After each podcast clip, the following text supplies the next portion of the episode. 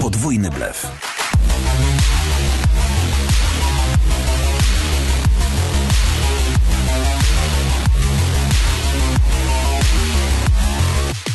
Rozgrywka odcinek 260. Ja nazywam się Grzegorz Wojewoda, czyli Razer, a ze mną jest dzisiaj Maciek Ciepliński, czyli Presperes. To my. To my jak zawsze od zawsze, Tak. w tym samym składzie. Z tymi samymi nazwiskami. I. I ksywami. I Ze wszystkim. takim I nawet się okaże, że w tym odcinku z tymi, z tymi, z tymi, lolo, z tymi samymi grami, co O, już by kiedyś było. były, co już kiedyś były. Zresztą, no taka prawda. E, mamy dzisiaj e, dużo dobrych gier i jednego kupsztala, ale żeby nie uprzedzać faktów, nie powiem wam, że tym kupsztalem jest Saints Row.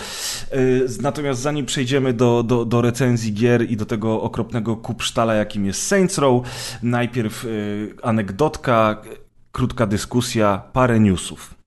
Jesteś gotowy, Maćku? Tak, chyba. Okej. Wiem. Tak. No to wspaniale.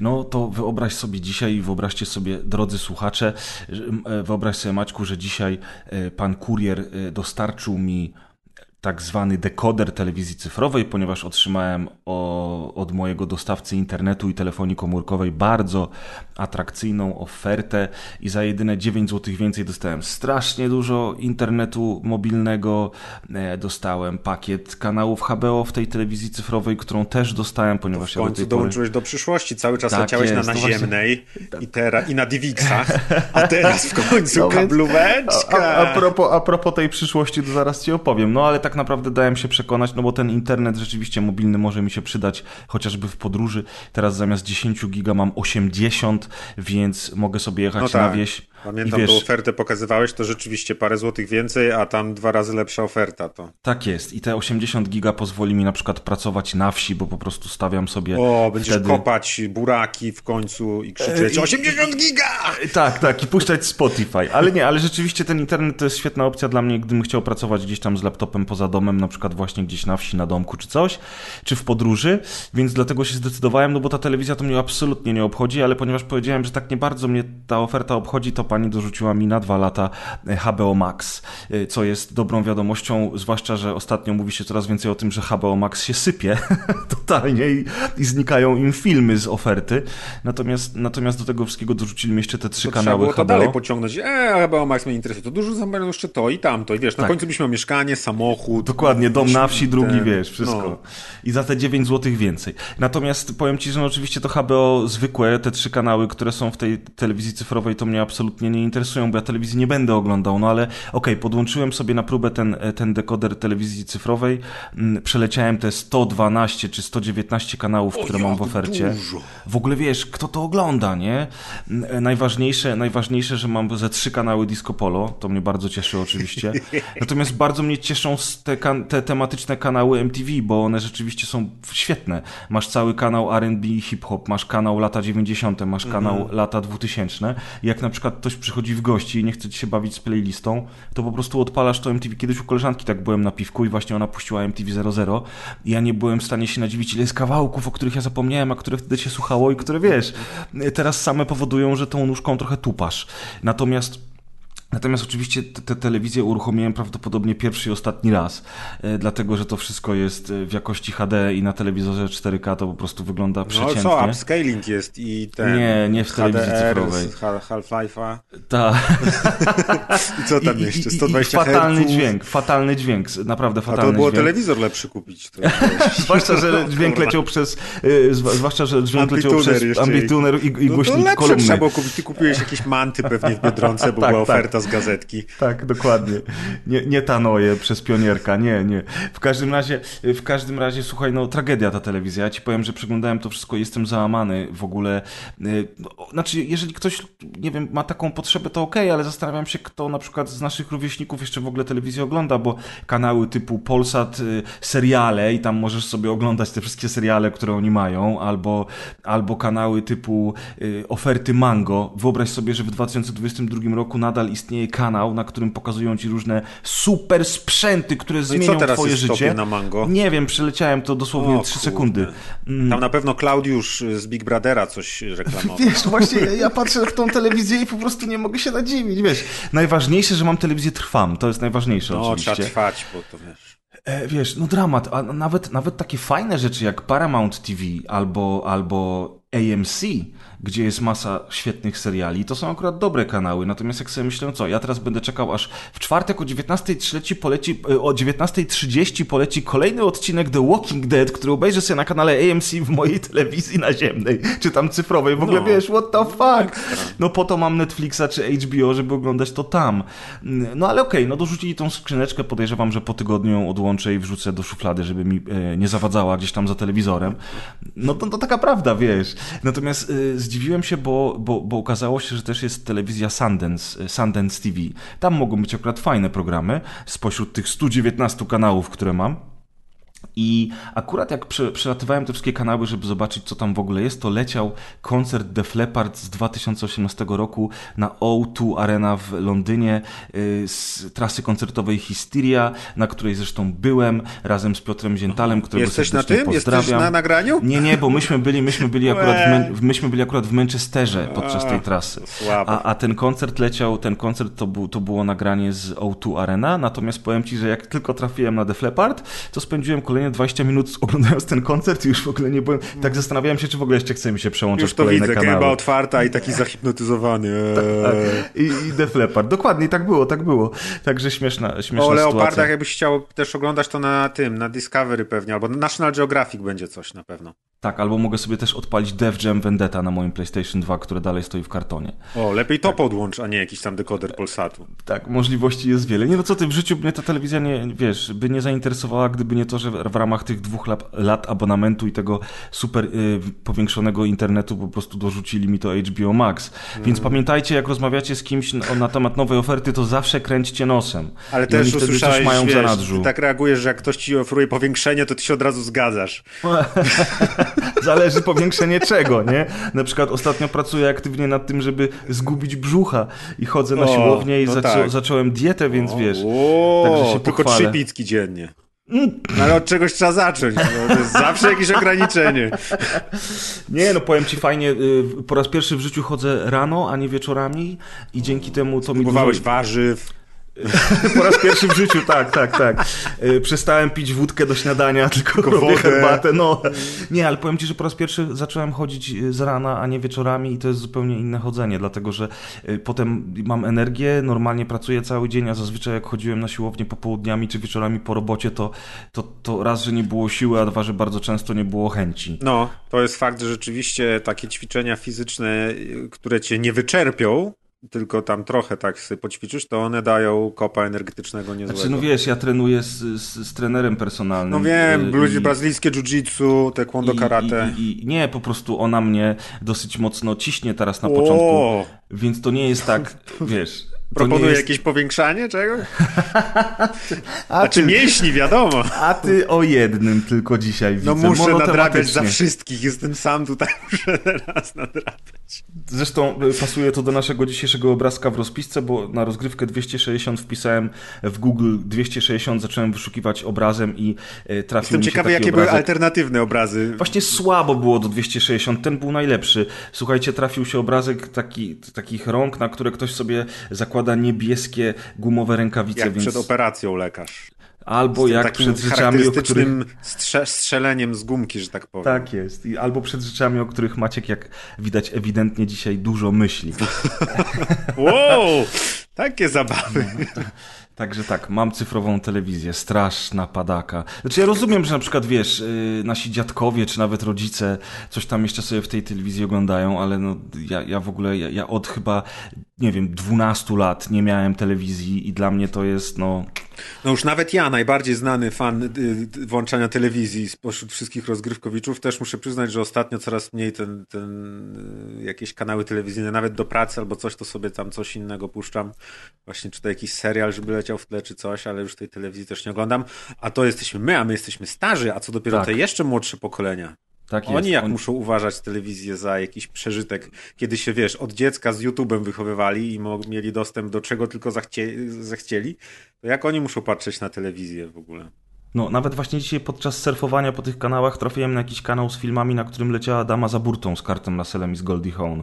Komedia, która nie jest zbyt wysoko oceniana, nigdy nie była, ale ja ją uwielbiam. Mam do niej ogromny sentyment jeszcze z ery VHS-ów. No to nie znam tego w ogóle. Bardzo lubię. On się nazywa Overboard po angielsku, Aha. o ile dobrze pamiętam. Dama za burtą po polsku i właśnie mówię, o, dama za burtą, o, przecież miesiąc temu kupiłem w promocji za 10 zł na Apple TV i mogę sobie ten Dobrze, film... że mam teraz. Tak. tak, w każdej chwili mogę sobie go puścić po prostu, wiesz, mm, cyfrowo i nie muszę oglądać tego z reklamami. No już was, a w ogóle to już reklamy, reklamy o, to już jest no. zgroza. Ale zauważyłem sobie ostatnio, y, miałem jakiś taki moment, że oglądałem parę rzeczy na YouTube mm, i zauważyłem, że reklam na YouTube jest już tak dużo, że nawet w 11-minutowym materiale filmowym, jakiejś recenzji gry komputerowej powiedzmy, mm, re reklamy się włączają co 2-3 minuty.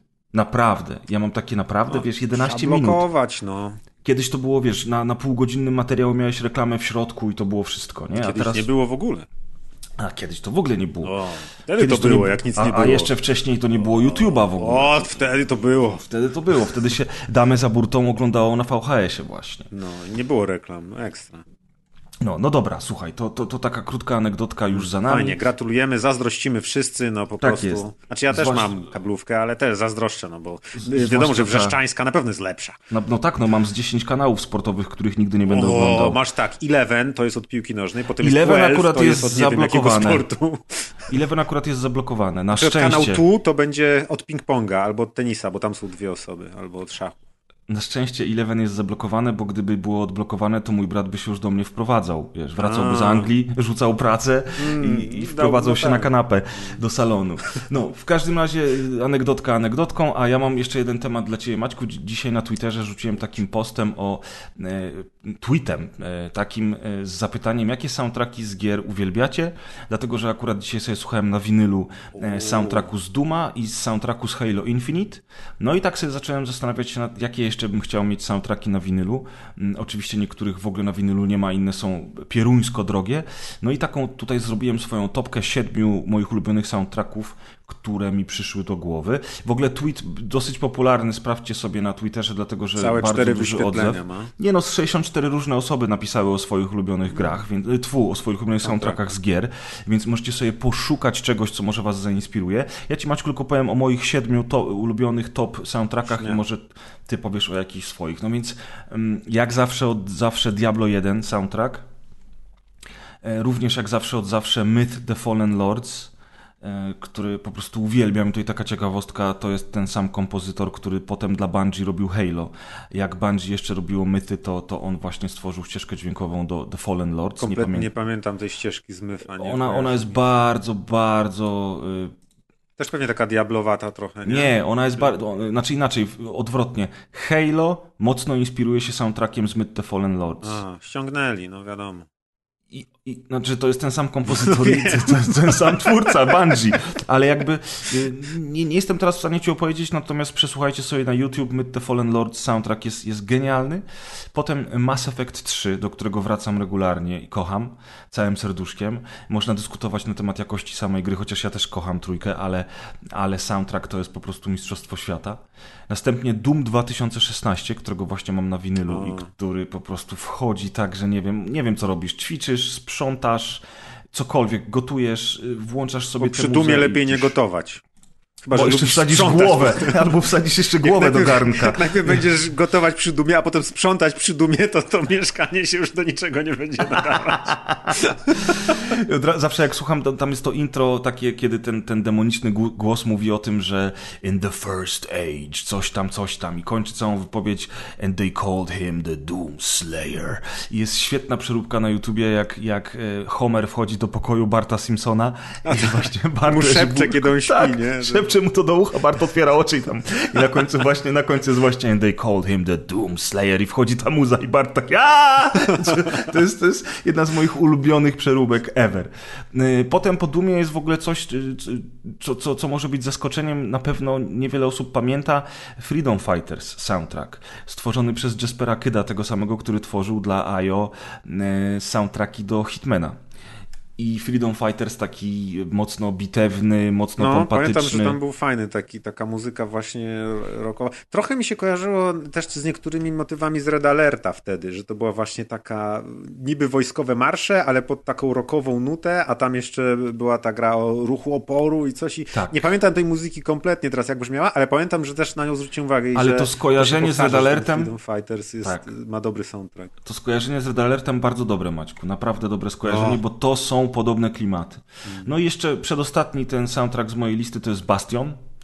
Uważam, że to jest bardzo dobry sound. W ogóle tam ugłoś, u, y, udźwiękowienie, ten, ten narrator, wszystko było fenomenalne.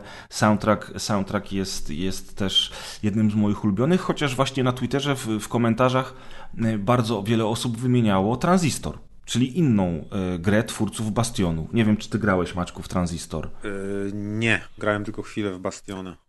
No to właśnie Transistor podobno jest nie dość, że lepszą grą, to jeszcze ma też lepszy soundtrack. Ja w ogóle nie miałem okazji w Transistor jeszcze zagrać, może kiedyś do niego siądę.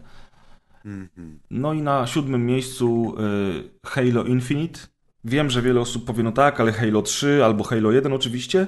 Natomiast Halo Infinite, dlatego że kilku różnych kompozytorów usiadło do niego i przepraszam, usiadło do niego i stworzyło ścieżkę, która jakby bar bardzo mocno czerpała ze starszych soundtracków, y, ale jednocześnie dała też dużo nowego i momentami uderza w nuty z Myth the Fallen Lords, y, co ja jako, jako stary właśnie fan y, zarówno gry, jak i soundtracku gdzieś tam wychwytywałem i, i po prostu lubię sobie słuchać. Też mam na winylu, zresztą jestem z niego bardzo dumny, bo bo to była taka e, e, limitowana edycja z kolorowymi płytami, której nie udało mi się dostać, ale jakiś czas później pojawiło się wznowienie z czarnymi płytami, natomiast z tą samą okładką i w niższej cenie.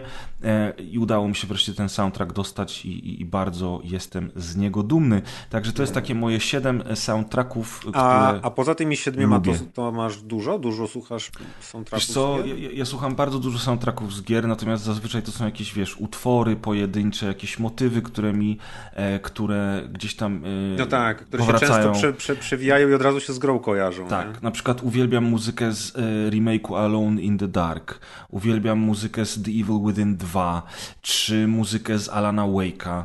Natomiast wiesz, y, to już nie jest tak, że to są płyty, które ja znam i słucham od deski do deski. Mhm. Swoją drogą, drodzy słuchacze, jeżeli macie ochotę, to w opisie dzisiejszego odcinka będzie link do mojej playlisty z soundtrackami z gier, która Ale posiada, złoto. posiada y, dziesiątki, jeśli nie setki utworów. To jest playlista na wiele godzin. To jest jak playlistę zrobią na tyle playlist. Potrzebujesz playlisty do playlist. Tak, dokładnie. E, I wrzucałem ją wielokrotnie na rozgrywce na naszej grupie. Ludzie bardzo często ją followują. Tam strasznie dużo followersów jest. Zaraz wam powiem, ile jest w tej chwili. Znaczy strasznie dużo, no Spotify. No ja tam nie prowadzę żadnego super konta, ale miło, że dobra, bardzo dobra. dużo ludzi. Miło, że bardzo dużo ludzi tego słucha i rzeczywiście ludzie w komentarzach zawsze pisali, że ta playlista jest świetna. Mm, I że ktoś tu ma gust. Muzyki. 173 osoby wow. followują w tej chwili tę playlistę. 240 piosenek na playliście, 13 12 godzin i 38 minut słuchania. Ja mam nadzieję, że po premierze tego odcinka to się podwoi ta liczba, co najmniej. Co najmniej. E, no i y, oczywiście ja od czasu do czasu kolejne utwory tam wrzucam, więc na przykład do pracy albo do jakichś porządków domowych. to Doomslayer! Dokładnie. And they called him the Doomslayer. I flip the table. dokładnie, dokładnie. I pogo w biurze na Tak, żona, żona potem wraca do domu, a, a, a mąż mówi, to wina preza. jego playlisty Dokładnie. z rodem. Cholerne Spotify.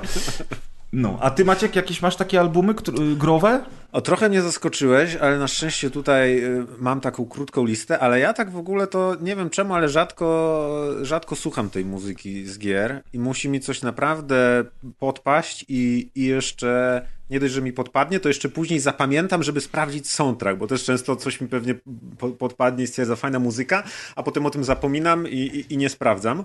Ale z tych, co tutaj sobie wygrzebałem, ich nie ma za, za dużo, ale oczywiście pierwsze Diablo, chociaż to jest taka specyficzna muzyka i ciężko ją sobie tak puścić, że a, jaki ładny dzień, puszczę sobie soundtrack z Diablo.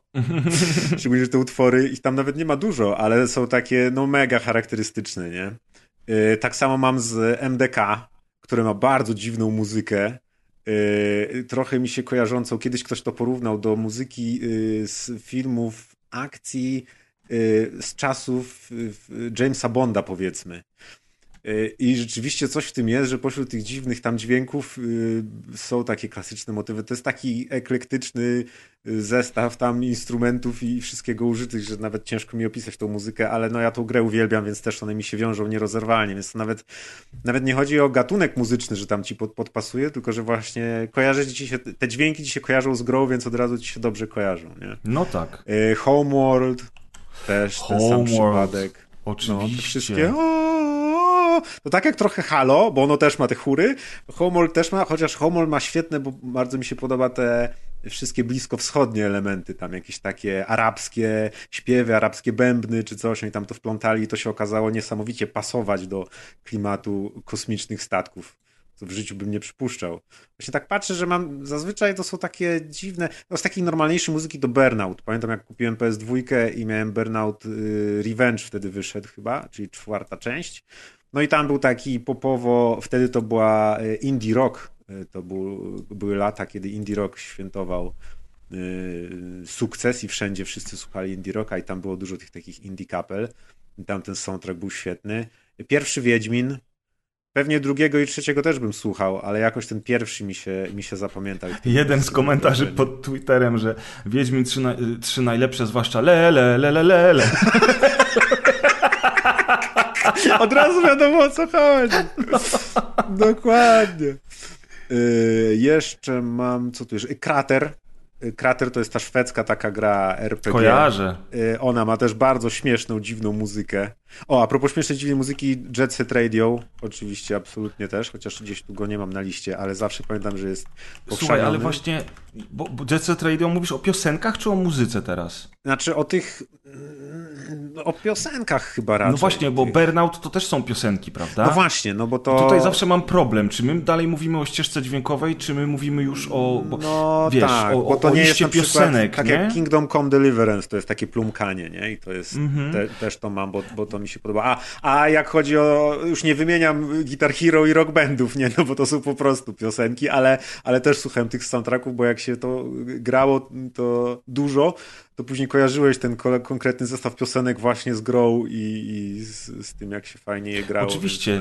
Więc... Na Twitterze prze, bardzo często prze, przewija się dzisiaj Tony Hawk's Pro Skater 2. No wiesz, ja też no, uwielbiam te piosenki. To była ta era, to był ten czas. Te, te teledyski się w MTV oglądało i na Vivie no. i potem one były nagle w grze, te piosenki. Albo wiesz, często pada hasło, w każdej FIFA jest dużo fajnych kawałków. Tylko czy to jest soundtrack, Albo czy to jest intro, ścieżka dźwiękowa? W do FIFA, nie? Zazwyczaj. No. Wiesz, znaczy jakby... No Need for Speedy tak samo przecież. Ram, Chociaż z drugiej strony masz soundtrack Stop Gun i tam są same piosenki. I poza, poza tym motywem przewodnim. A gdybyś chciał na przykład posłuchać sobie y, tej muzyki instrumentalnej. Score, która, tam jak tak, score właśnie. I to jest ten problem, nie? Soundtrack, czy inaczej OST, co jest czym, prawda? Bo zazwyczaj mhm. spotykałem się po angielsku z tym, że OST, co, co tak naprawdę w skrócie to jest Original Soundtrack, to jest właśnie muzyka Oryginalna instrumentalna, instrumentalna tak. Mhm. A z kolei soundtrack to jest po prostu zestaw piosenek, które w tym filmie leciały.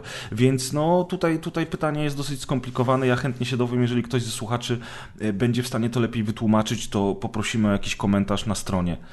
Bardzo lubię też, widzę, mam cały y, soundtrack y, z Drivera trzeciego, ale tak naprawdę uwielbiam tylko jedną piosenkę y, The Bell Race pod tytułem 0 PM. Ona była w zwiastunie którymś i tam jest, och, taki riff i taki refren. To jest w klimacie lat tam, nie wiem, 70. czy coś, więc też tak. No i w sumie to tyle. Tak naprawdę wymieniłem wszystkie, jeśli chodzi o growe, growe bo tak jak mówię, no jakoś tak nie, nie kojarzy, nie, nie, nie, nie wiem, no. Nie mam nawyku do słuchania soundtracku z gier po prostu. Rozumiem, rozumiem. Hmm. Oczywiście. Ale nawet jak na człowieka bez nawyków, to trochę tam się nazbierało, nie? No tak, no bo ta, ta muzyka w grach nam zawsze gdzieś tam towarzyszyła, bo była y, zawsze nieodłącznym elementem tych gier, no chociażby właśnie wspomniany przez ciebie MDK. Gra stara jak świat, a wiesz, a E, a ta muzyka tam już, już była czymś ważnym. Czy wiesz, pierwszy Doom tak naprawdę też no, ma muzykę, która i wszystkie jest... pokradzione riffy z kapel metalowych. Tak, ale potem, ale potem do Quake'a muzykę nagrało Nine Inch Nails, które przecież było wtedy bardzo dużą gwiazdą mhm. e, lat 90. i wiesz, i oni zrobili soundtrack do Quake'a i ta, ta muzyka, znaczy muzy no taki ambient trochę, trochę no muzyki, no, tam, nie? No. Quake był bardzo ambientowy, ale jednak no cały czas gdzieś tam się przewijał i, i dlatego ta muzyka w grach jest bardzo ważna. Ona tak samo buduje często napięcie, jak buduje napięcie muzyka w filmach, takich jak chociażby horrory czy filmy akcji, nie? gdzie ta muza robi ogromne wrażenie. No, albo Gwiezdne Wojny. Albo Gwiezdne Wojny. No ja ostatnio, słuchaj, kupiłem cyfrowo y, Top Gun Maverick, bo wyszedł już i można go kupić na własność, a ponieważ... I nie można, tylko trzeba. Trzeba, dokładnie. Znaczy nie, bo można sobie kupić też w, w pudle wersję 4K czy tam Blu-ray, natomiast to też ja, trzeba. Ja, ja, nie chcę zbierać w pudle już, bo po prostu nie mam gdzie. Wolę to trzymać w cyfrze. Y, odpaliłem sobie, sprawdzę tylko y, jakość dźwięku i obrazu, nie? Tak jakby miała być chujowa. nie, ale Upewnię się, że słychać. Sprawdzę, tylko sprawdzę, wiesz. Mm, I obejrzałem całe ostatnie 40 minut filmu, bawiąc się tak samo dobrze jak trzy razy w kinie i tak samo się śmiejąc w momentach, które były śmieszne i tak samo, wiesz, rozdziawiając usta w momentach, które były epickie i właśnie tam po raz kolejny zauważyłem teraz oglądając to na słuchawkach w totalnej e, ciszy, skupieniu i, e, i w takim intym, intymnym klimacie własnego domu, a nie kina, chociaż tam też ludzie byli cicho zazwyczaj podczas tych scen, e, to zauważyłem... Bo jeden gruby typ z tyłu mówił, że zamorduje kogokolwiek, kto otworzy mordę przez najbliższe 2,5 godziny. Już nie takie gruby, już znowu schudłem 3 kilo. Okay. W każdym razie, w każdym razie chciałem powiedzieć tylko tyle, że, że tam jest właśnie świetny moment, jak oni, jak jest ten atak na Gwiazdę Śmierci e, i do no. momentu, dopóki oni nie puszczają rakiet i nie wylatują z tego kanionu, to nie ma w ogóle muzyki w tle, żadnej. Jest absolutna cisza. Jest, znaczy, oczywiście są tylko dźwięki samego filmu, ale nie ma żadnej muzyki. Mm. I dopiero jak oni wylatują z tego momentu, wchodzi muzyka. No i znowu, nie? To jest takie. Nawet nie zauważyłeś tego, że tej muzyki tam nie było, bo siedziałeś spięty, patrzyłeś, co się dzieje mm. i nawet, wiesz, jakby nie odczułeś tego braku muzyki. Wtedy, w momencie, w którym ona wchodzi z powrotem, to jeszcze bardziej epicko się robi. Tak jeszcze naprawdę to jest wszystko kwestia budżetu, nie chcieli zaoszczędzić, wiesz, każda minuta muzyki kosztuje i stwierdzili, że tu mogą lecieć w ciszy, niech będzie, że sobie ktoś podgwizduje, ten żuje gumę, lecimy. Ubezpieczenie życia Toma Cruza tyle ich kosztowało, że już nie starczyło na no. muzykę, wiesz. No. W każdym razie właśnie dlaczego, dlaczego w ogóle mówię o tym? Dlatego, że dzisiaj będziemy rozmawiali o Midnight Fight Express i tam e, dosyć istotny dla dynamiki rozgrywki jest soundtrack, ale do tego przejdziemy oczywiście, mhm. jak już będziemy o grze sobie rozmawiać. O, Także. widzę, że jest jakiś temat, na którym się znam. Czyżby Batalion 1944? No oczywiście. No więc Moja ulubiona gra. ulubiona gra Maćka, tak. Tak, sierpnia czy września 2022? Sierpnia, bo właśnie w sierpniu e, Batalion 1944 zmienił nazwę na Batalion Legacy i stał się grą free to play, którą możecie sobie zainstalować na Steamie za darmo. No, I to jest taka gra, która wyszła za dwa lata temu i ona miała ambicje stać się współczesnym, w miarę możliwości współczesnym e, multiplayerem w stylu pierwszego i drugiego Call of Duty, tych oryginalnych Call of Duty. No ale niestety niezbyt się przyjęła, mało ludzi w to grało, więc twórcy postanowili wypuścić to jako Battalion Legacy. Jest tam bardzo dużo map, bardzo dużo broni, wszystkie są oczywiście z, z tego okresu historycznego. Jest blaster z Gwiezdnych Wojen, ja cały czas go używałem. Tak, tak, tak. I, i miecz świetny. E, natomiast e, niestety popełnili ogromny błąd, nie wiem czy oni zamierzają to zmienić, zrezygnowali z takich trybów jak Dominacja, która była w wersji płatnej i zaoferowali graczom tylko Team Deathmatch, Team Deathmatch na Bolt Action Rifles, czyli na karabiny jednostrzałowe i Search and Destroy z podkładaniem bomby, które wszyscy dobrze znamy z chociażby Call of Duty i my z Maćkiem oraz ze znajomymi pograliśmy w to jeden wieczór. Ja to nawet dwa wieczory w to grałem. O, dwa razy I powiedz, Maćku, jak grałeś. Powiedz Maćku, jak twoje wrażenia? Tak w dużym skrócie. Ja się właśnie wcześniej śmiałem, bo przypomniało mi się, kiedy y, y, znudzeni graniem z ludźmi, którzy nas mordowali niemiłosiernie, y, pograliśmy sobie na boty i ja w drugiej czy w trzeciej rundzie kapnąłem się, że boty zawsze biegną w to samo miejsce i tak. z dumą krzyczałem, że pobiegnijmy pod fontannę, oni tam na pewno będą i my śmiejąc się wybiegaliśmy z za rogu na fontannę i tam już biegli w, w rzędzie, w takim tak. tym, w ciągu jakby ciuchcie robili y, przeciwnicy, boty i śmia śmialiśmy się bardzo i zabijaliśmy. Wypadali cały czas i to było nudne jak cholera. Bo to było Search and Destroy, więc wszyscy mieli po jednym życiu i Maciek tylko krzyczał pod fontannę, wszyscy tam lecieli. Ja pierwszy biegłem, o, będą pod fontanną, coś mi mówi. I byli I, zawsze. Nigdy I byli zawsze i byli eksterminowani po prostu do kwadratu. Więc szybko wróciliśmy do grania z żywymi ludźmi. Tam drugiego wieczoru, jak żeśmy próbowali dalej z chłopakami w to pograć, to, to, to graliśmy już tylko na ludzi. I było całkiem przyjemnie, ale niestety, tak, gra jest dosyć uboga, uboga graficznie. Mm, gameplayowo też nie jest zbyt wybitna, to nie jest żaden symulator. No, tak jak mówiłem, ona idzie w, w klimaty pierwszego i drugiego Call of Duty. No i te dwa tryby gry, czy tam dwa deathmatche i jeden Search and Destroy, to jest trochę mało. Nie wiem, czy ona pożyje y, jako darmówka długo. Twórcy powiedzieli, mm. że już zajęli się za nowy projekt, więc jakby... Aha, no to nie pożyje puścili tę grę, tylko wiesz, no oni przez dwa lata jednak ją rozwijali, kiedy ona była y, płatna i kiedy prawie nikt w nią nie grał. Teraz widać, że serwerów jest dużo i że ludzie rzeczywiście grają, zobaczymy jak długo. Może, może wszyscy mają dosyć tych współczesnych strzelanek i y, po Vanguardzie zwłaszcza, który zamienił się w festyniarstwo, postanowili wrócić do realiów II wojny światowej.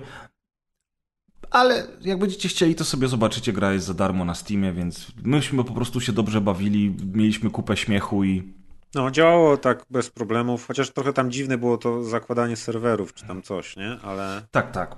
W końcu musieliśmy swój własny serwer założyć, jeżeli chcia, chcieliśmy zagrać tylko na boty, ale no to był głupi pomysł. No, ale jak już się gra, to, to, to jakby gra jest stabilna i tam wszystko działa. I jest jakby, nie wiem, nie znam się na tych grach, no ale jakby jest w miarę kompetentna, ale rzeczywiście jest taka oldschoolowa, no to nie jest ten taki Bardzo nowoczesny multiplayer, gdzie wyskakują wam cały czas jakieś beretki, macie jakieś misje i napisy i coś tam, ikonki i ten, tylko stare takie dobre strzelanie, nie takie super realistyczne jak w tych właśnie symulatorach, w które grają ci tam y, przebrani w mundur wojskowy siedzący w piwnicy u mamy y, dorośli mężczyźni. Tylko, tylko taki y, prosty, zręcznościowy shooterek, ale fajny, bo w tych realiach tych broni rzeczywiście dużo do wyboru i ten. No, taki, ale trzeba ustawić grafikę na ultra, żeby jeszcze jakoś w miarę wyglądała, to prawda. Co ciekawe, u mnie na ultra na przykład gra przecinała. Bo masz sobie komputer. No tak, tak, tak. No. w, y, w, każdym razie, jeżeli chodzi o tą oldschoolowość, o której Maciej wspomniał, to ta gra jest do, do, tego stopnia oldschoolowa, że nawet nie ma czegoś takiego jak założenie wspólnego lobby, tylko trzeba podać IP serwera albo no. nazwę serwera, żeby dołączyć do tego samego serwera. Nie ma, nie ma kilkamów jak nas ktoś zabije, to przełącza nas na widok innego gracza, który żyje, co jest bardzo jakby confusing, bo, bo, bo tak nagle nie wiesz, co się stało. I ten, no śmiesznie było. I nie ma Battle Passów, przykro mi bardzo. No, to jest minus do oceny ogromny. Wszystkie bronie są od razu dostępne, no skandal. Właśnie. E, w każdym razie Battalion Legacy sprawdźcie sobie na Steamie, a jak jesteśmy już przy kodopodobnych grach, to przejdziemy wręcz bezpośrednio do Call of Duty właśnie, bo jakiś czas temu kilka dni czy tydzień temu mm, Phil Spencer mm, ogłosił, że Microsoft y, jakby zamierza nadal udostępniać serię Call of Duty dla PlayStation po przez tym, jak cały czas. Activision, tak? Tak, po tym jak przejęli Activision, czy są w trakcie przejmowania mm -hmm. tego Activision, cały czas sprawa jest w toku, natomiast Phil Spencer ogłosił, że że, on, że oni te, te, te Call of Duty będą dalej udostępniali y, Sony przez cały okres obowiązywania obecnej umowy Sony z Activision, ale również trzy lata po nim nadal wow, gry z serii Call of Duty będą film. dostępne na PlayStation. Tak. A potem już nigdy. nigdy. No wiesz, no, jakby, jakby, no jakby nie było, no, ludzie chcieli, żeby Microsoft miał ekskluzywy, Microsoft zaczął robić te ekskluzywy. Ma i to jakie Call of Duty? I to jakie i nagle, i wiesz, i nagle y, ludzie się leciuchno zdziwili, w związku z czym najpierw był y, gorzki płacz fanboyów Sony, którzy zaczęli pisać wszemi wobec w internecie, że Petycje. Call of Duty jest słabe i tak co roku wychodzą te, nikt w to nie gra. nikt w to nie gra. to jest dopiero Ta, gra. Nikt, nikt w to nie gra było bar, naj, naj, najśmieszniejsze z tego wszystkiego. Oni chyba sami nie wierzyli w to, co pisali. Natomiast w ogóle najbardziej, y, najśmieszniejsza jest reakcja Jima Ryana, czyli szefa y, PlayStation, który powiedział, że oferta ta, y, o której wspomniał Phil Spencer, jest nieodpowiednia na wielu poziomach. Powiedział, że, że ten trzyletni dostęp po skończeniu obecnego kontraktu y, nie uwzględnia wpływu na graczy PlayStation i, i to jest bardzo niefajne, bo przecież prawie 20 lat Call of Duty było na PlayStation, a teraz nie będzie! No i słuchajcie, szef PlayStation się zdziwił, że inna firma też będzie miała ekskluzywy. Ja, ja, ja, ja nawet nie wiem, jak to skomentować, wiesz. O kurczę, naprawdę? Wykupiliście tę firmę no i teraz nie będziemy jej mogli mieć? że Xbox nie ma gier. I nagle jak się człowiek ma z dnia na dzień przyzwyczaić, ale nie, ma gry jednak. I to jeszcze nasze. Tak, w ogóle, w ogóle ten PlayStation ma zagwarantowany dostęp do 2027 roku plus 3 lata, czyli do 2030 roku na PlayStation nadal będzie Call of Duty. To jest, słuchajcie, 8 lat jeszcze. Boże święty. Wiesz, w ogóle, a ten, się, a, a, ten się zesrał, nie? Jak to nie będzie Call of Duty na PlayStation? Nie możecie tak robić naszym graczom. No, to trzeba było przez te wszystkie lata nie cisnąć y, w drugą stronę, bo teraz nagle się okazało, że piłka jest po stronie Microsoftu i wielkie zdziwko. No trudno, no tak sam, PlayStation samo tak kreowało rynek od lat. W związku z czym teraz musi grać we własną grę.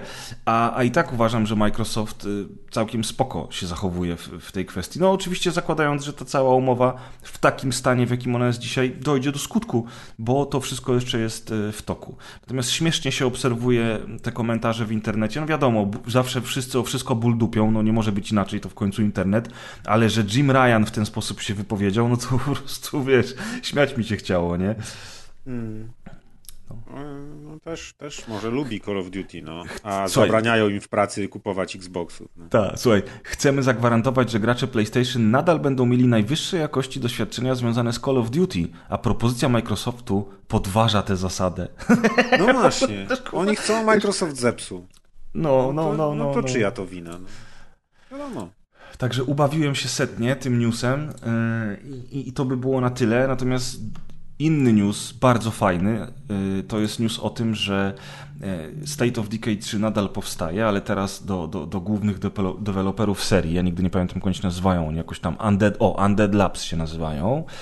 E, do Undead Labs dołączyło właśnie Coalition, czyli twórcy Gears of War 4 i Gears of War 5, którzy mają nie tylko doświadczenie w silniku Unreal Engine 5, ale również w strzelankach, a jedno i drugie na pewno przyda się trzeciemu State of Decay, bo nie wiem, czy macie kojarzysz w ogóle tę serię. Serię kojarzę, ale grałem tylko chwilę w pierwszą część. No więc to są dobre gry, ale to są dosyć drewniane gry. I mm one zawsze, one zawsze I miały zabugowane takie... chyba, nie? I zabugowane, tak. I one zawsze, zawsze miało się wrażenie obcowania z takim, wiesz, z takim, e, takim produktem klasy B. Nie? Tak, no. tak, tak, tak. Nawet czasami nawet to i nie double A. E, jak się na niektóre bugi czy na Fajna kategoria, nie double A. Dokładnie, dokładnie. Prawie double A, wiesz.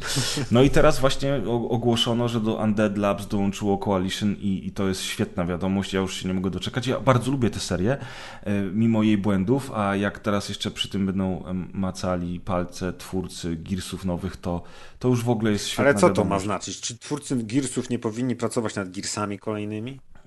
No widzisz, to jest ciekawe pytanie, Do nie? Cholery. Co, co, co z Gearsami? Co z Gearsami? No, no bo widać... też możliwe, że, y, że, że tam część zespołu pracuje nad Gearsami w fazie prototypu, a ta część, która się zajmuje kodowaniem i tak dalej, jeszcze nie ma za dużo roboty, więc właśnie poszła pomagać Możliwe. Ale nawet nie wiem. Nie, żebym no się tak, spieszyła, nic. Po prostu jestem nie, ciekawy, oczywiście. że skoro deweloperzy Gears of War rob, pomagają robić State of Decay, to co jest jak w tym żarcie? Kto do cholery pilnuje sklepu? no i pytanie brzmi, co na ekskluzywność State of Decay 3 na platformach Microsoftu powie szef PlayStation? Spokojnie, Jim może jeszcze nie wie, ale jak się dowie, to jestem pewien, że zareaguje. Zaraz, zaraz, zaraz. Zaraz, jak to? Jak to? Czemu u nas nie ma Gears of War? Wołać mi tu Krzyśka. Sony Ej. nie ma eksów. No. Także e, ciekawych czasów dożyliśmy, słuchajcie. No i, no i to taki news. A ty, Maćku, widzę, że też parę newsów dorzuciłeś. Trochę dorzuciłem. Nie wiem, czy mówiliśmy w naszym odcinku o zerowym numerze PSX Extreme, bo mamy Nie mówiliśmy, chyba tylko wspominaliśmy, że zamówiliśmy sobie te, ten, ten magazyn. To prawda? możemy teraz zrobić update, że doszło. Doszło, tak, tak. Ja miałem w skrzynce Dałeś pocztowej coś? na przykład. Przejrzałem tylko, y, bardzo mi się podoba lista recenzji, bo jest między innymi pierwszy Tomb Raider czy Legacy of Kane i chętnie to przeczytam, ale jeszcze nie miałem okazji po prostu. Też jeszcze nie czytałem. Y, oczywiście dobór gier jest rewelacyjny. Y, mi się bardzo spodobały reklamy w tym numerze. ponieważ nie są to tradycyjne reklamy. Znaczy, trochę jest tradycyjnych reklam, na przykład sklepów, ale są one zrobione na modłę lat 90. Jest na przykład yes. reklama rekrutacyjna do CD Projekt Red, która jest okraszona grafiką z pierwszego Wiedźmina i zdjęciami z jakiejś gambleriady z 96 roku i cały w ogóle layout też wygląda jakby był złożony, wiesz, są dziwne fonty i, i tak dalej, wszystko jest paskudne, czyli y, wspaniałe. Y, tak. I są na przykład, bardzo mi się spodobały zagraniczne reklamy na pełną stronę, na przykład Tekkena, tak. albo Resident Evil. I to, I to są, są, oryginalne reklamy z tamtych lat. Tak, prawda? tak. Na, na całą stronę nagle w ten to wygląda po prostu świetnie. Takie, takie jako ten, kto wpadł na ten pomysł, no to szacun, bo genialnie to pasuje, kiedy przeglądasz sobie właśnie e, reklamę, to, e, recenzję Tomb Raidera na PlayStation, potem jest artykuł o filmach karate na VHS-ach, a potem masz wielką jakąś reklamę e, wyciągniętą właśnie prosto z tam z 96 roku jakiejś gry na, na całą stronę, więc wizualnie super to wygląda. Nie miałem jeszcze okazji poczytać, ale, ale już się nie mogę doczekać. Coś tam tylko zerknąłem na, na jakieś kawałeczki, ale wygląda smakowicie całkiem gruby numer, więc y, zdecydowanie polecam kupić 29 zł przez internet koniecznie.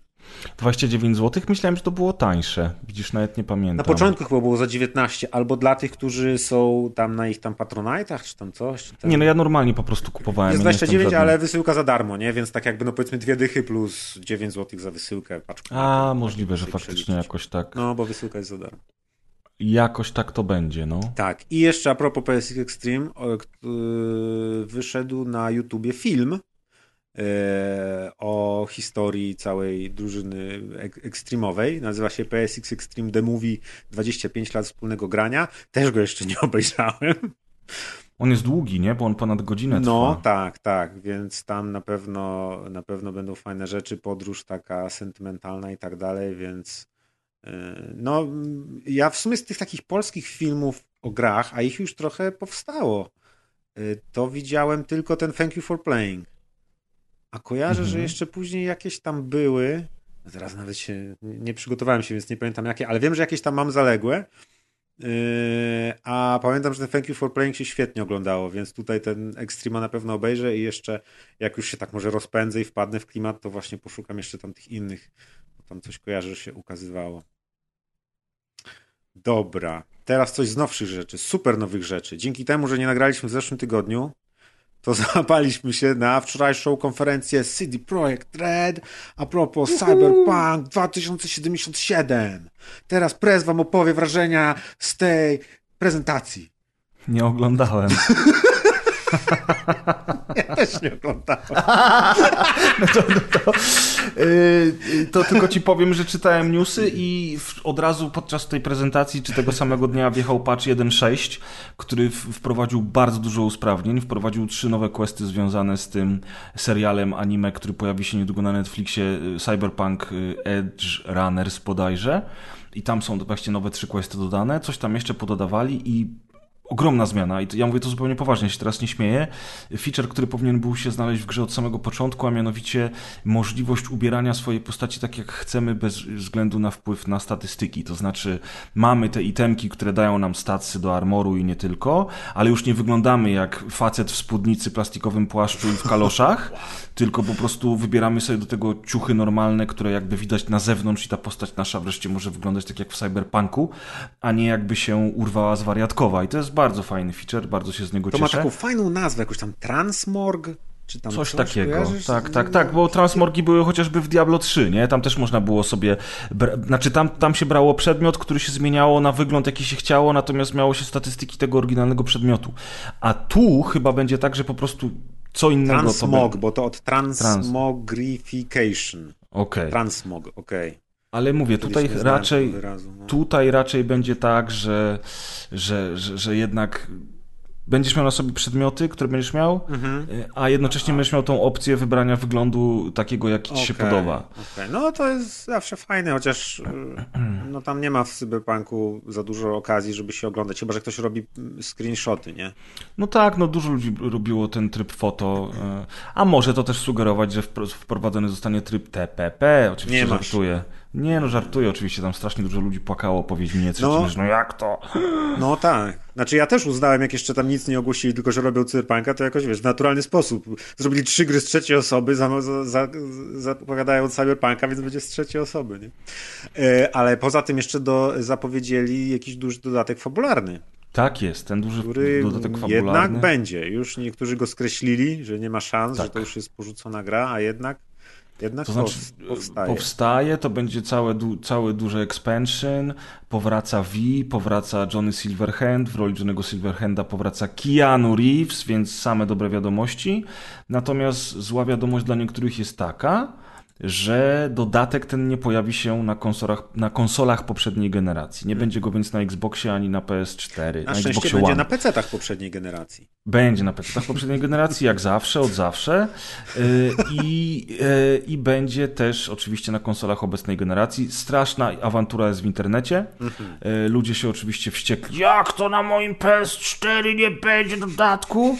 Natomiast głosy rozsądku mówią jednoznacznie, że to jest świetna wiadomość, bo twórcy mogą mogą skupić się na tym, e, na czym powinni w ogóle tak... Na, na robieniu jako... dodatku, a nie na optymalizowaniu go, żeby w ogóle się odpalił. Otóż to, otóż to. Już nie mówiąc o tym, że tak naprawdę ta gra nigdy nie powinna była wyjść na poprzednią generację, bo przez to no. było więcej problemów niż to, niż to jest warte. Ciekawe, prawda? czy właśnie gdyby porzucili to w odpowiednim czasie, to czy ta gra jakby, czy zyskaliby, chociaż oni go też przesuwali długo, nie? Ale no chodzi mi o to, że gdyby porzucili wersje pastgenowe, to czy zdążyliby w tym samym czasie na tyle dopracować tą grę, żeby wyglądała lepiej niż wyglądała. Ale z drugiej strony go przesuwali, więc pewnie wtedy by go nie przesuwali, tylko wydali w takim samym stanie, tylko że wcześniej albo coś. No, cholera wie, no. oczywiście, cholera wie, natomiast no jak ty uważasz, te, te dodatki wychodzące tylko na obecną generację to jest dobra rzecz, czy, czy, czy nie? O, nie wiem, nie wiem. Ciężko mi jest powiedzieć, ja na pewno, yy, znaczy na pewno, patrząc na to, w jakim stanie wyglądał na poprzedniej generacji, to w niego bym pewnie już w ogóle nie grał. I jakbym był posiadaczem starego sprzętu, to do, do dzisiejszego dnia już pewnie bym go wymienił na nowy lub planował wymienić zanim się ten dodatek ukaże, więc jakby mm, nie wiem, ja bym, ja bym po prostu no, tak, tak słabą wersję, nie jestem fanem grania powiedzmy na niskich ustawieniach, słabe wersje i tak dalej i chyba wolałbym zagryźć zęby i nie grać w ogóle i poczekać na upgrade na nowszą konsolę niż grać na starym sprzęcie, więc jakby w naturalny sposób nie narzekałbym też, że nie wychodzi na poprzednią generację, nie? Mhm, mhm. No okej. Okay. Także Cyberpunk. A jeszcze, jeszcze, jeszcze coś masz, prawda? Na Ach dzisiaj. kurczę, no tak, bo yy, przełożyliśmy nagranie z zeszłego tygodnia na ten tydzień, ale znowu za szybko nagrywamy, bo konferencja Ubisoftu jest yy, chyba, nie wiem, za parę dni nie wiem czy dziesiątego, czy nawet wcześniej. No, no i nie będą, dogodzisz. I ben, nie dogodzisz, ani w te, ani we w te. No ale jak już tego słuchacie, to pewnie wszystko wiecie, a my wiemy tylko tyle, że już jakieś parę dni temu wyciekły informacje na temat nowego Assassin's Creed, który będzie się nazywał Mirage i będzie się jego akcja działa w Bagdadzie w latach 800 yy, i jakieś tam konceptarty, takie pierwsze grafiki wyszły. Ja poza tym gdzieś przeczytałem, że no i w ogóle, że ta gra ma powrócić też to, co jest ważne, do korzeni serii, czyli bardziej nastawiona na skradanie i mniej na te elementy RPGowe w stylu poziomy przeciwników, poziomy sprzętu i tak dalej. Co mnie akurat cieszy, chociaż no to, dla mnie to nie jest wybór między lepszym a gorszym, tylko między jednym rodzajem gry a drugim. I ja już zatęskniłem za tym pierwszym rodzajem gry, bo ten drugi rodzaj gry właśnie z expieniem i z przedmiotami, i z poziomami trudności i tak dalej już mi się trochę powiedzmy opatrzył, więc tu akurat się cieszę. A też gdzieś mi mignęła wcześniej jeszcze informacja, że oni przy okazji robienia właśnie tego yy, Mirage chcą zrobić na nowym silniku, tym mirażowym, znaczy na nowym, nie wiem czy na nowym, czy na uaktualnionym, yy, remake jedynki. Gdzieś mi to mignęło, nie sprawdzałem źródła, może mnie okłamał ktoś prawdopodobnie, jak zwykle, ale to by mnie też bardzo cieszyło, żeby sobie wrócić do tamtych miast do Jeruzalem i do Akki i, i tak dalej i sobie Altairem znowu pobiegać w nowej oprawie i w usprawnionym jakimś tam systemie. A w dodatku dzisiaj jeszcze pisząc te newsy znowu trafiłem na plotkę, że są tak naprawdę przygotowywane trzy gry z serii Assassin's Creed i są to duże tytuły, bo już sobie pomyślałem tak, zrobił jeden duży i dwie na komórki, a podobno mm -hmm. nie, podobno mają to być pełnoprawne tytuły też z otwartym światem. Jeden ma się dziać w Japonii, a drugi ma się dziać w późnym Rzymie, w Cesarstwie Rzymskim. Więc nie wiadomo, im bliżej konferencji pewnie tym więcej plotek. Ja bym się chyba ucieszył, Chociaż nie wiadomo, czy lepiej mieć jedną dobrą grę, czy trzy niedokończone, więc znowu, nie dogodzisz, nie dogodzisz. W każdym razie Ubisoft, nadchodzi jesień, Ubisoft ogłasza nowe asasyny. Trochę czasu minęło od poprzedniej, więc zobaczymy. Trochę już człowiek zdążył zgłodnieć, to nie tak, że rok w rok się nażerał tym wszystkim. Nie pamiętam, kiedy wyszedł, kiedy Valhalla wyszła, w którym roku, ty pamiętasz? W 2020. No, no to dwa lata temu, to zanim ten wyjdzie, to już będzie ponad dwa lata przerwy to, to jestem, jestem ciekawy, więc fajnie. Na to czekam. No i tyle ode mnie z newsów giereczkowych. No to ja mam jeszcze tylko taki temacik, a mianowicie ostatnio zasiadłem do funkcjonalności, która już na Xboxie Series X i Series S jest od dłuższego czasu, a mianowicie o FPS Boost no i przy okazji Auto HDR. O tym Auto HDR to już wspominałem, a mianowicie gry y, we wstecznej e, kompatybilności te z Xboxa 360 dostają Auto HDR, czyli taki nie wiem, symulowany HDR, którego na 360 oczywiście nie było. To zazwyczaj wygląda całkiem sympatycznie. Natomiast ważniejszą informacją jest ten FPS Boost, który jest przez Microsoft cały czas rozszerzany, a który polega na tym, że do gier z poprzedniej generacji, z dwóch poprzednich generacji już tak naprawdę, bo zarówno z 360 jak i z Xboxa One e, dodaje się jak sama nazwa, wskazuje, taki zastrzyk FPS-ów, który powoduje, że te gry e, chodzą w większej ilości klatek, albo w 60, albo w 120 klatkach. Nie wszystkie gry oferują 120 klatek, no i oczywiście do 120 klatek należy mieć telewizor 120 Hz. E, natomiast e, na, na, na stronie Xboxa jest cała lista tych gier, jest tego całkiem sporo, bo to jest kilkadziesiąt tytułów, nawet koło 200. Mm, I na tej liście pokazane jest zarówno ile klatek FPS Boost daje w Xboxie Series X, ile daje w Xboxie Series S. Jeżeli Xbox Series S nie ma boosta dla danej produkcji, to jest to napisane. Jest też bardzo ważna informacja o tym, e, które z tych gier mają e, defaultowo wyłączony boost na Series X. Jeżeli on jest wyłączony, to gra Wam się uruchomi w takim klatkarzu, w jakim pierwotnie chodziła, natomiast jeżeli wejdzie się w zarządzanie grą i w ustawienia optymalizacji tam jest opcja uruchomienia tego FPS boosta, robi się to jednym przyciskiem i wtedy gra dostaje boosta do 60 bądź też 120 klatek. E, tytułów jest naprawdę sporo. Ja w ogóle wcześniej się temu nie przyglądałem, więc nie, nie wspominałem o tym, o tym do tej pory, natomiast e, jest to miłe zaskoczenie i chociażby takie Gears of War Judgment dostało e, boost do 60 klatek, co robi ogromną różnicę bo i rozdzielczość jest podbita i te 60 klatek e, weszło, więc po prostu zabawa jest e, przednia. Mm, a sprawdzałem też, poza, poza tymi Gearsami, sprawdzałem też osobiście Dirt 4 w 120 klatkach, co pamiętasz Maćku, jak mhm. graliśmy u mnie w WRC 10, robi ogromną różnicę w rajdach, więc te 120 klatek w czwartym dercie to jest, to jest po prostu cudeńko, zwłaszcza, że dert jest w EA Playu, który jest w Game Passie, czyli, czyli jakby mm, słyszeliśmy, że lubisz bajery, więc mamy dla ciebie bajer w bajerze. I, I, wiesz, to jest, to jest mega wypas. Sprawdziłem też Bat Star Wars Battlefront 2 w 120 klatkach. Rzeczywiście jest te 120 klatek, no i stateczki w kosmosie w 120 klatkach to jest cudo. To jest naprawdę cudo. Y, a przede wszystkim zacząłem grać y, w Mad Maxa, dlatego że ostatnio wystąpiłem y, gościnnie w 40 bodajże odcinku Starego Gracza. I tam rozmawialiśmy o historii z filmów Mad Max, ale rozmawialiśmy też o grze. I akurat tak się zdarzyło, że krótko po naszej rozmowie Mad Max wylądował w promocji. Być może nadal jest w tej promocji na Xboxie i zamiast 290 zł, które kosztuje normalnie. Tak jest, nadal taką cenę trzyma. Kosztował, słuchaj, 29 zł. No, no więc... wow, no. jaka promocja. 90%. Jezus I kupiłem sobie tego Mad Maxa za 29 zł, zainstalowałem i okazuje się, że owszem, e, w 120 klatkach z auto HDR-em e, Max po pustkowiach śmiga i robi to niesamowite wrażenie i rzeczywiście jest to jak dla mnie game changer. Chociaż większość tych gier albo mam na PC, albo wiesz, już przeszedłem, ale na przykład Battlefield 1 i Battlefield 5 działają w 120 klatkach, więc jeżeli ktoś gra w multi na, na, na Xboxie, to jest to wspaniała wiadomość. No, cheatowanie po prostu, no, cheaterzy na konsolach, wiadomo. No, Mirror's Edge Catalyst chodzi w 120 klatkach. Jestem pewien, że to robi dużą różnicę. Nie, się tak grałem na konsoli. że już nie będziesz mógł w 60 grać. Będziesz mówić, 60, tak. jak zwierzęta. E. Tak, zaraz tak będzie, dokładnie, wiesz. Jaki w 60? 60 na PC grają, wiesz. w 60. E, na, a w ogóle właśnie na PC-tach? Podwójne zwierzaki.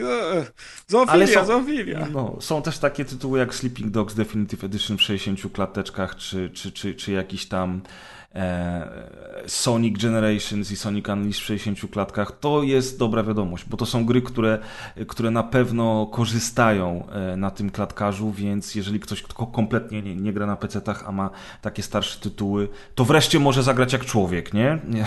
No, to jest fajne, bo też często Yy, na przykład właśnie na PC-cie, yy, chociaż to zależy od tytułu, ale czasami są takie gry, gdzie jakby struktura gry czy silnik nie pozwala na jakieś tam większe osiągi i nawet odpalając starą grę teraz na nowszym kompie, ona wcale ci nie działa właśnie w 300 klatkach, mimo że powinna teoretycznie, nie? Mhm. Yy, a tutaj jakby fajne jest to, że oni jakoś tam te patche robią. Częściowo to jest pewnie po prostu tylko uwolnienie klatek albo tam coś, ale w niektórych pewnie grzebią trochę więcej, żeby właśnie tytuł, który Y, nie wiem, na, y, bo tam jeszcze pal licho te gry, które trzymały 30 klatek, nie? Ale jak miałeś mhm. jakiś tytuł, który działał w 27 i nie chciał więcej i jeszcze były dropy do 12, y, to jeśli oni takie tytuły poprawiają, a wydaje mi się, że tak, że się nam na pewno zdarzają w każdym razie, to to jest na pewno super sprawa, że yy, jakaś gra, która nie wiem, zawsze mi się kojarzy, pamiętam jak przechodziłem na PS2 Shadow of the Colossus w tych 20 klatkach na sekundę i przeszedłem, no, uparłem się i przeszedłem. Później jak na PS3 odpaliłem ten re remaster, to był remake czy remaster taki yy, i on już działał płynnie, to byłem w szoku, że w ogóle, ale super, 30 klatek jak płynnie, bo ten na PS2 to masakra no, no. była. Więc właśnie takie tytuły, które, w które kiedyś, wiesz, jakiej, by nie miał, jakiejś, jakiej byś nie miał konsoli, to by płynnie nie działały a, a, a teraz można płynniejszo zagrać. To jest, to jest fajna inicjatywa. To mi się bardzo podoba jako część taka tej wspaniałej prezerwacji gier, nie? Mm-hmm, mm-hmm. Chociaż wciąż wiadomo, że to jest cyfrowe, więc żeby była prawdziwa prezerwacja, to musisz sobie kupić dysk 16 y, terabajtów do Xboxa, wszystko ściągnąć i go odpiąć od internetu i trzymać w sejfie. W piwnicy, tam gdzie grasz w te gry na, wiesz. Tylko żeby mama mleczkiem nie zalała i ciastkami. Otóż to, moi drodzy, no ale, e, ale ten, ale, ale jest, to, jest to naprawdę feature fenomenalny. Znowu tutaj dzisiaj zresztą będziemy mówili o The Last of Us Part 1 i, i znowu powróci temat tego, że PlayStation ma najlepsze gry, natomiast e, Xbox po prostu ma fenomenalny sprzęt i wspaniałe usługi i jak widać to się na razie chyba nie zmieni. W obie strony zresztą, bo patrząc z kolei na e, ekskluzywy na Xboxie, no to, no to wiesz. Chyba, że Microsoft Są... za 5 lat kupi Sony i rozwiąże problem. Mogliby, no, mogliby. To by było najlepsze rozwiązanie, szczerze mówiąc. I wszystkie eksy Sony w Game Passie day one, bang, wiesz. Kolejny Xbox będzie po prostu emulować cokolwiek Sony nie stworzy. Tam. Ano, ano. Oni to zemulują, w, chmurze to zemulują, a po prostu. To wtedy moc obliczeniowa nie będzie miała znaczenia i kupuj takiego pendrive'a z napisem Xbox i tam będzie w nawiasie napisane i wszystko od Sony i wepniesz go, wepniesz go w telewizor i grasz. Będzie, będzie cały zielony i będzie się nazywał Blue. okazji do strollowania będzie niekończąca się ile. Zobaczymy, co wtedy Jim Ryan powie, czy jak Zrobił on tam się PS nazywa. Xbox. No, no, no. X Station. Możesz sobie wybrać, kupujesz PS Xboxa albo X Station. Wciąż są dwie marki, nie wiem o co chodzi. No. Jest zielony pendrive i niebieski. Anyway. To była bardzo krótka, godzinna sekcja newsów, anegdotek i dyskusji wszelakich. tak nieźle, bo spodziewałem się, że nic nie będziemy mieć. A tu zaskoczenie. Ach, kurde, przygotowanie jak zawsze. Przechodzimy do całkiem, myślę, obfitego działu gier. Mhm. I na pierwszy ogień idzie The Last of Us Part 1, czyli remake The Last of Us, a tak naprawdę... Drugi remake. A tak naprawdę nie, tak naprawdę właśnie to remake The Last of Us Remastered, czyli, e, czyli trzecia odsłona tej samej gry w przeciągu ostatnich 9 lat. E, w dużym skrócie powiem tylko, że oryginał wyszedł e, u schyłku ery PlayStation 3 jako ekskluzyw Sony. Mm, następnie na start ery PS4 pojawił się jako The Last of Us Remastered i rzeczywiście robił robotę. Gra wyglądała pięknie, zresztą ja ją ogrywałem dwa lata temu przed premierą dwójki i nadal robiła wrażenie. A teraz... Przy czym to był wciąż remaster, nie? Miał, tak, to był remaster. Miał tylko więcej teraz... klatek, lepszą rozdzielczość, parę tam fotomode chyba dodali, czy ulepszyli. Mhm, mhm. Tak. I zabrali multiplayer, co jest karygodne, ja tego nigdy nie, nie zrozumiem. zawsze to będziesz wypominać. No bo chuje, no. I zabrali multiplayer. W każdym razie, w każdym razie teraz wychodzi The Last of Us Remake, ale zamiast e, nazwy remake nazywa się on Part 1, żeby ładnie spinał się z drugą częścią gry, która nazywa się The Last of Us Part 2. I wizualnie przede wszystkim gra również jakby teraz e, staje się spójna z tym, co pokazał nam sequel. Spekulacje są takie, że wszystko jest to w ramach e, przygotowań do serialu od HBO, który powstaje i który za jakiś czas będzie mieć premierę właśnie The Last of Us. Dobrze, że masz kablówkę z HBO. Jesteś przygotowany. tak, żeby Zawczasu oglądać. wolałeś się przygotować. Tak kupię teraz, bo potem zabraknie. tak, tak. Dokładnie. W każdym razie, w każdym razie y, ten remake y, jest dosyć dyskusyjny od samego początku y, były wątpliwości co do niego, dlatego że Sony zaśpiewało sobie za niego pełną cenę, taką, e, jaką bierze za najnowsze produkcje ekskluzywne na swojej konsoli. E, no i ludzie kręcili nosem. E, natomiast rzeczywiście jest to remake, a więc wszystkie modele i otoczenie są zrobione od podstaw, animacje są poprawione i wzbogacone. Mm, wprowadz- przemodelowano też większość postaci i tak chociażby Tess, czyli, czyli przyjaciółka głównego bohatera, wygląda nieco inaczej. Y, jest to zmiana na lepsze, dlatego że wygląda starzej e, i tak jakby była bardziej doświadczona przez życie, przez co wiekowo teraz bardziej przypomina Joela, który w sumie zmienił się najmniej ze wszystkich postaci w grze, ale również go trochę postarzono. No faktycznie, no tak. Nawet ma inne w ogóle rysy twarzy, Tro, troszkę wygląda tak. jak inna osoba. I wszystkie osoby są zmienione, włącznie z bratem Joela, y, Tomim, który w tej chwili może trochę bardziej przypomina Joela. No ale Nie tak, wie... bo jakby to jest zmiana po prostu te twarze są też realistyczniejsze i widać w porównaniu tutaj, jak się weźmie jakieś zdjęcia, które porównują dwie twarze, to widać, że jedna jest już, idzie w stronę fotorealizmu, ta nowa, a te mhm. stare są jeszcze takie growe, nie? Trochę tak. I, I, pewnie po prostu ro, robiąc ich realistycznych, trochę ich musieli zmienić, no bo możliwe, że się nie dało zrobić tak, żeby zachować wygląd twarzy, ale żeby wyglądała realistycznie. Prawdopodobnie mhm. tak się domyślam. No i Eli w ogóle wygląda teraz dosłownie jak młodsza wersja siebie z dwójki, czyli, czyli teraz jest, jest absolutnie spójna, to jest ta sama postać, widać, że po prostu 14-letnia, dlatego że w oryginalnym The Last of Us Eli wyglądała nieco inaczej mm, w stosunku do tego, jak wyglądała w dwójce. Teraz jest to ta sama buźka, tylko że młodsza.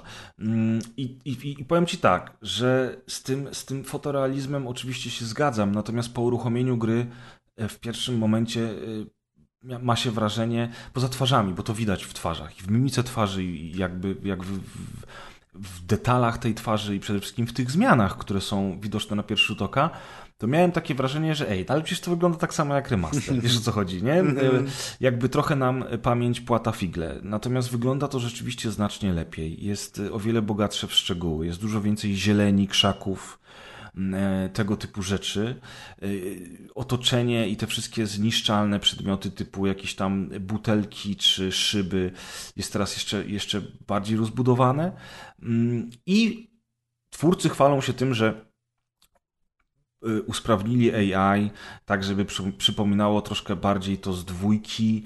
Ja nie do końca to widzę, ale no, ostatni raz w remaster grałem dwa lata temu, więc no, trudno, żebym pamiętał mechaniki i zachowanie w każdej grze wszystkich postaci, więc wierzę im na słowo. Mm, natomiast, no, ponieważ jakby bardzo dużo elementów miało być przeniesione z dwójki, ostatecznie okazało się, że nie do końca, y, bo, bo na przykład rozbudowany system walki wręcz z dwójki nie został przeniesiony do jedynki. Nie ma czołgania się, nie ma systemu uników, które, które były w dwójce, to wszystko nie zostało przeniesione y, jest faktycznie ta kwestia tego AI, jest oczywiście cała oprawa, cała scenografia, wszystkie postacie i część animacji zrobione od zera, e, więc jakby największym mm, takim plusem tej części, to jest, znaczy tego remake'u, to jest oczywiście oprawa graficzna i, i tutaj jakby to jest najbardziej zauważalne, natomiast są też dwie rzeczy przeniesione z dwójki, które są świetne i które bardzo się w jedynce przydały. A mianowicie cały system usprawnień tych, wiesz, compatibility, które znaczy, tak zachwaliliśmy przy okazji dwójki. Accessibility, przepraszam. Tak. Czyli wszystkie te usprawnienia dla, dla, dla różnych ludzi, niepełnosprawności. Tak, dla niepełnosprawności, dla ludzi nieroz, nierozróżniających kolorów, dla ludzi z problemami ze słuchem no tak, i tak dalej. Tego jest mnóstwo. Jak ktoś nie wie, to tam są nawet takie opcje praktycznie jak autocelowanie, albo usunięcie jakichś quick time eventów, czy takie wręcz podpadające pod cheatowanie rzeczy, że właśnie nie, widzenie przeciwni- ramki wokół przeciwników w jaskrawych kolorach, czy coś, jakieś takie... Tak, że nawet masz taką wizję jak Predator, tak, nie? że wszystko jest tak. szare i tylko przeciwnicy są jaskrawi, tak, wiesz, więc... więc naprawdę niby takie aż psujące kompletnie grę, znaczy takie i dlatego właśnie niespotykane, bo zazwyczaj to, to, nie jest tylko tyle, że ta gra jest łatwiejszy poziom trudności, masz więcej życia, tylko tam są naprawdę rzeczy takie, gdzie y, mogą w tą grę teraz zagrać osoby, które w żadną inną grę nie mogą zagrać, nie? Na przykład. Mhm. Plus y, właśnie to, co powiedziałeś o autocelowaniu, jest cały system wspomagania celowania i autocelowania, włącznie z celowaniem, w którym nasza postać sama namierza przeciwnika, nawet jeżeli nie jest widoczny na ekranie. Mm. Więc to jest bardzo duże usprawnienie. Nie wiem, jak chciałbyś dać zagrać swojemu dziadkowi na przykład, wiesz. No tak. Mm, I, I to jest świetne. Do tego ten system wspomagania celowania ma wiele ustawień. Można sobie wszystko ustawić tak, żeby nam pasowało. A najważniejszą zaletą e, jest system modyfikacji poziomu trudności. Czyli to, o co ja zawsze apeluję w grach, tutaj jest y, rozwiązane do perfekcji. Mm, niewiele produkcji tego typu, nie, niewiele produkcji growych w ogóle ma tego typu rozwiązania chociaż spotykałem się z nimi wcześniej, a mianowicie możesz sobie na przykład ustawić e, poziom trudności walki z przeciwnikami na wysoki, ale już na przykład poziom trudności skradania możesz ustawić na minimalny. Możesz sobie zrobić, żeby twoja postać miała bardzo dużo życia mm, i ustawić bardzo dużo zasobów, które podnosisz na mapie. Czyli na przykład maksujesz poziom trudności przeciwników, maksujesz poziom trudności skradania, ale dajesz sobie bardzo dużo HP i dajesz sobie bardzo dużo itemków, które po drodze żeby będziesz znajdował żeby sobie kraftować amunicję, apteczki, całą resztę. A, więc to jest po prostu super opcja, no. dlatego że możesz tę grę dostosować pod własne wymogi i po prostu bawić się z nią na różne sposoby, tym bardziej, że to wszystko zmienia się w locie. Jedyne, co przy poziomie trudności y, trzeba zrobić, to konkretne, konkretny encounter, czyli tę walkę, którą akurat prowadzimy, zacząć od nowa. Więc to nawet no etap tak. się nie wczytuje. Mhm. Jeszcze raz. I to jest po prostu, to jest największa zaleta. Zamiast pytanie brzmi, czy te usprawnienia, nie mówię o grafice, ale czy te usprawnienia są warte pełnej ceny 350 zł? Bo, bo wiesz, to równie dobrze można było, znaczy nie wiem, czy można byłoby to wydać jako patch. No nie będę mówił, że można było, bo, bo się na tym nie no, znam. Pewnie ale... nie bardzo, tych zmian było tyle. Wiesz, znaczy, to jest po prostu, no bo rzeczywiście, no, też moim zdaniem jakby nie patrzeć, no to, to nie jest tak, że robili tą grę od zera. Yy, część, kiedy grę projektujesz, prototypujesz, piszesz nawet fabułę i dialogi, to też zajmuje mnóstwo czasu. Oni ten czas zaoszczędzili tutaj. Yy, mieli technologię, musieli dostosować starą do nowej, czy coś, to też nie jest tak, że wszystko musisz wymyślić, napisać od nowej i tak dalej. Wydaje mi się, że rzeczywiście tutaj yy, ewidentnie Sony stwierdziło, że jakby no zrobimy tak i co nam zrobicie, nie? Nie mamy waszego płaszcza, ta gra kosztuje tyle i co nam zrobicie? Albo ją kupcie, albo jej nie kupujcie. To jest ich flagowy tytuł, jakby niedostępny nigdzie indziej, gra, której zazdroszczą wszyscy yy, i, i jakby no taki zrobili yy, power move, nie? Mhm. I też mi się wydaje, że rzeczywiście no full price, szczególnie ten podniesiony do 70 dolarów, czyli tam 300 ileś złotych, mm, to jest jakiś absurd, szczególnie, że nie wiem ile teraz dwójka kosztuje, jakby w takiej cenie, wiesz, nie tam, że używkę, tylko jakby kupić gdzieś tam cyfrowo to pewnie drogo, ale ale... No wiesz, to wystarczy poszukać w Google'ach, nie? I masz różne sklepy, w których możesz sobie zamówić, więc na pewno da się, znać, da się to kupić no tak, po taniości. Tak, ale wydaje mi się po prostu, że tutaj no, za, zaszachowali, stwierdzili, że po prostu no, mamy taki tytuł i właśnie, co nam zrobicie, nie? No, wóz albo przewóz, tak jak mówisz. No, mam nadzieję jest... jedynie, że ona będzie szybko taniej. Jestem ciekawy ceny PC-owej, jaka będzie, bo premiera ma być później, chyba nie jest jeszcze ogłoszona kiedy dokładnie. Ale. Właśnie, bo ty powiedziałeś, że niedostępne nigdzie indziej, ale wersja PC-towa będzie również. No będzie również. W sumie jestem ciekawy, czy też dwójkę wypuszczą. Wydaje mi się, że tak. Jeśli nie szybko, to może później, ale wydaje mi się, że to raczej nie zrobią tak, że wypuszczą tylko jedynkę i koniec, nie? Yy, pewnie mhm. teraz skończyli remake jedynki i teraz robią dwójkę na PC-ta, jakbym tak miał strzelać teraz. Tak Myślę, że tak. Nie zdziwiłbym się, gdyby to w ogóle wyszło jako pakiet obu gier I. I wtedy pewnie wyjdzie jako tam pakiet, czy tam będą to oczywiście, aha, ale oni będą to sprzedać na swoim launcherze, to oni też powiedzą, zapraszamy PC-towców, gdzie jest wasze 300 zł?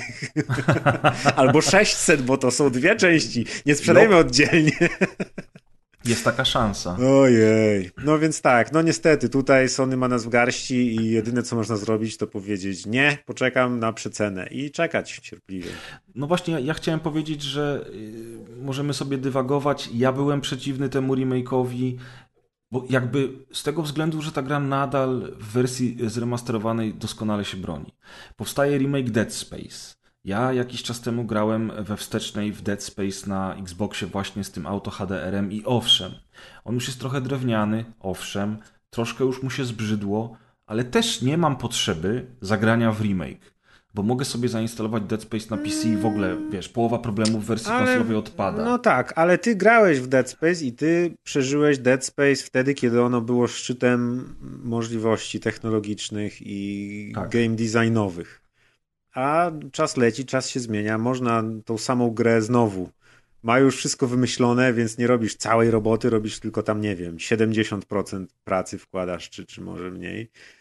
I masz grę, która znowu się sprzeda, bo kupią ją i fani starej części, i ludzie, którzy nie grali w jedynkę, bo byli za młodzi i teraz nie są w stanie w takie paskudztwo niegrywalne, drewniane grać, ale nasłuchali się, jaka to ten Dead Space nie był świetny, więc teraz wyszedł remake, więc sobie zagramy, bo jest dostosowany do nowych czasów. I ja trochę jak z adaptacjami, do czego też dzisiaj w dzisiejszym odcinku przejdziemy, to tak samo yy, chyba to z wiekiem przychodzi. To jest błogosławieństwo tego, że człowiek długo żyje na tym świecie i widzi różne rzeczy i się do różnych rzeczy przyzwyczaja. I nie jestem absolutnie przeciwny żadnym remake'om, adaptacjom i ten ogólnie tworzeniu rzeczy. Jak ktoś chce sobie coś stworzyć, to niech tworzy. Jak Jasne. będzie fajne, to skorzystam. Jak nie będzie fajne, to nie skorzystam. I jakby, bo jasne, główne, główny, głównym jakby argumentem na to jest, że mogliby zamiast tego zrobić coś nowego, nie? I, i, i zamiast robić remake'u Last of Us 1 mogliby zrobić jakąś nową, nowe IP zupełnie, nie? Tak jak mhm. dali nam Uncharted, potem dali The Last of Us, teraz zrobiliby jeszcze coś nowszego. Ale nie wiem, no to jest takie gdybanie właśnie, że le, lepszy wróbel w garści niż gołąb na dachu, no nie wiadomo co by robili, czy by robili, jakby zrobili, robią to i w sumie no mogą, jedynie, jedynie mogą narzekać ludzie, którzy na przykład czekają na ich nową grę i mhm. teraz jak się dowiedzą, że robią remake, to oni powiedzą, nie no remake w to już grałem, to jestem smutny, bo na ich nową grę poczekam jeszcze kolejne 3 lata dłużej niż myślałem, że będę czekać. Nie? Myślałem, że ogłoszą coś nowego, a oni robią remake, więc na coś nowego muszę znowu poczekać. I to jest tylko kwestia czasu. No tak, no ale, ale o ile ktoś tragedia. nie ma śmiertelnej choroby, albo nie wiem co, no to naprawdę nie, no ludzie, młodzi, ludzie młodzi też są bardzo niecierpliwi, też kiedyś byłem bardzo niecierpliwy, ale teraz czy mam poczekać na nową grę dwa lata czy pięć lat, to już nie robi dużej różnicy. No i ja tylko chciałem powiedzieć, że ja byłem sceptyczny na początku, ale rzeczywiście jak już miałem okazję sam ograć i, i, i zbadać temat, to to doceniam ilość pracy, która została w ten tytuł włożona. Ja bym na pewno nie kupił tego na premierę za te pieniądze, natomiast y, grę otrzymałem od, od PlayStation i, i dzięki temu byłem w stanie ją sprawdzić. I teraz mm, powiem Ci tak, że mm, moim zdaniem temacie tego remake'u to jest tylko i wyłącznie kwestia indywidualna. To znaczy ludzie, którzy są fanami serii, już tę grę kupili. I już prawdopodobnie no tak. ją przeszli albo właśnie ją przechodzą. Tacy, co mają wszystkie figurki, steelboxy, plakaty tak. i tak dalej, i co każde pieniądze wydadzą na cokolwiek z, z tym, to wiadomo, tak. ludzie, którzy jeszcze nie, nie grali, tak, ludzie, którzy jeszcze nie grali, a którzy posiadają PlayStation 5, mają teraz możliwość zagrać w najlepszą możliwą wersję dostępną na rynku, bezdyskusyjnie, bez multiplayera znowu, ale mimo wszystko najlepszą. A ci, którzy nie mają ciśnienia, poczekają aż gra trochę stanieje albo grają ją na PC. A wciąż można kupić używkę remastera z PS4. Który jest świetny i chodzi w 60 klatkach tak samo jak remake. No. Aha, no bo remake ma albo y, remake ma albo 4K pełne i wtedy chodzi w 40 klatkach i nie da się w to grać wtedy. W 40? W 40, o, to tak. fajnie, że nie w 30. A, znaczy w, w, w, takich zapowiedziach widziałem 30, natomiast jak odpaliłem u siebie w tym trybie Fidelity, to bu, było w opisie, że to jest 40. Aha, y, to jest fajne, bo 40 to już jest duża różnica jakby. To jest no powiem ci, że już nie, już nie. No bo ty jesteś pan 120, no, no właśnie. A... Natomiast, natomiast w tym trybie, w tym trybie performance y, jakby poziom grafiki jest taki sam, natomiast rozdzielczość już jest skalowana między Full HD a 4K, na tyle na ile może ta grafika się płynnie, ta rozdzielczość się płynnie skaluje. I grałeś w tym trybie? Tak, i w 60 klatkach. I w zupełności to mi do szczęścia wystarczyło. Nie, nie, nie ma tak, że nagle widzisz, o Jezu, piksele. Nie, nie. Znaczy widzisz, że ta rozdzielczość jest niższa, y, ale, ale to w ogóle niczym nie przeszkadza, nie? nie? przeszkadza. No masz duży telewizor, więc jeśli na dużym telewizorze nie przeszkadza, no to znaczy, że nie przeszkadza. Tak, więc tak. No i teraz jakby najważniejsze, słuchajcie, ja powiem tak, ponieważ nie będziemy dyskutować na temat samej gry, bo... Jak to nie? Recenzja, halo! Dyskutowaliśmy na jej temat wielokrotnie. Y, ja was odsyłam wszystkich do rozgrywki odcinek 211, Miękki Reboot, którą znajdziecie na tych wszystkich platformach typu iTunes, Spotify, ale również u nas na stronie. Wpiszecie sobie po prostu 211 w wyszukiwarkę i ten odcinek wam wyskakuje. To jest odcinek, który od początku do końca poświęciliśmy tylko i wyłącznie obu częściom e, The Last of Us. A, rzeczywiście. I nawet na końcu jest spoilercast z obu części, gdzie dyskutujemy o fabule obu, obu gier. W związku z czym naprawdę, jeżeli jesteście ciekawi tematu, to nurkujcie tam, świetny odcinek. Matko święta, on trwa 5,5 godziny, tak? Czy nie? Tak, jakoś tak. I, i, i, jeszcze z czasów, kiedy żył Kuldan, który, który był e, serią również zafascynowany i zakochany w dwójce i pamiętam, że ty Maciek też byłeś na tym odcinku. E, byłem ja i dyskutowaliśmy całymi godzinami na temat The Last of Us. Tam sobie zajrzyjcie. Ja tylko powiem, e, w, w opisie poza linkiem do, do mojej playlisty na Spotify będzie też link do tego odcinka, żeby było wam łatwiej Ale wiadomo, znaleźć. który link jest ważniejszy. Playlista, hello. No, no. Jak będziecie mogli tylko w jeden link kliknąć, to wiecie. To niech będzie to playlista. E, w każdym razie chciałem, chciałem tylko powiedzieć jeszcze Maćku, tobie i słuchaczom, że ja odpaliłem tę grę, e, żeby ją sprawdzić i natychmiast wsiąkłem. Nie? To znaczy, przeszedłem już ją e, w, w oryginale na PlayStation 3. Przeszedłem ją przed premierą dwójki w wersji zremasterowanej na, na, na, na PlayStation 4. E, obecnie przechodzę ją na PlayStation 5 i jak ją odpaliłem, to od razu rozegrałem pierwsze kilka godzin gry. Wstęp jak zawsze wgniata w fotel. Mm, później zaczyna się gra właściwa i nawet nie wiesz, kiedy jesteś już, kurczę, z Eli i prowadzisz ją do Capitol Building w ogóle, wiesz ten, ten świat dalej zachwyca, ten klimat zachwyca, gra aktorska, reżyseria zachwycają, naprawdę, muzyka, cała reszta. Jest to oczywiście najlepsza rola Troya Bakera w historii jego kariery. Troy Baker to jest jeden z moich ulubionych aktorów głosowych, który podkłada głos w wielu, wielu grach. On między innymi podkładał głos głównemu bohaterowi w Bioshock Infinite, wcielał się w Jokera w e, Batman Arkham Origins. No i tak naprawdę zabłysnął w tym świecie growym rolą Joela. Do dziś po prostu mam ciarki, jak słucham go w tej roli. Jest fenomenalny. Mm. No i też dźwięk jest cudowny w tej grze, więc, więc jakby to wszystko po prostu.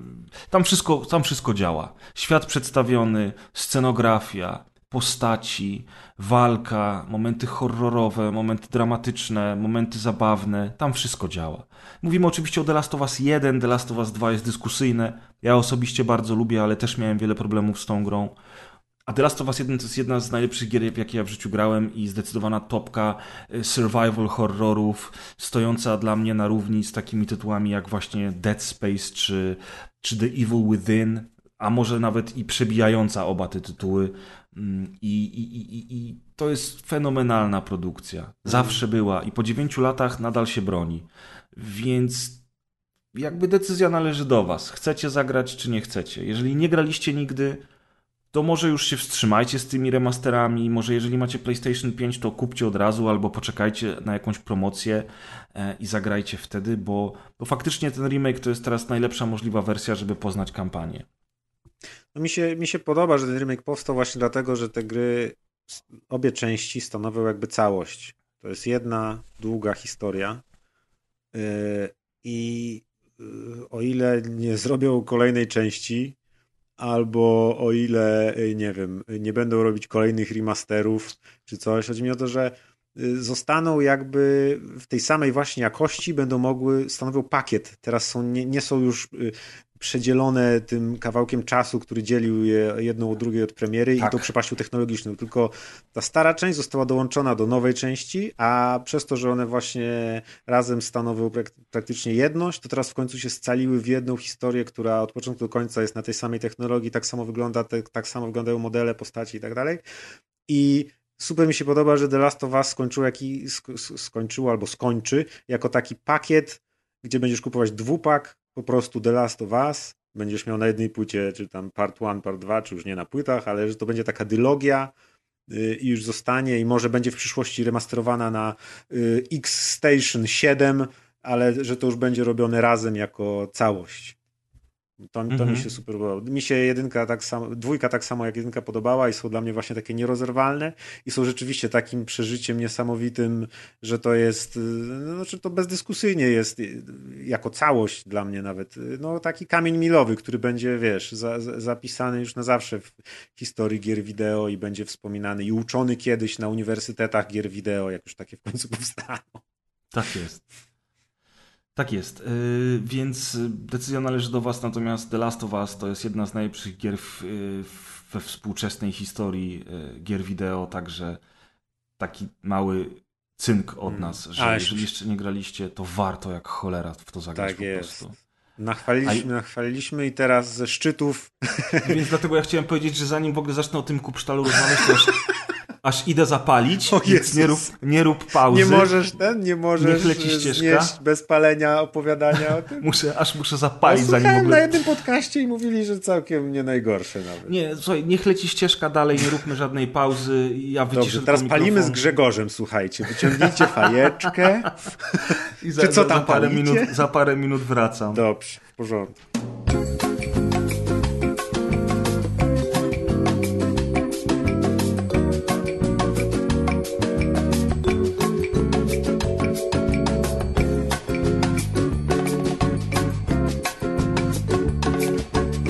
One minute, 37 seconds later. Szybko poszło. Masz dużą pojemność płuc. Tak i tam wiesz. Na, ja na dwa buchy wciągnąłeś całego fajka. Ja też właśnie ograniczam znowu w ramach wszystkiego takiego, wiesz, dbania, dba, dbania też bardzo zacząłem znowu ograniczać, więc raz, raz na jakiś czas. No Rozumiem, w ekstremalnych sytuacjach. Akurat, akurat jest... był ten moment, tak, tak. nie da się tego moment. bez fajka zrobić. Może nie, chcesz no... sobie jakiegoś jeszcze drina strzelić albo nie, nie, tapsa nie. łyknąć. Mm.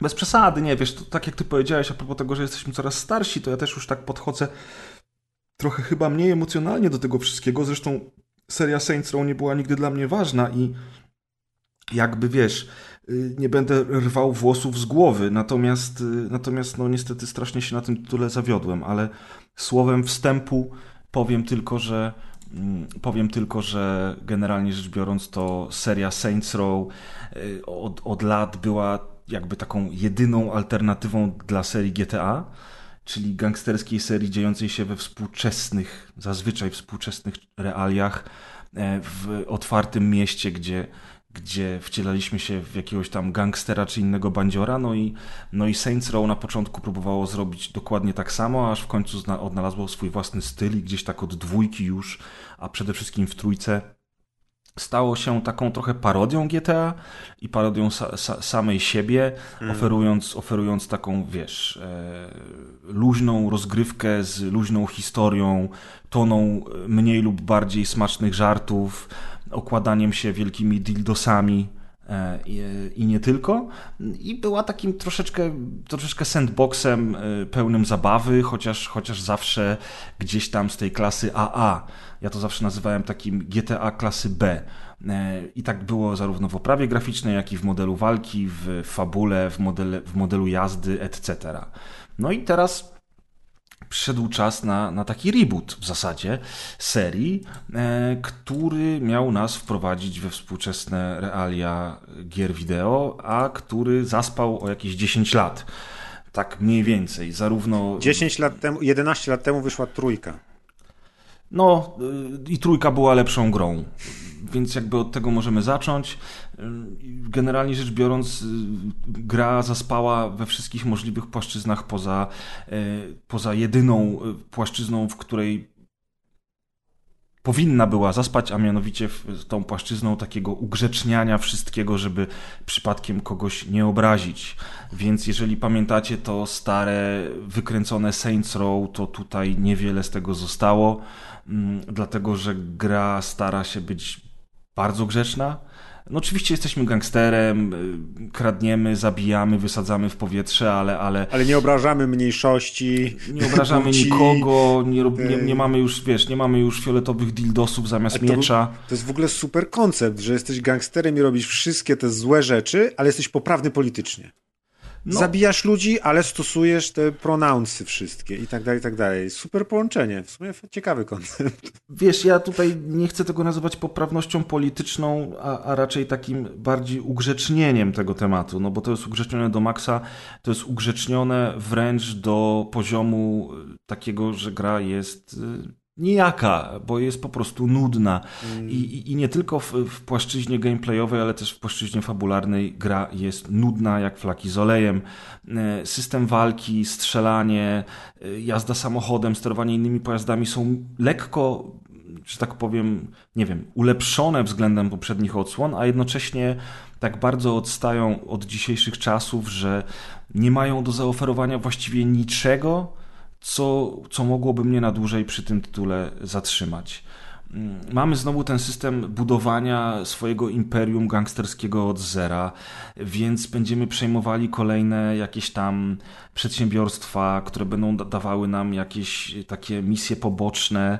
E, będziemy tuningować samochody, e, zdobywać e, żołnierzy do naszej mafii, przebierać tych żołnierzy, bawić się różnymi pukawkami, które niektóre nadal są zabawne i pomysłowe, ale większość jest po prostu miałka byle jaka i standardowa.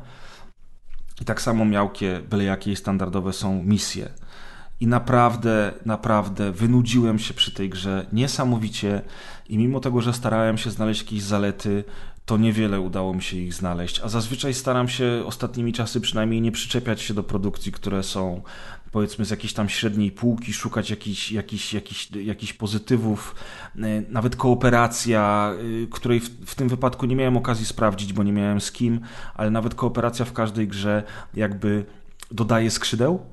E, a tutaj mam wrażenie, że nawet w kooperacji to niewiele zabawy no, Dobre, by było. jakby w kooperacji jest gorzej. A, no Zawsze nie, no. w kooperacji jest lepiej, ale w sensu by było gorzej. Tak, nie, znaczy ogólnie, ogólnie to po prostu jest krok wstecz względem poprzednich odsłon serii. Jest to już w tym momencie zerowa konkurencja dla GTA i tutaj na przykład GTA 5, które, które ma swoje lata, które ostatnio otrzymało tę wersję usprawnioną i unowocześnioną dla współczesnych konsol, wygląda co najmniej dwa razy lepiej niż Saints Row E, ma oczywiście lepszy model jazdy, lepszą walkę, lepsze strzelanie, lepszą fabułę, lepszy klimat, lepszą w ogóle całą budowę miasta. Miasto w Saints Row to jest jakieś miasto na południu Stanów Zjednoczonych, y, na pograniczu z Meksykiem i miało być tutaj tak bardziej meksykańsko i latynosko, ale widać, że absolutnie nie było na to pomysłu i tak naprawdę to wszystko w tym mieście to jest tak, taki ulepek rzeczy zewsząd i poza tym, że dookoła jest pustynia, to tak naprawdę poza jakimiś samochodami, czy, czy wiesz, czy, czy, czy muralami na budynkach, to nie, niewiele tego Meksyku tu czuć, niewiele tutaj czuć tego klimatu południu Stanów Zjednoczonych i, i ani bohater, ani jego towarzysze nie, nie bardzo są w klimacie, poza jedną dziewczyną tak naprawdę i takim kolesiem, e, trochę El Mariachi, który później do nas dołącza. I, i, I, naprawdę ani misje główne, ani misje poboczne nie, nie porywają. Nawet latanie helikopterem, jakaś duża rozwałka czy innymi pojazdami nie daje tej satysfakcji, którą, którą dawały poprzednie części. Na, nie stało nawet obok Just Cause 4, które kiedyś które kiedyś dosyć mocno krytykowałem, do którego niedawno wróciłem tak w ramach właśnie porównania, bo, bo Saints Row zainspirowało mnie do tego, żeby, żeby, żeby zajrzeć znowu do Just Cause 4, no to uważam, że jeżeli macie teraz do wyboru Saints Row i Just Cause 4, które kosztuje grosze, to po prostu zagrajcie w Just Cause 4, bo tam jest większa rozwałka, e, lepsza zabawa niż, niż to, co oferuje Saints Row. Nie mówiąc już o grafice, która jest po prostu okropna. I Ustawień y, grafiki jest wiele, bo chyba są cztery różne poziomy grafiki, które można ustawić, jak nie więcej. I, i, i poza tym, że w, w, tym jednym trybie masz 120 klatek, to nie ma dużych różnic poza rozdzielczością. I jak grę ustawisz w trybie Fidelity w pełnym 4K i z, w ogóle z ray tracingiem, to poza tym, że ona bardzo źle chodzi, to różnica w oprawie graficznej jest minimalna względem tego, co oferują te słabsze tryby. Więc, więc gra po prostu jest brzydka, miałka, nudna i zabagowana jak cholera. Ba bugów jest bardzo dużo i wystarczy sobie odpalić jakieś kompilacje na YouTube, żeby zobaczyć, że, że, że, że gra jest co najmniej mówiąc problematyczna. Mnie zaskakuje w tym wszystkim kampania marketingowa, która była y, wytoczona przy okazji tej gry, bo y, reklam reklamowali tę grę nawet u nas w polskich kinach przed filmem. Wiesz, wow. w magazynach, y, wszędzie I, i spodziewałem się takiego rebootu, który, który rzuci nas na kolana, mm, a okazało się, że dostaliśmy takim, wiesz, kotletem w twarz. I, i to takim kotletem nawet nie odgrzanym, tylko surowym Y, bez żadnej przyprawy, nawet tam bez szczypty soli. Także to jest chyba największy zawód tego roku i jedna z najsłabszych gier, y, w jakie grałem od dawna. Bardzo nie polecam. Kurczę, to okej. Okay. Ja nie mam nic do dodania a propos samej gry, ponieważ y, Saints Row już mnie nie interesuje od paru części. Grałem dużo w dwójkę i trochę w trójkę, ale Mam tu wiele ciekawsze informacje, ponieważ y, sprawdziłem sobie historię dewelopera na Wikipedii. Mhm. I y, uznajmy, że Wikipedia jest nieomylnym źródłem informacji. W takim razie mam tutaj ciekawostkę. Nie wiem, czy wiecie, y, pewnie nie wiecie, a może wiecie. Volition, czyli developer Saints Row, kiedyś na samym początku nazywali się Parallax Software. Jednym z założycieli był pan o fajnym nazwisku, ponieważ był to Mike Kulas Okay. Przez L. Y, I nie uwierzycie, pierwszą grą, jaką zrobili jeszcze jako Parallax Software, był Descent. Mm. Descent w 95 roku. Ludzie, którzy teraz są kojarzeni tylko z Saints Row, bo ostatnio robili tylko Saints Row, zrobili Descenta pierwszego i drugiego. Później zrobili Free Space'a. O proszę. Pełen tytuł był Descent Free Space The Great War. Free Space'a dwójkę. Zrobili w 2000 roku, y, było takie RPG, które rzeczywiście pamiętam, Summoner. Było. Było, na PS2 wyszło i na PC-ta. Zrobili Red Faction, Pierwsze Potem... oni też robili? Tak. No właśnie, Drugie ja też pamiętam, robili. Ja pamiętam te późniejsze, że oni robili na pewno Grilla, a widzisz, a oni robili nawet te oryginalne Tak, możliwe, że wiecie, ja to tak szybko przeglądam, zaraz się okaże, że to tylko robili port albo coś, no ale maczali Nie, nie, nie, nie, oni chyba faktycznie tworzyli wszystkie Red Faction. Więc Red Faction, potem Summoner 2, Red Faction 2, zrobili Punishera, tego Punisher takiego z czasów Xboxa i PS2, tego fajnego. No i później był Saints Row, drugi Saints Row, Red Faction Guerrilla, to grałem. To było to, gdzie się na Marsie budynki rozwalało młotkiem. Tak. E, potem zrobili Red Faction Armageddon. Potem było trzecie Saints Row, czwarte Saints Row, Got Out of Hell Saints Row. No i z najnowszych Agents of Mayhem.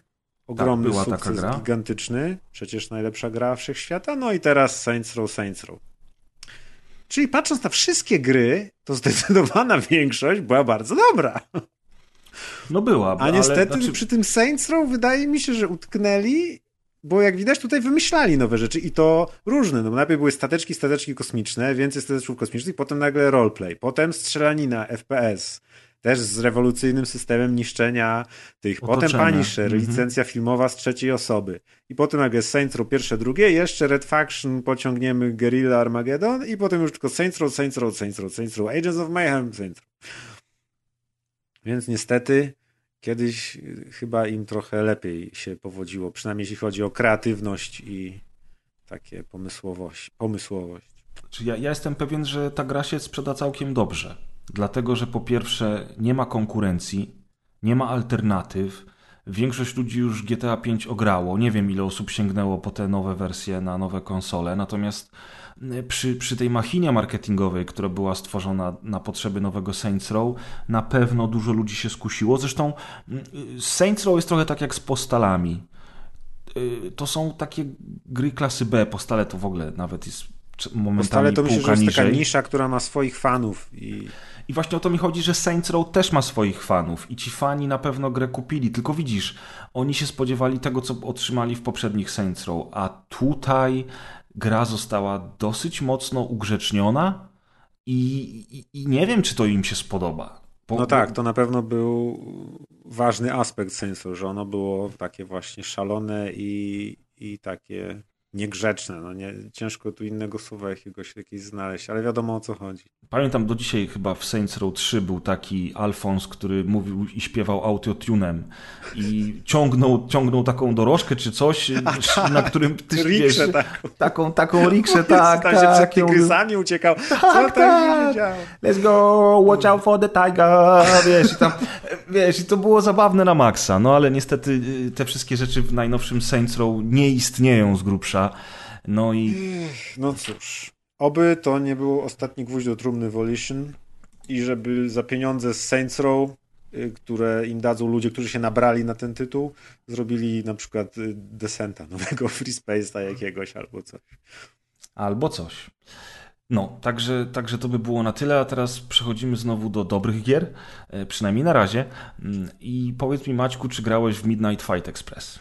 No trochę pograłem.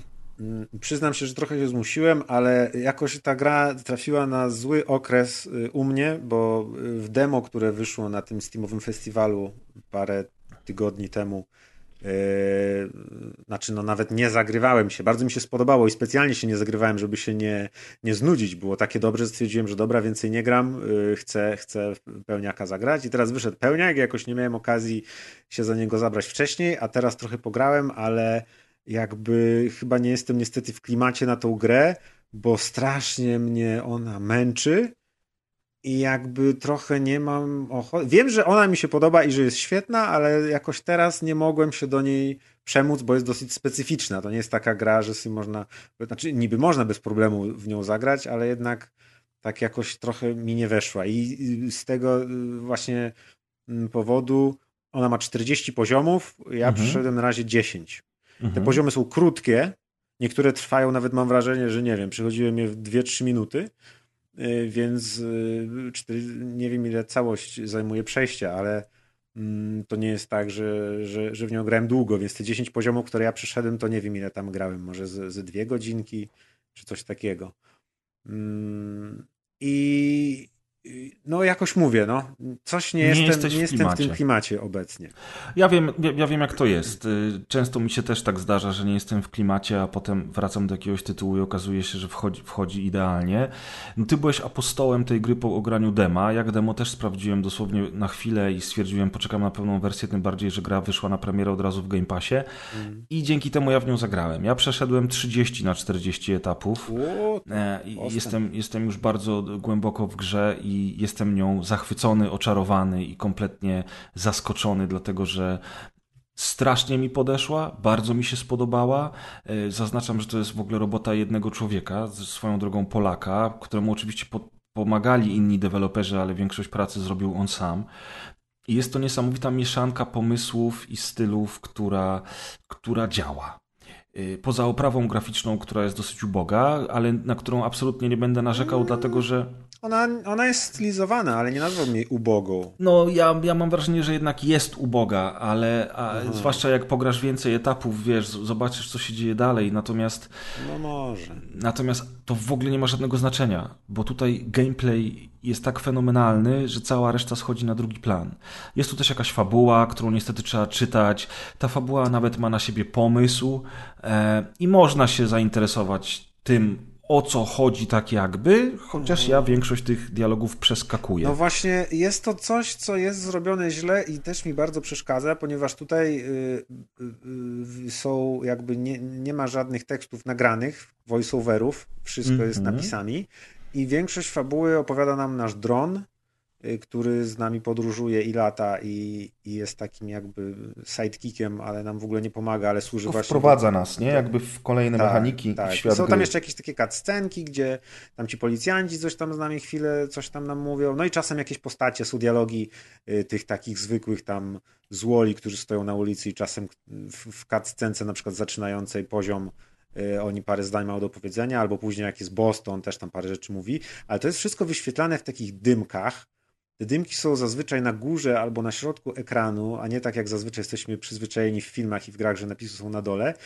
I te dymki też trzeba przeklikiwać y, przyciskiem zazwyczaj. I ja nie wiem, też ten albo font jest jakiś taki dziwny, że strasznie mi się to niewygodnie czytało i właśnie tak jakby nie mam problemu z czytaniem napisów w filmach albo w grach, a w tej grze akurat jakieś to było takie uciążliwe, upierdliwe i zawsze mnie denerwowało. Nie chciałem tego przywijać, bo chciałem się dowiedzieć, co tam jest w tej fabule, bo ona nie jest jakaś odkrywcza, ale pokazuje nam, opisuje nam świat i, i jakieś rzeczy, więc jest w miarę mm, ciekawa, chciałbym ją poznać, ale jest to jakby bardzo utrudnione. Nie wiem właśnie, nie wiem, który aspekt to sprawia, czy ten font użyty, czy, czy, czy to, że to jest na górze ekranu, a nie na dole, coś, ale w jakiś sposób właśnie też mnie to denerwują te, te napisy. No to pocieszę Ciebie i naszych słuchaczy. Fabuła jest do tego stopnia pomijalna, że można ją wyłączyć w opcjach gry. A poza tym właśnie można, znaczy te dialogi można wyłączyć, te dymki tak jest. Jakby, nie? Właśnie też zauważyłem, że jest to w opcji, że można wyłączyć po prostu i wtedy co? Nic nie ma. Grasz bez, bez rozmów, tak, okay. tak, tak. Znaczy y tak, pewnie tak za, za, za drugim razem, jak będę w tą grę grać, to sobie, to sobie zagram, bo to jest taka gra też typowa na powtarzanie etapów, bo tam są te oceny, oceny. na koniec, zdobywa się punkty, więc jak już raz tak. przejdę i poznam tą nawet pomijalną fabułę, to później sobie na pewno z tej opcji skorzystam. To jest trochę wkurzające, bo czyścisz jedno pomieszczenie i nagle robot zaczyna gadać i ty niby możesz iść, ale w końcu dojdziesz do drzwi, które są zablokowane, dopóki nie, całego dialogu nie przeklikasz. Yy, I to jest takie trochę wybija z tego rytmu, nie? W Hotline Miami nie było dialogów za bardzo w trakcie gry, chyba że tam boss na końcu coś na chwilę mówił a, a ta ekspozycja była w tych takich przerwach psychodelicznych, kiedy ta nasza postać gdzieś coś innego robiła niż się biła. A kiedy już się bijesz, to się bijesz i ci nic jakby nie przeszkadza.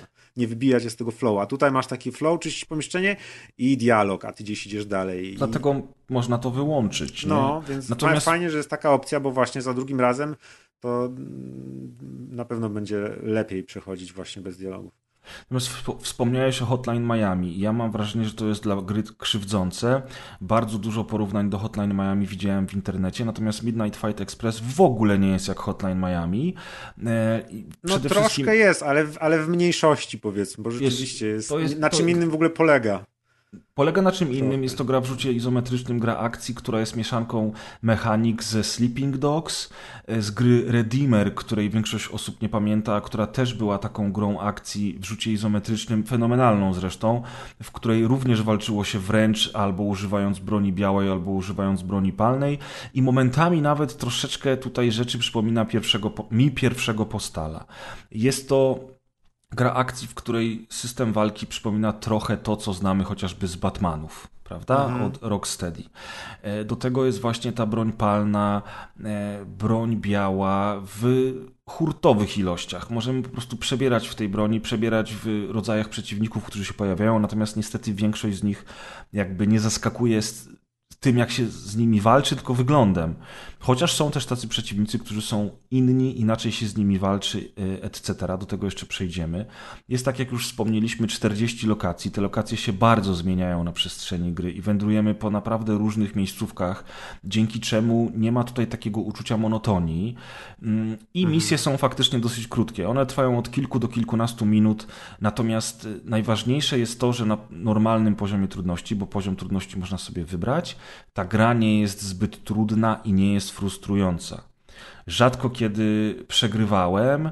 Checkpointy są na tyle wygodne, że szybko wracało się do akcji. Tak a walki z bossami nie stanowiły większego, e, większego wyzwania. Oczywiście ten poziom trudności można sobie zwiększyć. Można również, i to w trakcie już podstawowej kampanii, wybrać sobie, jakie rodzaje przeciwników spośród tych, które już odblokowaliśmy, będą się pojawiać w trakcie misji, jakie bronie będą się pojawiać, a jakie nie. Ja co prawda tego w ogóle nie, jeszcze nie, nie robiłem, bo przechodzę tak jak, tak, jak pan deweloper nakazał, w związku z czym gram w taką, powiedzmy, tą kampanię vanilla, natomiast wszystko to w opcjach jest y, i y, oczywiście jest masa y, ubrań i zmian, zmian wyglądu postaci. Są czapki, najważniejsza rzecz w grach, mhm. wiadomo. Mm, I jest też soundtrack, który odblokowujemy po kolei, i również ten soundtrack możemy sobie dostosować. To znaczy możemy wybrać kawałki, które mają lecieć, a które nie mają lecieć. A propos tego soundtracku mówiłem dzisiaj e, na początku podcastu, e, jak on ważny jest dla gier. Tutaj również jest ważny. Jest to ca cały soundtrack nagrany jest przez jeden zespół. Ja niestety nie pamiętam nazwy tego zespołu, może Maciek znajdziesz. Mhm. I, I, ten soundtrack jest cholernie dynamiczny, bardzo mocno wprowadzający w tą rozgrywkę, napędza, napędzający więc wręcz tą dynamikę. Niestety jest on również na tyle męczący, że ja po, po pierwszych tam 20 e, misjach wyłączyłem tak. go i puściłem sobie Synthwave ze Spotify'a. I to pięknie weszło. Pięknie weszło. I nawet jest... kompozytor jest Noise Scream, tak? Chyba. Nie wiem, naprawdę nie wiem. E, bo, Kompozytor Noise, noise Scream. A muzykę kto robił? Piosenki, przepraszam, nie wiesz. No, czy może to jest jedno i to samo? Ja po prostu nie pamiętam tej nazwy. Natomiast nawet po wyciszeniu muzyki dostałem osiągnięcie, że wyciszyłem muzykę jako chyba jeden z 5% y, tam y, graczy no grających w grę. I w ogóle co ciekawe też do Ale połowy rzeczy, gry. Rzeczywiście no. ta muzyka jest bardzo, bo to jest coś w stylu tego Duma, albo coś i takie naprawdę Tylko ścieżki agresywne, jeszcze bardziej, głośne, tak. mocne. Tylko, że bardziej elektronika, Elektronikę, nie? tak. Nie, nie może metal, ale chodzi mi o to, że taka atakująca zmysły i właśnie taka y, nawet wydaje mi się, że w Hotline Miami y, były takie kwasowe numery, ale one nie były aż takie agresywne. Niektóre były dynamiczne i szybkie, ale niektóre były takie chilloutowe nawet wręcz. A tutaj przez te poziomy przynajmniej, które ja przechodziłem, to ta muzyka po prostu zaczyna się i jak od razu scena w dyskotece z Johna Wicka. Wszystko. I to tak jest fajne, jest. bo buduje tak klimat, tak ale po chwili rzeczywiście też przez to, że nie byłem w nastroju, to bardzo mnie to męczyło rzeczywiście. Tak, więc ja polecam gdzieś tam w połowie gry po prostu tę muzykę wyłączyć i włączyć sobie, sobie cokolwiek, puścić, tak, cokolwiek tylko będziecie chcieli. Yy, natomiast tak, ta gra ma bardzo miodny, cały czas zmieniający się gameplay. Y, naszą postać możemy rozwijać, bo po przejściu każdej misji dostajemy punkt. Ten punkt wydajemy podobnie jak w Spider-Manie na kolejne zdolności w walce. Drzewka, tak, z drzewek. Tych, tych drzewek jest kilka, tak, bo są różne kategorie i można robić naprawdę fenomenalne rzeczy. Możemy atakować, parować, oddawać po parowaniu, robić uniki, chwytać, później używać linki niczym Skorpion w Mortal Kombat. Zresztą nawet jest do tego nawiązanie, bo gra ma mnóstwo easter eggów i takich mm -hmm oczek w stronę graczy. Mm, możemy podnosić różne przedmioty z planszy, którymi rzucamy w przeciwników. Możemy podnosić broń, więc będziemy walczyć młotkiem, pałką, ale też mieczem, który będzie przecinał naszych przeciwników. Potem pojawia się broń palna. Tej broni palnej też jest od groma. Y, naprawdę tam jest tyle mechanik i pomysłów i one wszystkie ze sobą tak pięknie współgrają, że jak po pierwszych paru misjach nauczymy się grać, to to zaczyna robić się po prostu taki brutalny, rzeźnicki taniec w rytm muzyki elektronicznej albo w rytm Vivaldiego, tak jak sugeruje Maciek. I, i, i to, jest, to jest dla mnie bardzo duże zaskoczenie, bo ja się po tej grze niewiele spodziewałem. A dostałem tytuł, od którego ja się nie mogę oderwać. Co więcej, ja specjalnie nie skończyłem gry przed nagraniem, bo ja po prostu sobie ją dawkuję. Mhm. Siadam do niej wtedy, kiedy mam ochotę, puszczam sobie swoją muzykę i robię kilka plansz. I niesamowite jest to, że jestem już w trzech czwartych gry, mam 30 z 40 misji zaliczone i cały czas pojawiają się nowe mechaniki. Niektóre walki z bossami są inne, pojawiają się sekwencje na motorówce, pojawiają się sekwencje na motorze.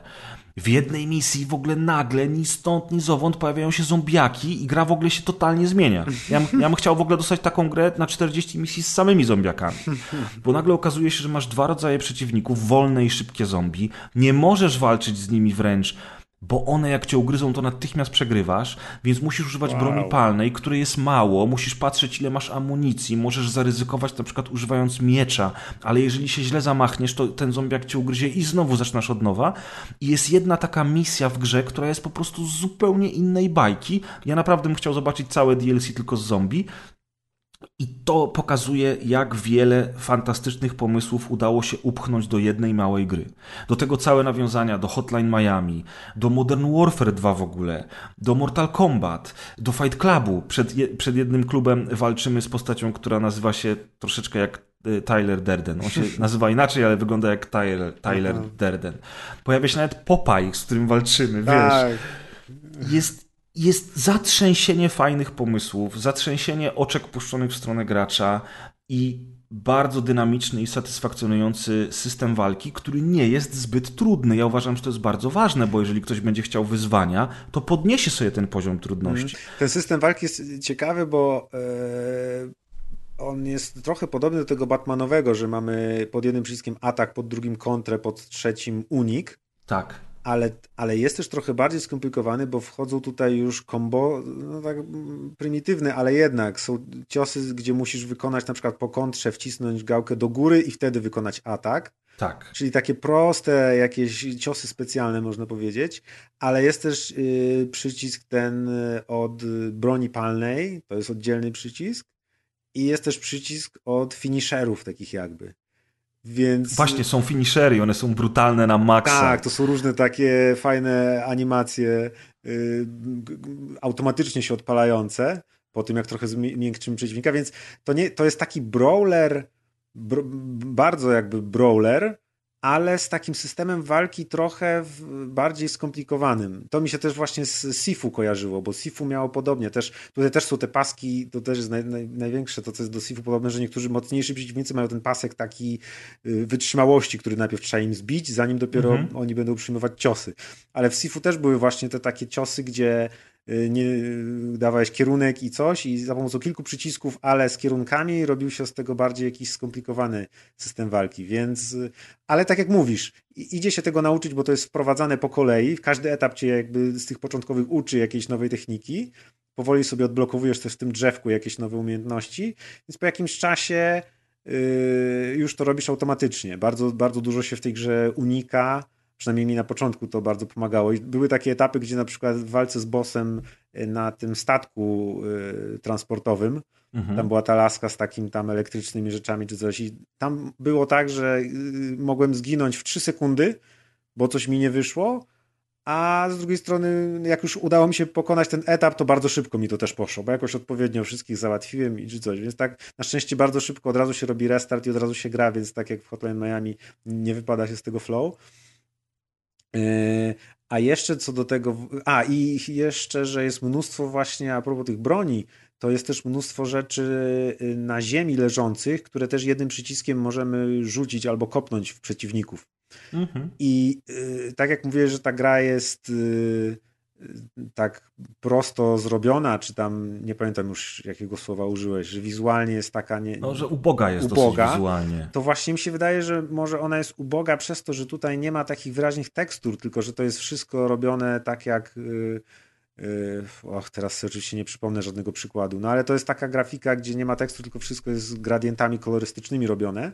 Ale dzięki temu gra jest bardziej czytelna jest, i to jest tak, ważne. jest bardzo czytelna, ale też jest środowisko jest pełne rzeczy i jak jesteś tu gdzieś, jakiś widzę urywek filmiku z jakiejś kuchni z metamfetaminą, to leżą, na każdym stole leży mnóstwo rzeczy, jakieś papiery, na ziemi się walają, wszędzie są jakieś puszki, jakieś, yy, więc te, te jest wypełnione to środowisko. Sifu w sumie też było podobnie zrobione, bo Sifu miało też takie malarskie tekstury dosyć abstrakcyjne, ale to środowisko było w pełni wypełnione jakimiś detalami. Wszędzie stały krzesła czy coś, plus mnóstwo z tych rzeczy właśnie jest interaktywnych, więc w czasie walki, kiedy w dużym pomieszczeniu walczysz z wieloma przeciwnikami, to się okazuje, że możesz w nich rzucać pudłami, krzesłami.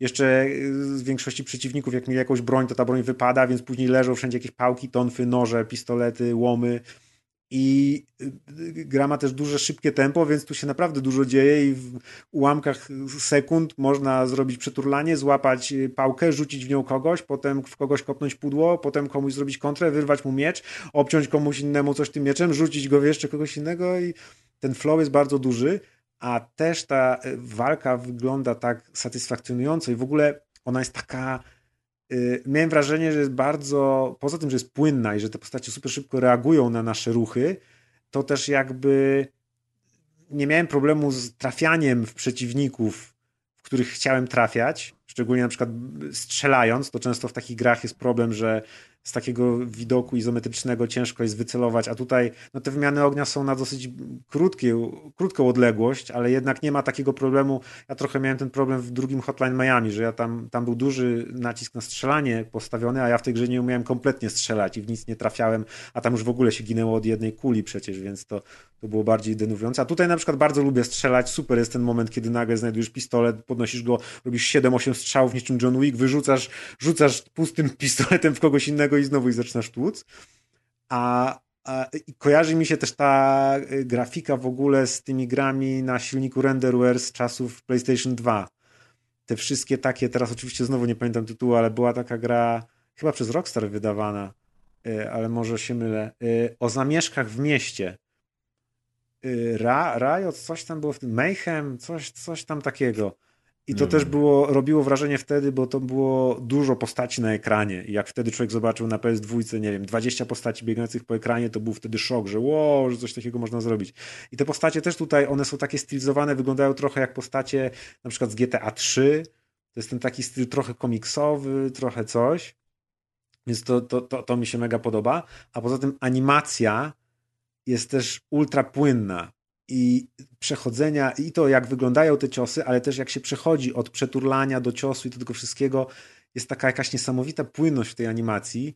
Widziałem wywiad y, z twórcą gry, który mówił, jak ta gra powstawała, i o ile dobrze pamiętam, to mówił coś takiego, że na początku on się też fascynował płynnością animacji i że na początku on nawet nie miał gry y, na myśli żadnej, tylko stworzył taki system nie miał nawet bijatyki chyba na myśli, ale chciał zrobić taki płynny system poruszania się i jak, jak zrobił już ten system poruszania się i, i tych płynnych animacji, to dopiero jak to tam gdzieś zaczął pokazywać, to ktoś się tam do niego zgłosił z wydawców czy coś i zaproponował, żeby on na tej podstawie zrobił grę i żeby to była bijatyka, czy tam no jakoś wpadł na ten pomysł, żeby już jakiś gatunek z tego zrobić, ale już na początku właśnie przy tych pierwszych zwiastunach, jak zobaczyłem tą grę, a pierwsze jakieś filmiki czy screeny dosyć dawno temu były pokazywane, to zwróciłem uwagę na tą niesamowitą animację i teraz się okazało, że rzeczywiście to się wszystko zrodziło z tej takiej fascynacji płyn, płynnym animowaniem tego wszystkiego. Tutaj jak, jak się wykonuje te kontry, to nawet taka akcja trochę spowalnia i widzisz dokładnie te ruchy, jak on tak w stylizowany sposób, trochę jak z filmów kung fu, że te ruchy są takie szybkie, a z wyraźnym zakończeniem i te takie kontury postaci są takie bardzo wyraźne, że czujesz te ciosy, jak on robi kopniak, to on na chwilę spowalnia z tą wysuniętą nogą, nie? I ten przeciwnik odlatuje i to wszystko jest takie mięsiste. Tak, do tego y, jeszcze jakby otoczenie odgrywa dużą rolę, bo jak na przykład y, zepchniesz przeciwnika pod ścianę, to jesteś w stanie wykończyć go właśnie, wtedy są inne animacje, mm -hmm. bo... Kontekstowe bo ten, takie. Tak, no. ten nasz bohater używa ściany albo jakiegoś tam, nie wiem, krzesła o, czy dokładnie, czegoś. to jest jak w Dev Jamach z PS2. Tak, tak, tak, a jak na przykład jesteś na krawędzi albo na balkonie, to on bardzo często chwyta tego gościa i go zrzuca tak, albo go skopuje tak. w ogóle. I to też jest, w Dev Jamie też te postacie były właśnie takie trochę grubaśne, trochę komiksowe, a z drugiej strony ta, ta walka, chociaż w Dev Jamie chyba jeszcze bardziej było czuć moc tych ciosów, bo tutaj wydaje mi się, że te postacie takie, one nie są za bardzo, nie czuć troszkę ich ciężaru. One mm -hmm. są bardzo płynne i szybko się poruszają, ale nie czuć, że na przykład te, ci grubasi są tacy ciężcy i ten, ale to, to mi nie przeszkadza, to nie jest zarzut, tylko po prostu w Dev Jamach kojarzę, że te postacie rzeczywiście jakoś ten ciężej było dany i tam jak się te super ciosy sprzedawało, gdzie po prostu bas wibrował całym, Tak całym jest. pokojem, to, to było jeszcze mocniej. Ale też, to jest, to jest coś takiego dev jamowego też w tej grze czuję, zdecydowanie. Także widzisz, y, ewidentnie nie miałeś klimatu, ale jak opowiadasz o grze, to słychać zajawkę. Mhm. A, Wiesz, ja mam wyciszone teraz, może, może ta muzyka mnie dobija za bardzo, ale... no, puść sobie jakiś synthwave i, i po prostu płyń, płyń, bo przez, Zależy to, jak, przez znaczy, tę grę no, się jak płynie. puszczę, puszczę dark synth jakiś od tego perturbatora, to wiesz, no to samo wyjdzie. Na to samo wyjdzie, tak. No i wiesz, fajne jest to, że właśnie ja uważam, że to nie jest gra, którą powinno się usiąść i przejść od deski do deski, tylko właśnie to jest gra, którą można sobie dawkować. Można No wracać tak, do tych etapów. dwa, trzy etapy przejść i to już ci wystarczy. Tak, możesz potem je sobie maksować, możesz po podnieść sobie poziom trudności i tak dalej. Plus te wszystkie dodatkowe ustawienia powodują, że to jest po prostu dobra gra na krótkie posiedzenia, która naprawdę wciąga. I ja jestem bardzo miło zaskoczony, polecam ją wszystkim. Sprawdźcie, bo ona wcale nie jest taka trudna, jakby się mogło wydawać po Nie, to nie jest do żaden... Hotline Miami. no, nie? normalna jest, nie? Właśnie, Jest właśnie normalna no tak, Hotline Miami było trudne, a tutaj nie porównywałbym tego, jeśli chodzi o stopień trudności. To nie jest żaden, że wiesz, o, Souls-like wśród izometrycznych Tak, brawlerów tak, czy tak, coś. tak, nie, tak. absolutnie. Zwykła, zręcznościowa bijatyka, no. Więc, więc naprawdę Midnight Fight Express warto, e, warto i jeszcze raz warto. Mhm.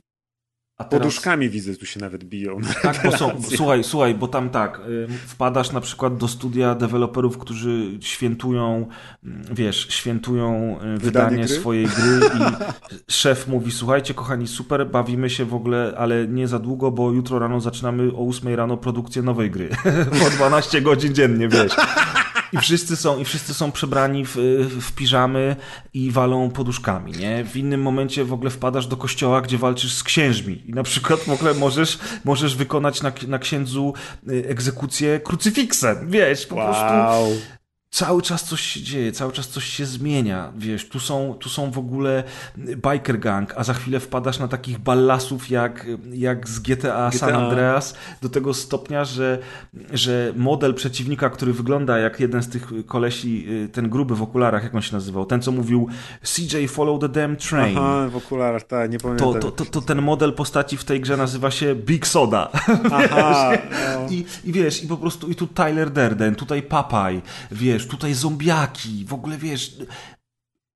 Super, super rzecz. Warto, No, to jest, warto. też, to jest też takie w sumie podobne do właśnie starych brawlerów, gdzie też miałeś obowiązkowo jeden etap jest na ulicy, potem jest etap w metrze, potem jest etap nagle na bagnach, nie wiadomo Tak. czemu jesteś, potem nagle jedziesz na pociągu, potem nagle jeszcze coś innego i tutaj tak samo, przez to, że ta fabuła, to jest ogólnie fabuła, że są nagle zamieszki w mieście, a my dostajemy, nasza postać dostaje w paczce drona, który mówi do nas, że jesteśmy uśpionym agentem tak naprawdę. I y, prze, idąc przez to miasto i obijając wszystkim mordy, poznajemy dalej, co tam się działo, jakie są gangi, co tam się w tym mieście dzieje, kim sami też jesteśmy. Ale właśnie jest taka podróż, gdzie właśnie zaczynamy w swoim, w swoim bloku, w swojej kamienicy, potem jedziemy ulicą, potem nagle jesteśmy w porcie, potem jesteśmy w metrze, potem jesteśmy w kiblu, gdzie indziej. I jak widać w różnych innych absurdalnych miejscach, co też jest fajne, bo no, tak jak mówiłeś, to ona się tak nie nudzi, to nie jest monotonia, że cały czas jest Streets of Rage i idziesz cały czas ulicami na przykład. Dokładnie. Nie no, fajna gra, widać. No znowu, no widzę gameplaye i po prostu gęba mi się śmieje i aż bym chciał w to pograć. Więc, więc tak, zaraz mi wróci klimat i wtedy będę i ja się będę zagrywać. No koniecznie, na pewno. Jak tylko będziesz miał, wiesz, nastrój do, do tego typu gry, to po prostu Mm. siadaj, bo, bo, bo to, jest, e, to jest po prostu cacuszko, kochani. Yep. Okej, a teraz przechodzimy do produkcji o bardzo enigmatycznym tytule Entropy Zero 2. I nie jest to żaden sequel, jest to samodzielna modyfikacja do Half-Life'a 2, która... To jest to. Tak, która została stworzona przez małą grupkę moderów, e, którzy nazywają się Breadmen. E, Z tego co widzę na Steamie, jest to ich pierwsza produkcja. Gra jest bezpłatna. Jej przejście zajmuje około 6 godzin, chociaż e, mi zajęło trochę więcej, bo ja lizałem ściany i oglądałem wszystko dookoła. No A ale trzeba mieć Half-Life'a dwójkę, nie? Czy nie? nie, nie wiem, nie wiem stary, czy trzeba mieć Half-Life'a 2. No tak, każdy ma że Half-Life'a, więc to każdy ma. Half-Life'a 2. Ja po prostu kliknąłem to widzę, że to jest mod do. Half-Life'a, więc pewnie To się tak nazywa, ale, ale, ale, ale rzeczywiście ja kliknąłem zainstaluj teraz, No tak, mi modification ściągnąć. for Half-Life 2, czyli chyba trzeba mieć. W każdym razie no, mi nie kazało ściągać Half-Life'a, gra się zainstalowała i Aha, po, prostu, po prostu ją uruchomiłem. W tej chwili już ona miała na samym starcie, dzień po premierze, mega recenzję, ale w tej chwili y, gra wyszła 20 sierpnia. Jest y, ponad 7 tysięcy recenzji na Steamie, przytłaczająco pozytywne. W związku z czym y, oceny mówią same za siebie. Ja tylko powiem, że jest to po prostu dzieło miłości ludzi, którzy którzy uniwersum Half-Life i Portal znają na wylot. E, Gra dzieje się zaraz po, tak mniej więcej po zakończeniu Half-Life'a dwójki. Jest taką nieoficjalną kontynuacją, którą obserwujemy z perspektywy żołnierza kombinatu, więc wcielamy się w tych złych. Are we the bad guys?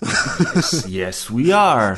E, Żołnierz ów e, zapisał się do kombinatu, ponieważ obiecano mu, że oczyści się go z zarzutów i pokaże mu się, kto zamordował jego córkę, ponieważ był on podejrzewany, że to on jest mordercą, natomiast e, mordercą nie jest i za wszelką cenę chce dowiedzieć się, co stało się z jego córką, kto ją zamordował i dlatego też zgadza się do tego kombinatu dołączyć. Jak wiecie, ci żołnierze są bardzo mocno modyfikowani, a w szczególności ci żołnierze specjalni w białych kombinezonach. On oczywiście jest takim żołnierzem w białym kombinezonie. I rozpoczyna się przygoda po Half-Life dwójce. Kombinat zleca nam złapanie asystentki tego siwego pana z dwójki, który jakby był przedstawicielem kombinatu na ziemi w City 17. Nie pamiętam jak on się nazywał. Nie pamiętam jak nazywała się owa pani, którą musimy złapać, a którą wszyscy z gry znają. Jak zobaczylibyście jej buźkę, to byście kojarzyli, jeżeli graliście w grę. Ale to jest nieistotne. Nie, jak, jak zapewne wszyscy już wiedzą po latach, uniwersum Half-Life i uniwersum Portal to jedno i to samo uniwersum. Obie serie dzieją się w tym samym świecie, a twórcy Entropy Zero 2 łączą je ze sobą doskonale. Pojawia się motyw, motyw statku Borealis, który przewijał się, e, przewijał się w portalu. Mm, I pojawiają się nawet sekwencje logiczne z zagadkami z zagadkami, jak to się mówi, środowiskowymi, ponieważ w pewnym momencie gry trafiamy do placówki Aperture, w której też poznajemy Wilsona. E, Przestarzałe, słuchajcie, działko automatyczne, które było przeznaczone do kasacji, a które staje się naszym kompanem i które pomaga nam w całej tej sekcji e, w Aperture, gdzie będziemy mieli wiele zagadek środowiskowych a następnie będziemy mogli zdecydować, czy zabrać go dalej ze sobą, czy też nie. Ja go oczywiście ze sobą zabrałem. Towarzyszył mi już przez resztę gry, co jest o tyle upierdliwe, że musimy go nosić.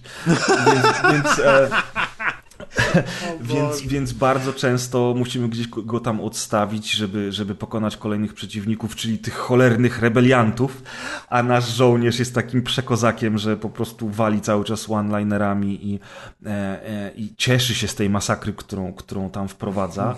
Mamy też zresztą innych żołnierzy, których możemy jakby dodać do swojego oddziału i możemy wydawać im rozkazy, więc pojawia się taki mały element taktyczny. Mamy bronię z pierwszej i drugiej części gry, mamy przeciwników starych, ale mamy też kilka rodzajów przeciwników, które twórcy stworzyli specjalnie na potrzeby swojej produkcji i którzy idealnie wpasowują się w cały świat i są po prostu strasznie pomysłowi.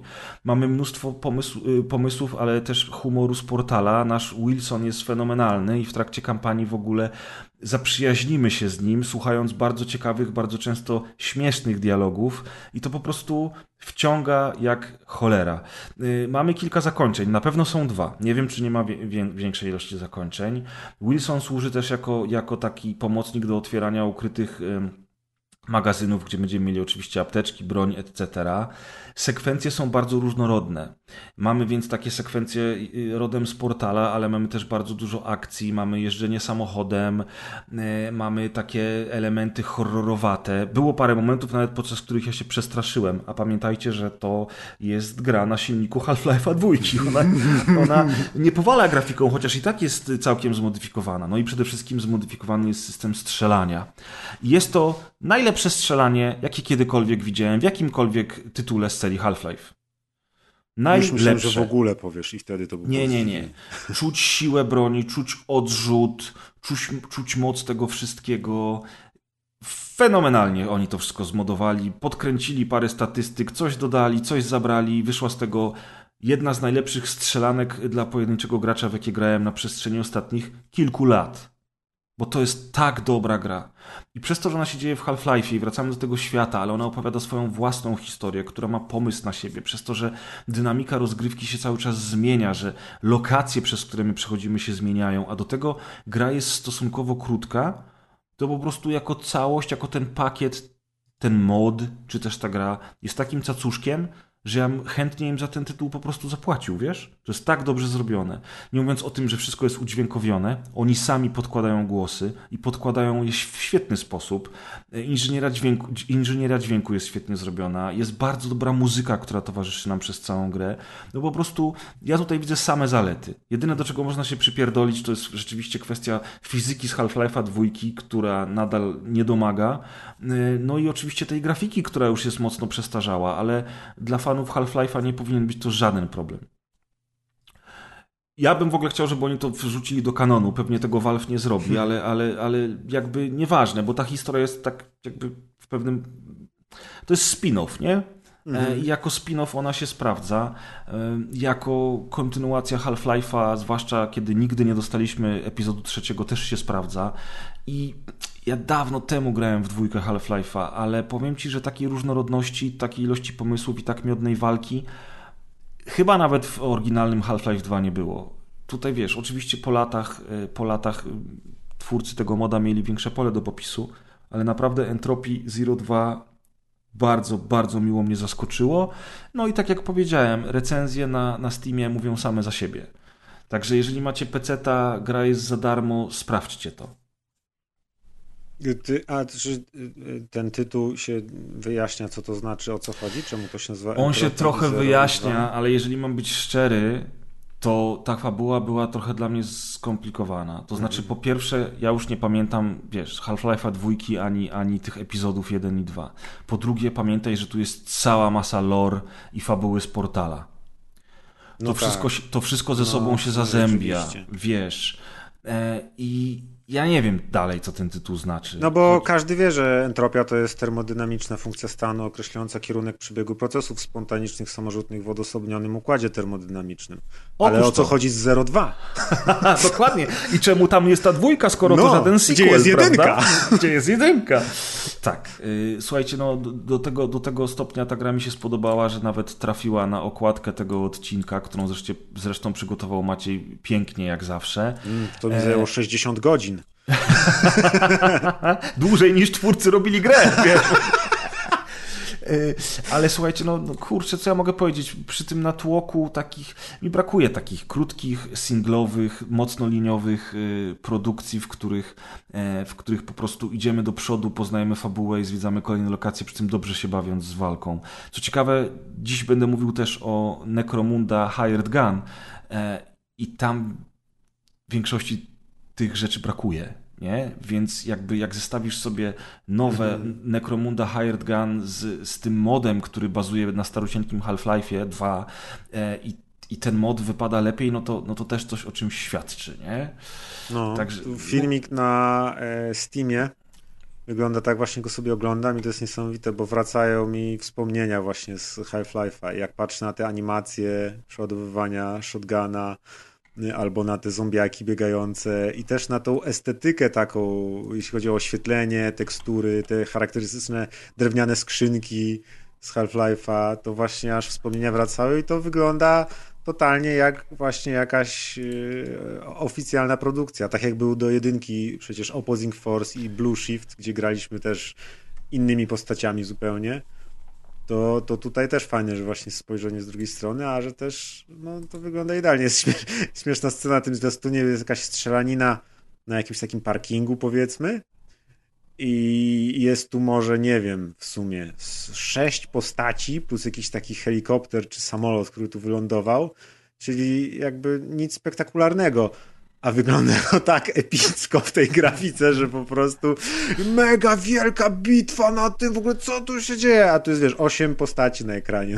Tak, ale powiem ci, że tam się naprawdę dużo dzieje. Są całe sekwencje, jak na przykład walczysz z dużą ilością rebeliantów, a z powietrza wspomaga cię helikopter, kombinatu, latają te takie, wiesz, y, biomechaniczne statki kosmiczne, coś tam mm -hmm. gdzieś wybucha, tu leci rakieta, do tego wpada ten taki robot, który przypomina Doga z, z dodatków z epizodów Aha. 1 i 2, ale tego, który działał po stronie kombinatu i on też ci w niektórych misjach towarzyszy, więc y, no, naprawdę tam jest kurczę strasznie dużo dynamiki, fajnych momentów i, i emocji. Naprawdę, A ile, mega. jakie to jest długie? Ile czasu? No mówię ci, y, mi to zajęło ponad 6 godzin, natomiast i przeszedłem od deski do deski, miałem zresztą najlepsze zakończenie możliwe, tak się wkręciłem. A, yy, A kolei... zakończenie od czego zależy? O, to nie będę spoilował. Aha, o, okay. nie, nie, nie. Natomiast, y, natomiast widziałem, y, tak, bo musiałem w pewnym momencie posiłkować się YouTube'em, dlatego że utknąłem w jednym miejscu, nie wiedziałem co zrobić. Okazało się, że tam była kłódka, którą trzeba było przestrzelić. I ja tej kłódki nie widziałem. Jak odpaliłem sobie walkthrough kompletny całej gry, to jakiś koleś przeszedł to w 3 godziny 46 minut, nie? Ja widziałem ostatnio taki bardzo fajny obrazek, jak takiego mema, jak ktoś właśnie sprawdza na YouTubie, jak to przejść i przez trzy kadry jest tak, no jak, no jak, no jak, no jak, a następnie jest, a tak. No, dokładnie. Dokładnie. Natomiast a propos tego, co powiedziałeś o dodatkach do pierwszej części. Ja e, w ramach takiego przypomnienia sobie fabuły przed rozpoczęciem e, tego moda obejrzałem sobie półgodzinny filmik na YouTubie, który e, opowiada całą historię Half-Life i Portal chronologicznie po kolei gra po grze. I byłem w ciężkim szoku, dlatego że ja zupełnie tego nie pamiętam. Raz, że byłem gówniarzem, dwa, że jednak mm. wtedy tak dobrze angielskiego nie rozumiałem, że Half-Life 1, Half-Life Blue Shift, Half-Life Opposing Force, a nawet ten Half-Life, y, który wyszedł na PlayStation, w którym grało się dwoma paniami i gra w ogóle oferowała kooperację, dzieją się nie dość, że w tym samym momencie, to jeszcze przeplatają się ze sobą wydarzeniami, postaciami i tak. Jak obejrzałem sobie cały ten materiał, to byłem w ciężkim szoku, że te wszystkie odsłony pierwszego Half-Life'a były tak fajnie pomyślane. Potem jest oczywiście też Portal, który też oczywiście jest bardzo fajny. Potem jest Half-Life 2 i te epizody, które już są dosyć liniowe, bo tam jakby nie było takich, wiesz, dodatkowych gier, które działy się w międzyczasie. Natomiast jako całe uniwersum Half-Life i Portal budują fantastyczny świat z bardzo ciekawą historią. I ja bardzo żałuję, że Valve nie chce tego kontynuować. Ty grałeś w ten VR, Alex, prawda? Mhm. Tu pamiętam, że zachwalałeś w ogóle po prostu no, pod niebiosa. Niesamowite przeżycie. I to było niestety jedyne, co dostaliśmy, a pamiętam, że fabularnie to jest chyba prequel do, do dwójki, prawda? O Boże, aż nie pamiętam. No, nieistotne. W każdym razie, no, jakby tak. wspaniałe uniwersum, więcej pytań niż odpowiedzi i nie wiem, dlaczego Valve jakby zatrzymało się na etapie Episode 2 i Portal 2. Gruby i... jest leniem. Czy nie, wiesz, on, on, ma tyle pieniędzy co Martin po, wiesz, po tym jak zaczęli ekranizować jego książki. No, drugi gruby jest leniem. No, dokładnie, no. I wiesz... I ale Martin jeszcze coś pisze nie... przynajmniej. No ale co on tam, kurwa, pisze jakieś gówna? Gdzie jest ko kontynuacja mojej sagi, a nie jakieś tam, kurwa, Seriale książki dla teraz dzieci tam i, książki. i prequele, kurwa, tam taniec smoków czy ród smoków. Chuj mnie to. Gdzie jest, kurwa, końcówka historii Johna Snowa, a nie tam jakieś gówna, no.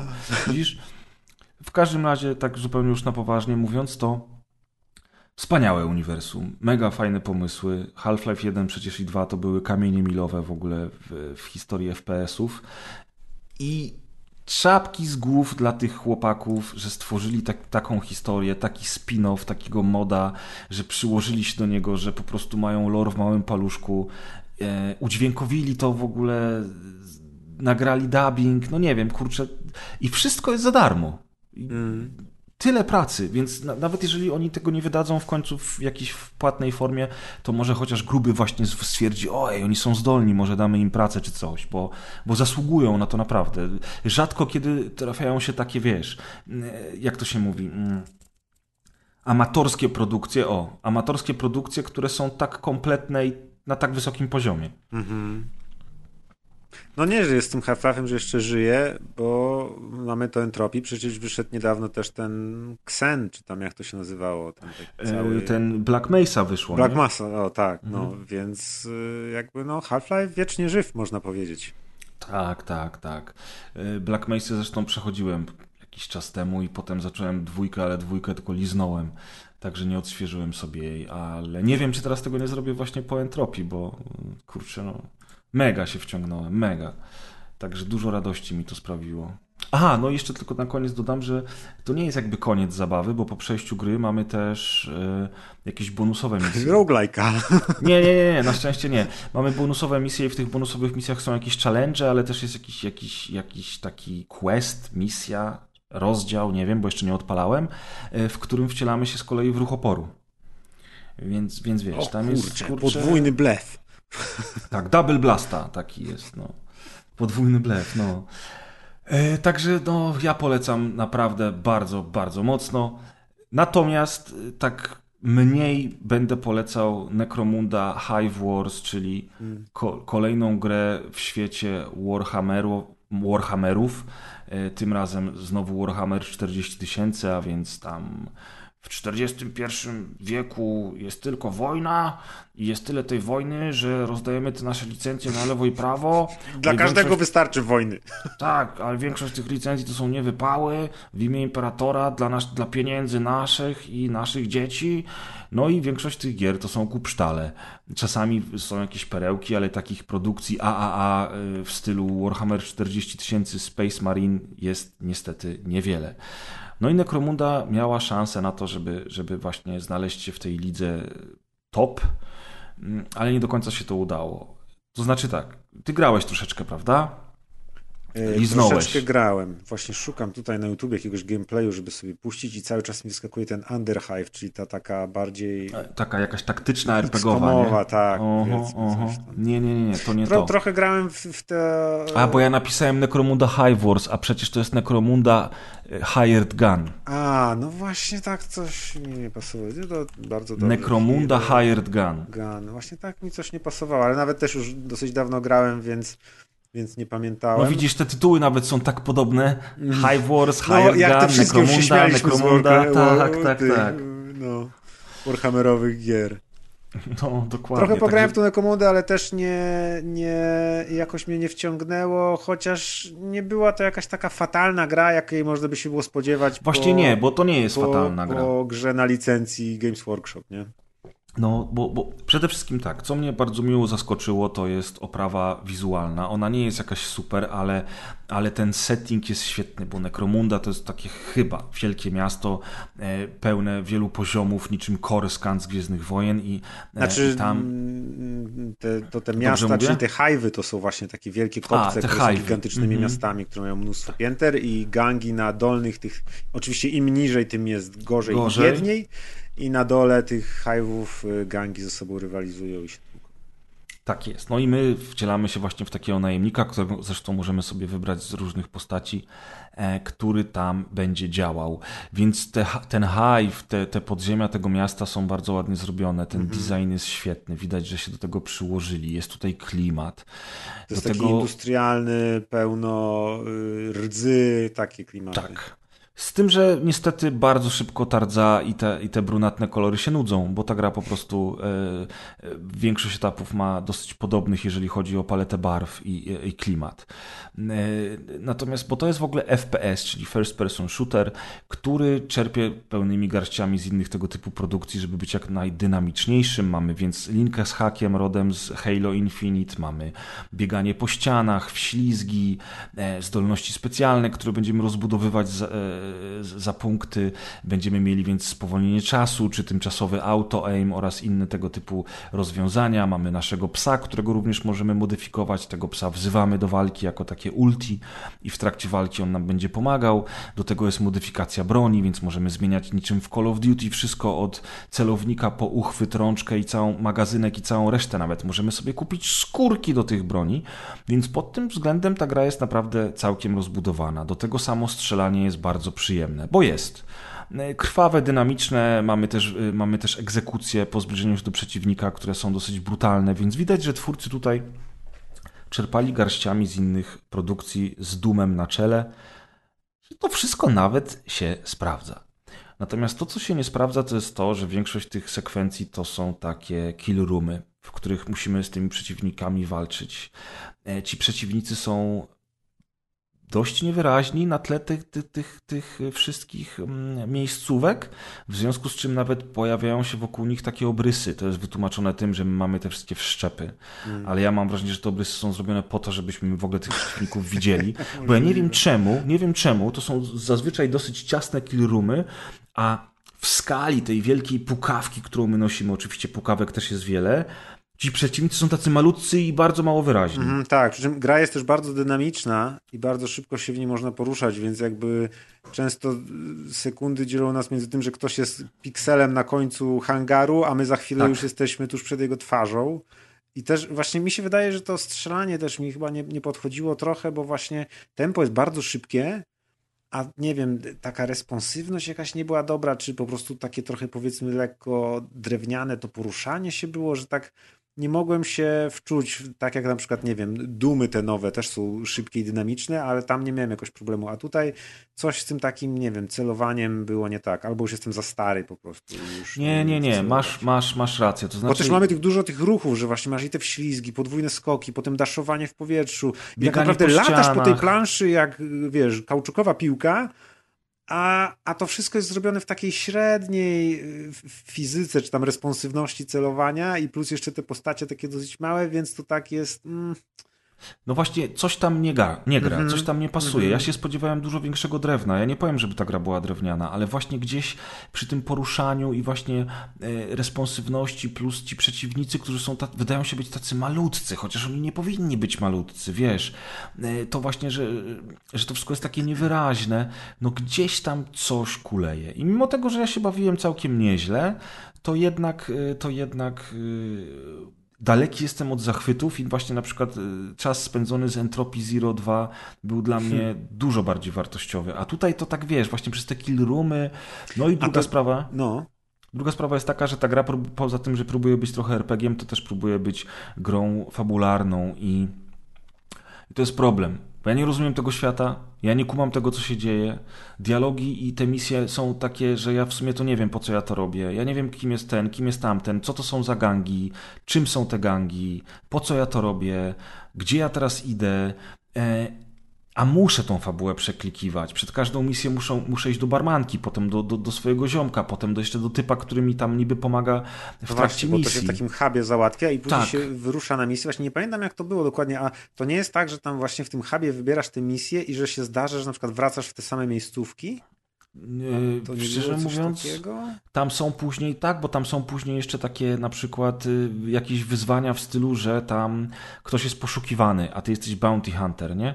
Aha, bo właśnie coś tak kojarzy, tak było, że podchodziłem na tą tablicę ogłoszeń i też nie wiedziałem, co mam robić, żeby dalej pchnąć fabułę, bo tam są misje. No to poszedłem, wziąłem bo, misję i się na tej samej mapie, co przed chwilą chyba bo, Bo żeby pchnąć fabułę do przodu, musisz zagadać z kilkoma osobami przed każdą misją. I zanim to zrobisz, to z tej tablicy będziesz brał sobie, wiesz będziesz brał sobie dodatkowe, dodatkowe jakby... zadania, a tak, a główna linia fabularna niestety wymaga od ciebie chodzenia po tym hubie i rozmawiania z tymi ludźmi, co jest nudne. E, i w ogóle nie jest wciągające. A wiesz, są tam fajne misje, jak na przykład jest wojna dwóch gangów gdzieś tam w głębokich podziemiach, a nad nimi w ogóle gdzieś tam u góry e, taki kraken, niczym Ktulu góruje. W... Ja nawet nie wiem, co to jest za kraken. Niech czemu... będzie kraken niczym Ktulu. Wiesz, wiesz, czemu, ja mam, czemu, ja mam go, czemu ja mam go zabić w ogóle, tego krakena? No, o co walczą te gangi? Ja nic nie wiem, nie? I wpadam tam, wiesz. Fajne jest to, że te, że te miejscówki To w sumie tak- pasowałbyś tak... do gangu z uniwersum Warhammer 40 tysięcy. Nie wiem, co się dzieje, nie wiem, ale strzelam, chodzi, zabijam tak. wszystkich. No, no, wiesz, jakby fajne jest to, że te lokacje są bardzo często rozbudowane, e, mają, mają różne przejścia, one nie są liniowe. Więc mm -hmm. możesz Poziomy tam... są takie, tak. jakieś możesz górą, dołem, rurą jakoś, coś. I wiesz, jak jest ten mur, y, który jeden gang broni, a drugi próbuje go zdobyć i ty musisz przechwycić robota, który ma rakiety i tymi rakietami strzelić w ten mur, żeby przedostać się dalej. E, z bunkrów walą ciężkie karabiny maszynowe, a nad tobą, e, a nad tobą wisi ten wielki kraken. Wiesz, wiele, wiele, wiele pięter powyżej. To masz takie wrażenie, kurde, gdyby ta gra miała budżet, to wiesz, to Gdyby to Bungie mieć... zrobiło. Oj tak, gdyby Albo to gruby z Valve'a. Dokładnie tak. A tak, no niestety Necromunda, ha, Necromanda, przepraszam. Necromunda w Polsce można mówić, Tomb Raider. Dokładnie. Hired Gun no jest, e, jest takim poczciwym średniaczkiem, e, który może być przyjemny, a może ja nie miałem po prostu do niego klimatu, zwłaszcza w porównaniu do Entropii.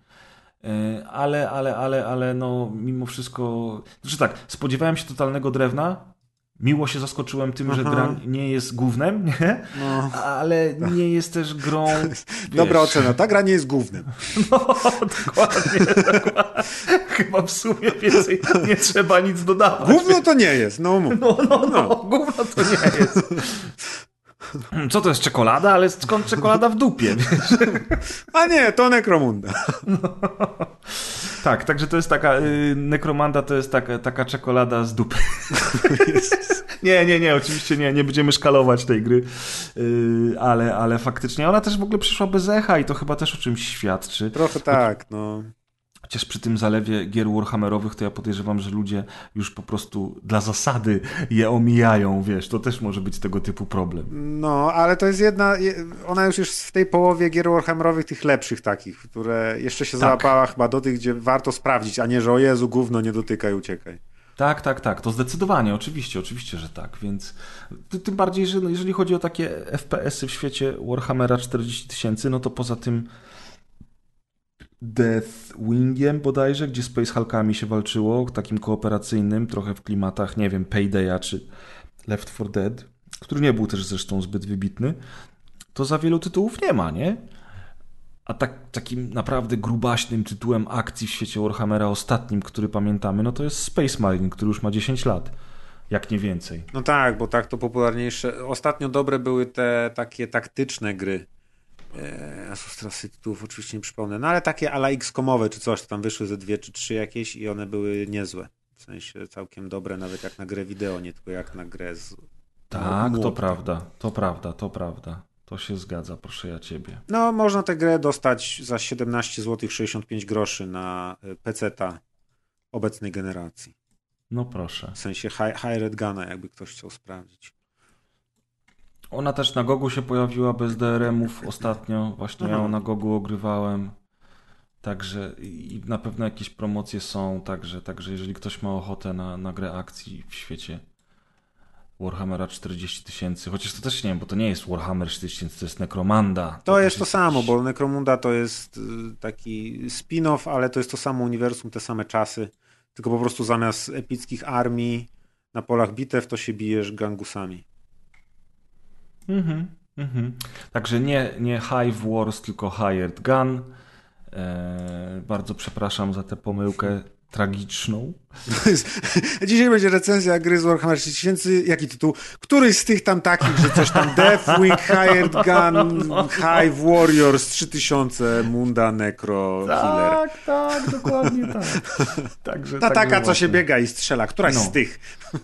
To właśnie, to właśnie o to nam chodziło, to, to. moi drodzy. A ty, ty też ty, teraz też, też orki, ale, ale nie w kosmosie, czyli y, Middle Earth tak, Shadow of Mordor tak, i Shadow, Shadow of War, War naraz, double blasta, podwójny yep, blef. Yep. Yy, tak się stało, że, yy, że wróciłem z wiadomych powodów, z powodów serialów amazonowych i yy, odnowienia y, powiedzmy świadomości Władcy Pierścieni ogólnej w popkulturze.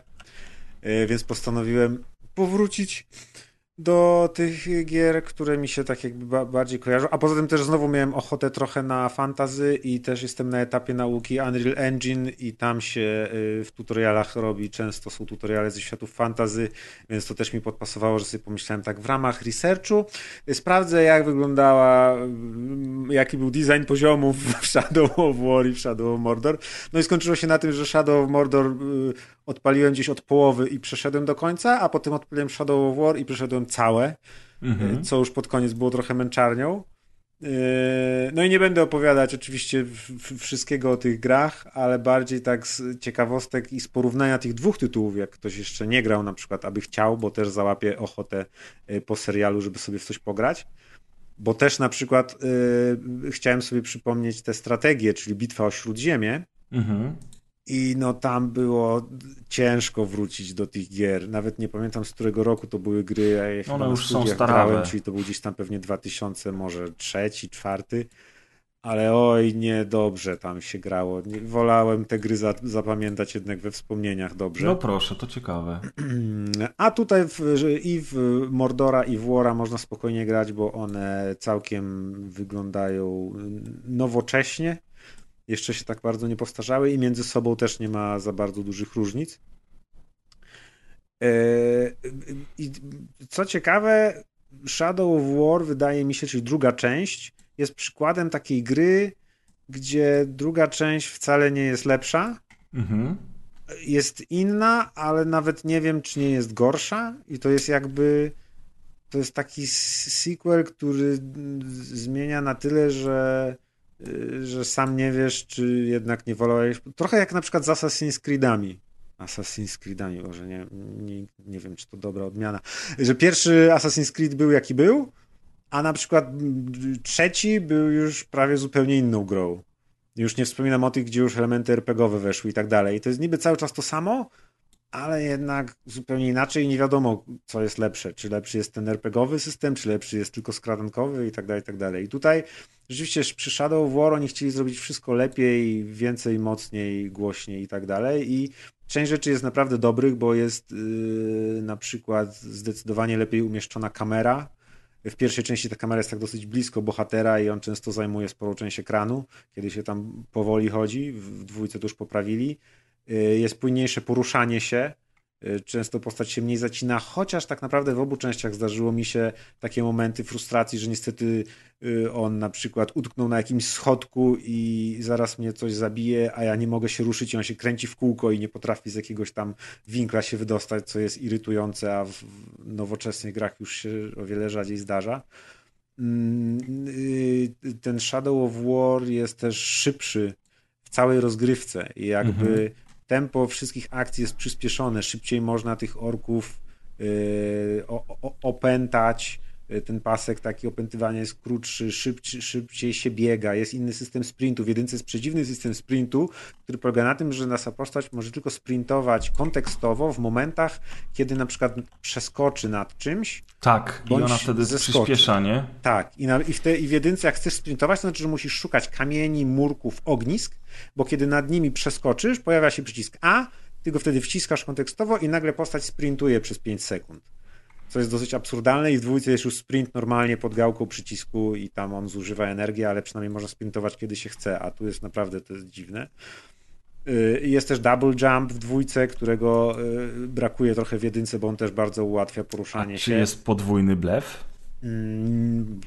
Mm, na pewno, myślę, żeby się znalazł, bo jest tyle rzeczy, że gdzieś tam myślę, że dałoby się podciągnąć podwójny blef pod to, bo, bo, yy, są takie usprawnienia na przykład, że strzały, które się nam kończą szybko, bo możemy ich tam dosyć mało nosić przy sobie, w jedynce trzeba było przy, zbierać przyciskiem.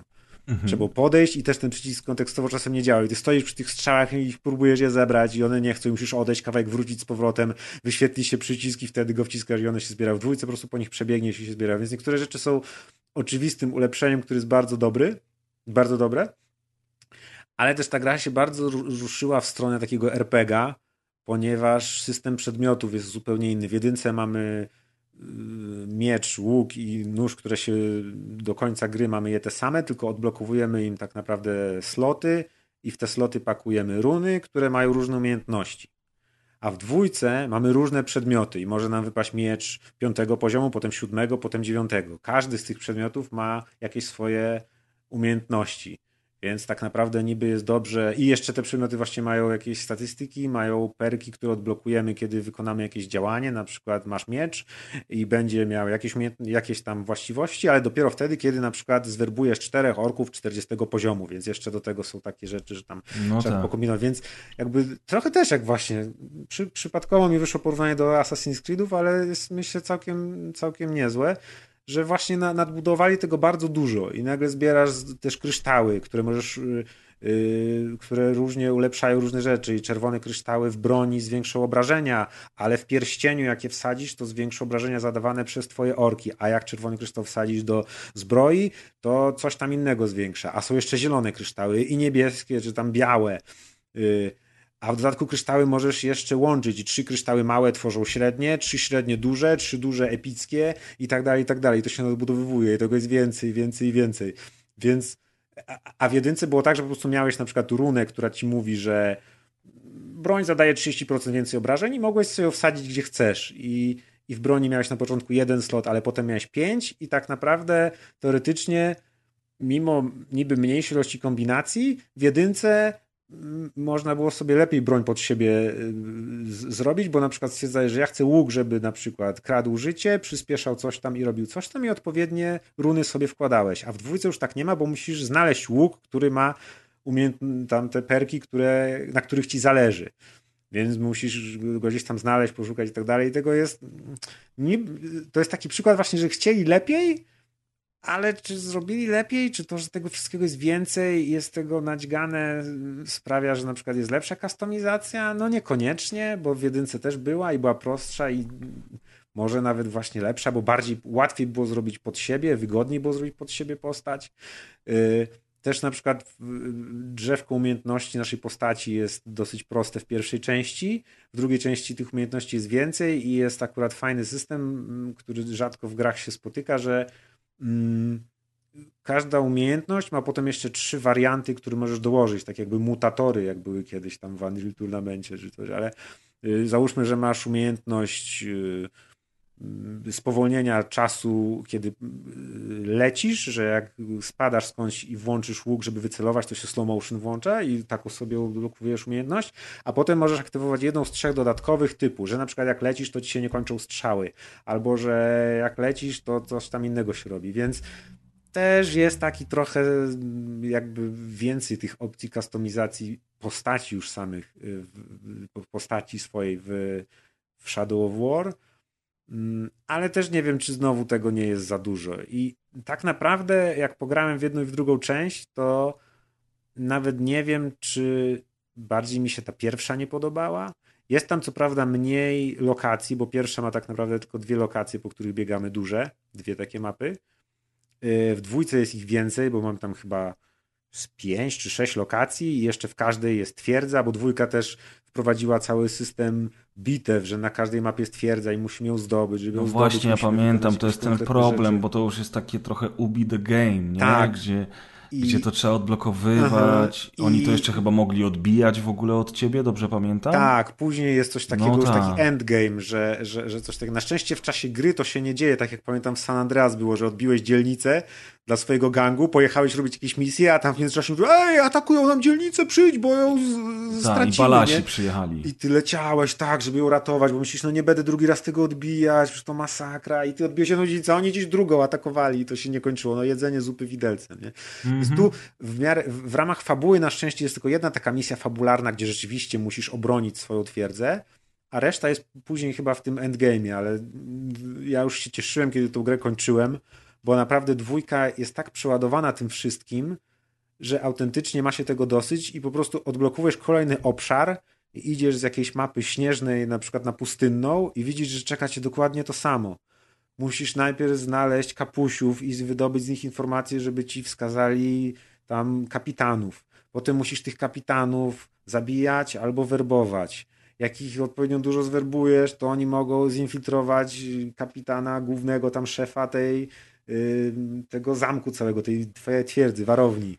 Potem robisz atak na tą warownię, musisz ją zdobyć i tak dalej. I na każdej z tych planż robisz dokładnie to samo, a fabuła też w dwójce yy, główna, ta, która się dzieje, jest wydaje mi się mniej ciekawa, bo jest podzielona na więcej wątków, tam na trzy czy coś, niby powiedzmy główne.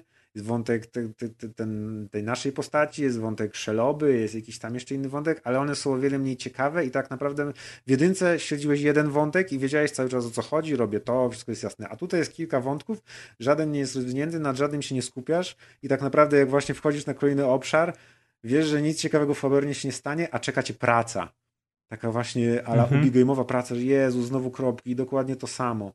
Poza tym gra tego nie, nie ułatwia, nie przyspiesza tej pracy, bo yy, nie można w niej skipować dialogów.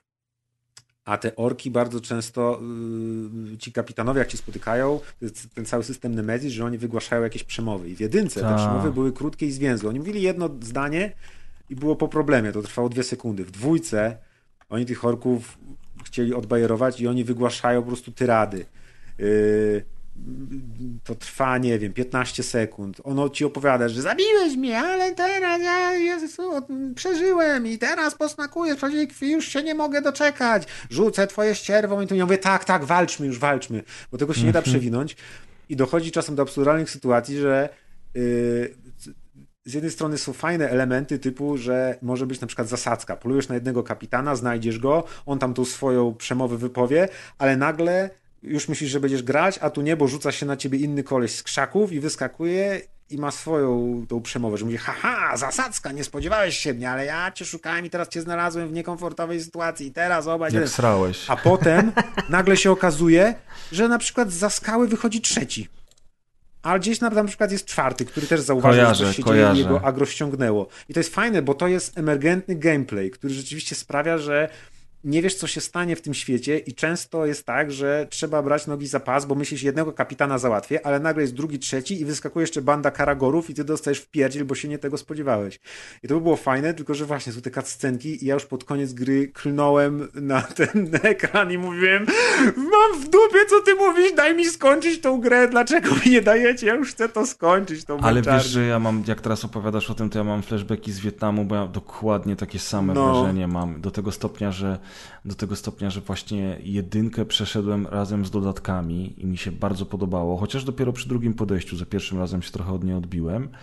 A dwójkę też tak męczyłem i właśnie ci orkowie, którzy nagle wyskakują po trzech za skały, bo cię gonili, albo te, to odbijanie baz i to wszystko, to były rzeczy, które mnie straszliwie mhm. męczyły w dwójce. Z dwójka ma dużo rzeczy, które usprawnia. Jest na przykład fajny skill, który sprawia, że robiąc perfekcyjną kontrę, od razu zabijemy przeciwnika, czego mi mhm. bardzo w jedynce brakuje, a tu naprawdę i to wygląda zarąbiście i ułatwia walki, bo naprawdę jak czasem jest cały tłum tych orków, to to, to się przydaje, więc albo ten sprint i tak dalej, więc niektóre rzeczy są u, usprawnione, ale niektóre, poza tym też zmienił się trochę design tych orków, w ogóle grafika się trochę zmieniła. Wydaje mi się, że jedynka ma fajniejszy y, taki design, dwójka jest przez to, że starali się te, każdy region, żeby był inny, ten jest pustynny, ten jest śnieżny, ten, ten jest jeszcze inny, ale też jakiś zmienił się trochę, nie wiem, system oświetlenia czy coś.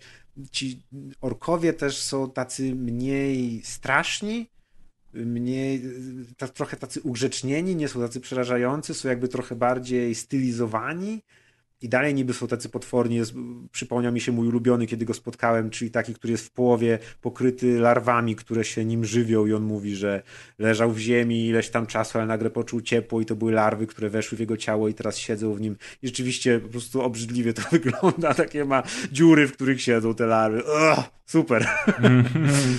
y ale, a, ale właśnie wygląda. A, przypominają właśnie orki takie bardziej jak były z Hobbita na przykład, czyli takie trochę bardziej komputerowe, trochę mniej poważne, gdzie, gdzie w trylogii oryginalnej yy, Władcy Pierścieni były super takie realistyczne i, i przerażające.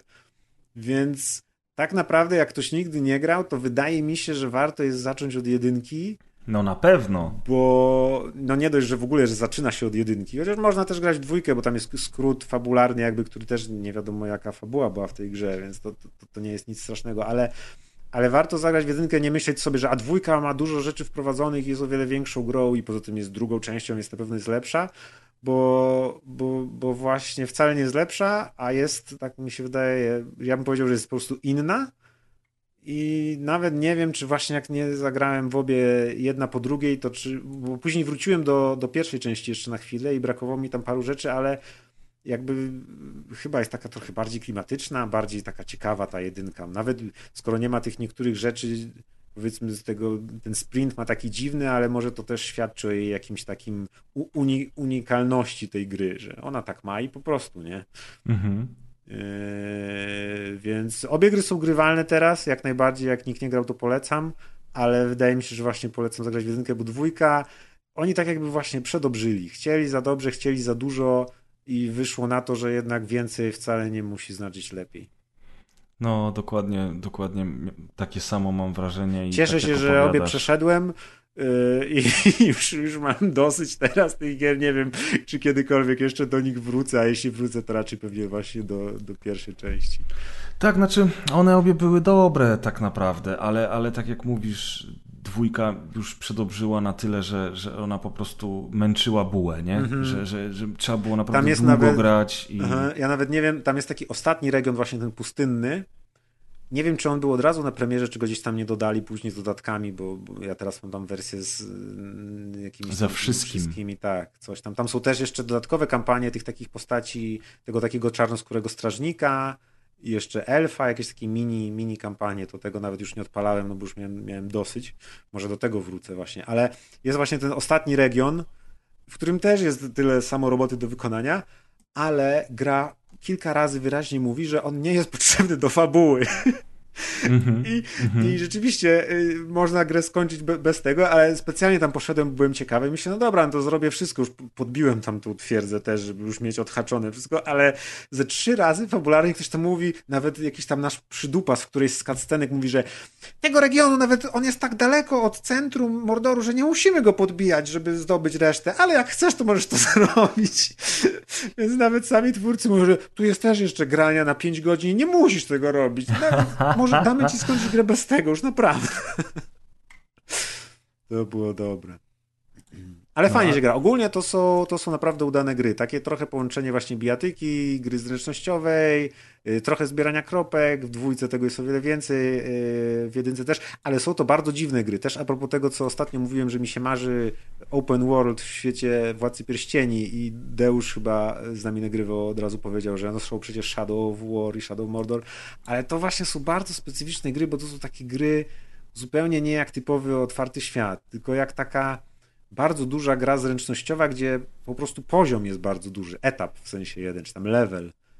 I, i to jest gra w stylu, gdzie my na przykład, nie tak jak w Assassin's Creed, na przykład powoli zdobywamy miasto i, i coś, tylko tu możemy na przykład na samym początku przebiegać przez tych przeciwników, dobiec sobie na koniec planszy, oni cię gdzieś gonią, ty gdzieś wracasz, możesz przebiec przez tą całą ich warownię i, i gdzieś wyjść. Oni po 10 metrach na przykład tracą za tobą zainteresowanie i nawet mimo, że widzisz go, że on stoi 15 metrów od ciebie, to ty już wybiegłeś za jego tego, wiesz, okręgu zainteresowania, więc to jest taka bardzo nierealistyczna i bardzo nietypowa gra, jeśli chodzi o otwarty świat. To jest bardziej taki właśnie brawler na dużej mapie, a nie taki prawdziwy open world.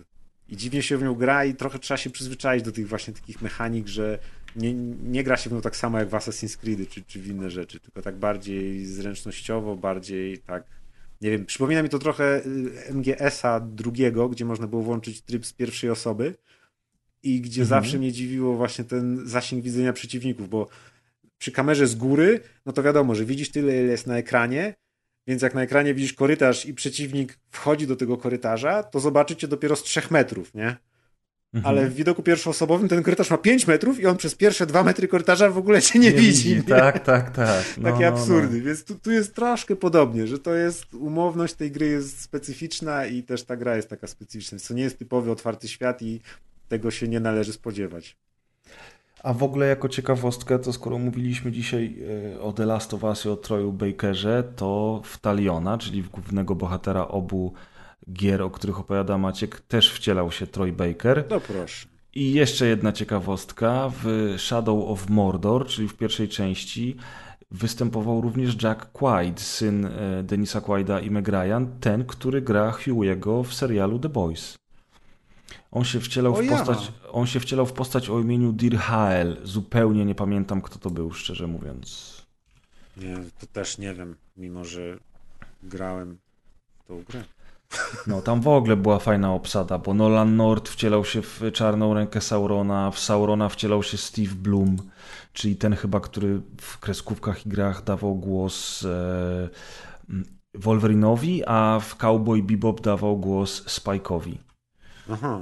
Także no, obsada, obsada naprawdę, naprawdę fajowa. I Jennifer Hale była, która wcielała się w Galadriele, i Laura Bailey wcielała się w Ioretę, czy tam Ioreta, bo w sumie to nie pamiętam. To Ioret to był chyba, a nie wiem. Też nie kojarzę. Nawet był Brian Bloom, tylko on akurat podkładał e, głosy orkom. Także no, i Jason Connery, y, syn Shona Connerego nawet podkładał głos Wow. kapitanowi statku. Nawet nie wiedziałem, Także- że taki ktoś istnieje. No, Jason Connery też jest aktorem oczywiście prawie nieznanym, chociaż gdzieś tam kiedyś występował i on, e, on grał w Robin Hoodzie, z tego co ja pamiętam. W jakimś tam serialowym Robin Hoodzie grał, tak, tak. O Jezu, rzeczywiście. Nie, czy w Merlinie on grał? Young Merlin in Merlin, film telewizyjny. Mhm, mhm. No, w każdym razie obsada, obsada Shadow of Mordor jest naprawdę interesująca. No. A faktycznie ja tak uważam jak ty, że gdybym miał polecić jedną z tych dwóch gier, to również byłaby to jedynka. Mm. Bo dwójeczka trochę już męczyła bułę. No i tyle Hmm. grów. No i tyle grów, słuchajcie, to przechodzimy od razu z Władcy Pierścieni do Władcy Pierścieni. Oh, damn! Władca Pierścieni, Pierścienie Władzy, czyli w ogóle serial, który dopiero co debiutował na platformie Amazon. Pojawiły się pierwsze dwa odcinki e, i o którym jest już tyle dyskusji i tak długo bije się pianę o niego w internecie, bo znawcy Tolkiena marudzą, inni się z nimi kłócą, ktoś jeszcze krzyczy, a ktoś inny rzuca włócznie poświęcając ją Odynowi.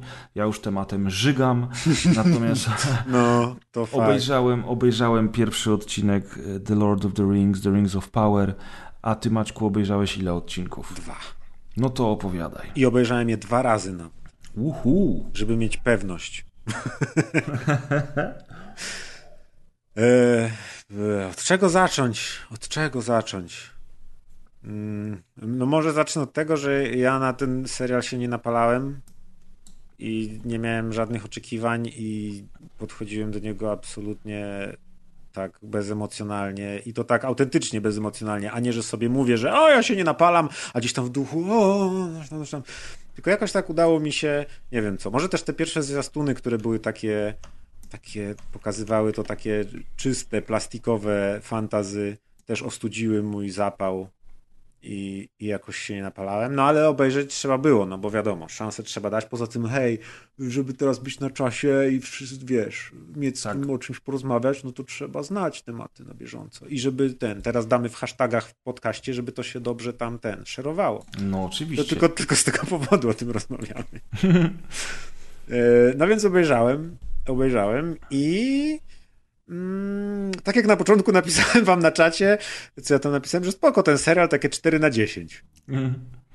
I to Tak było. była taka autentyczna moja y, ocena, ponieważ jednak ja się trochę wynudziłem i w sumie chyba to była moja główna taka emocja. Takie po prostu znudzenie i nic nie, nie wciągnęło. Obejrzałem go jakoś tak zupełnie y, mm,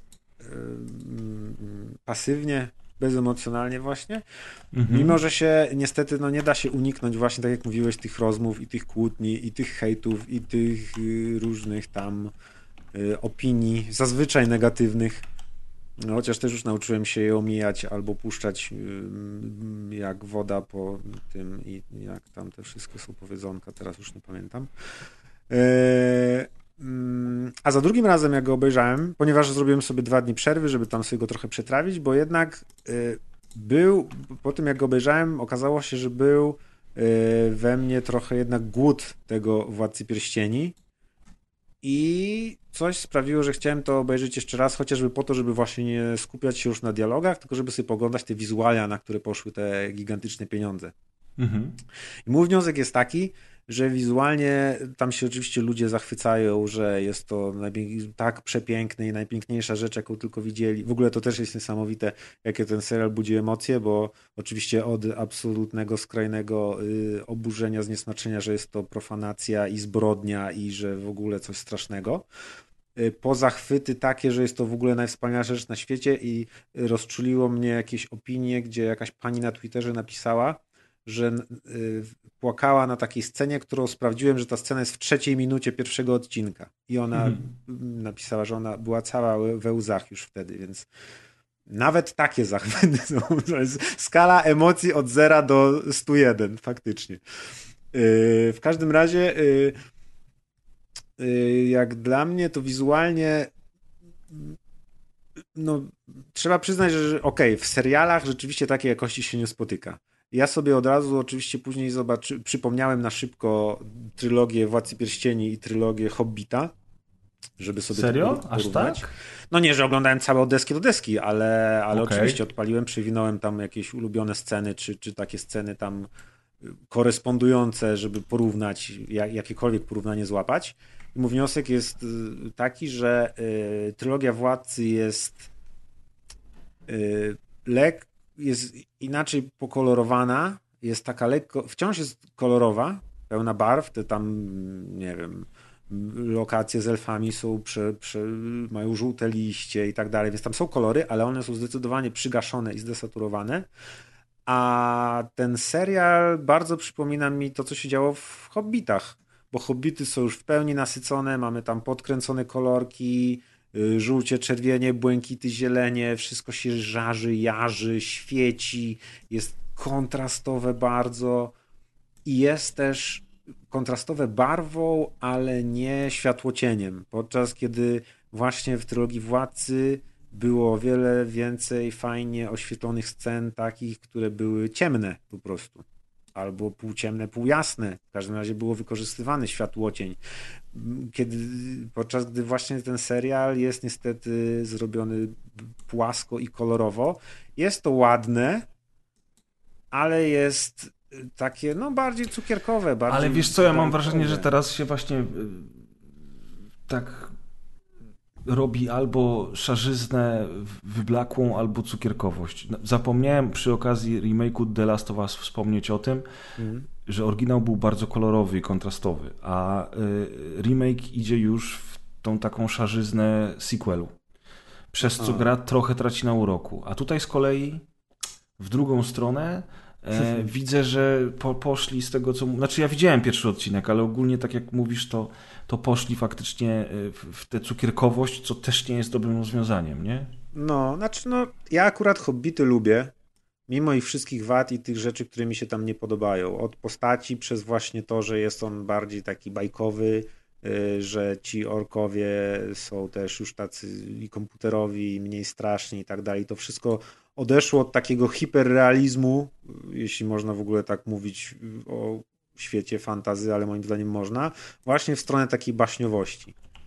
Yy, I w tym serialu też tak jest, więc yy, jakby no nie, nie, nie przeszkadza mi to tak bardzo. Rozumiem zachwyty, chociaż mnie akurat one aż tak nie zachwycają, powiedzmy, bo wizualnie tą samą jakość, moim zdaniem, mieliśmy w filmach, które mają już 20 lat praktycznie, bo mhm. oglądałem sobie sceny z, no te z, Hobbita, z Hobbitów są łatwiej, łatwiejsze do porównania, bo jest właśnie barwa kolorów jest taka sama, więc mega nasycona, kolorowa, więc to już wygląda tak samo, ale nawet ta stonowana, bardziej skąpana w, często w, w, w, mroku, w cieniach, y, trylogia Władcy też ma niesamowite lokacje, więc z jednej strony rozumiem zachwyty, że tak jeszcze żaden serial nie wyglądał. No serial może nie, ale film, jak ja to bo ja to porównuję z filmami, nie? Więc jakby wizualnie jest ok. Cieszę się, że utrzymali ten sam poziom, że to nie jest jakaś bieda typu produkcja e, telewizyjna na sci-fi, y, gdzie nigdy w żaden z tych takich powiedzmy budżetowych seriali science fiction się nie potrafiłem wciągnąć właśnie przez to, że one biednie wyglądały w porównaniu do, do filmów. Yy, więc tutaj okej, okay, cieszę się, że przynajmniej to utrzymuje poziom, więc można to sobie obejrzeć i nie, nie razić się tak, że o Jezu, to telewizyjne to takie brzydkie, a te filmowe były ładne. Więc wizualnie dla mnie poziom jest ten sam. No ale jednak ja się wynudziłem. Drugi odcinek ja je obejrzałem jeden po drugim, więc ciężko mi porównać, ale czytałem, że drugi odcinek jest lepszy, robi lepsze wrażenie, że pierwszy jest taki nudny. Tych odcinków jest w ogóle 8, więc w sumie jak się obejrzy dwa odcinki, no to już jest jedna czwarta sezonu za nami. Oni planują niby pięć sezonów i teraz tak jakby się zastanowić, bo też ciężko mi jest określić, yy, mam wrażenie, że oni tak trochę mało serialowo tą fabułę prowadzą, a bardziej filmowo, bo żeby dobrze prowadzić serial, to musi się też coś zdarzyć w środku tego serialu. Mhm. Yy, musi być jakiś odpowiedni cliffhanger na końcu. Serial ma inne tempo. Ta godzina serialowa musi mieć inne tempo niż godzina filmowa. A tu mam wrażenie, że yy, oni idą tak filmowo, i to jest rzeczywiście, jakby pomyśleć, to tak jakbyś obejrzał pierwsze 20 minut filmu, no rzadko w którym filmie przez pierwsze 20 minut się dzieje coś ciekawego. Czasem jest jakaś akcja na początku, ale później musi być ta yy, nakreślenie wątków, ukazanie świata i tak dalej. I tu też mam wrażenie, że oni tak zrobili i dlatego to było nudne nawet dla mnie, mimo że jestem jakby fanem świata, może niekoniecznie tego serialu byłem na, napalony na niego, ale byłem ciekawy, jestem ciekawy, lubię ten, to uniwersum mhm. to nawet właśnie mnie zanudzili, ale kto wie, no może to jest właśnie tak zrobione, że przeczekaliśmy tą najgorszą część y, z ekspozycją świata, nie? Y, ale żaden jakby wątek nie zainteresował. Paradoksalnie jedne z lepszych rzeczy, które mi się podobały, to są te, które mnóstwo, wielu ludzi oburzają, czyli y, Czarny Elf był według mnie jedną z najciekawszych postaci i w ogóle wyglądał na, na, najbardziej na elfa z innych elfów, które tam były. Y, I y, czarna krasnoludzka królowa, czy tam księżniczka, ona jest królową chyba, była, chyba okazała tak. się też świetną postacią. I tak naprawdę bardzo dziwny zabieg, ponieważ na plakatach ona miała zawsze taką poważną minę i wyglądała tak bardzo srogo i niezbyt sympatycznie, a w serialu ona się okazuje być po prostu jak ja zobaczyłem te krasnale, to się poczułem trochę, trochę tak jak pojedziesz do rodziny na Śląsk i możesz jeździć do różnych rodzin w różnych miejscach, ale jak jedziesz do tej swojej śląskiej rodziny, to wiesz, że oni cię zawsze przygarną jak własnego syna i że dostaniesz zaraz jeść i że y, cię po prostu wy, wyściskają, wytulają i że będą ten... I jak zobaczyłem, jaka jest ta scena, bo to jest chyba w drugim odcinku, nie? Czy... Ja widziałem tylko pierwszy, dlatego No właśnie, właśnie, czyli nie widziałeś tego. O to mi chodzi. No ale że... mów. No nie, ale chodzi no. mi o to, że nie, nie, nie, nie kojarzysz jakby. Nie kojarzę. No, mm -mm. no więc właśnie jak się do, dotrwa do tej sceny, to, to się po prostu po, poczujesz jak... Y, dla mnie jakby dopiero wtedy jakieś charaktery postaci się ukazały. Ciekawe, bo główna postać, czyli Galadriela, która jest no, no, jedną z głównych, ale wydaje mi się, że to jest tak, mm, przynajmniej na początku było pokazane, że będzie, ona będzie taką wiodącą postacią, jej wątek przynajmniej. I, ledwo mogłem ją ścierpieć po prostu.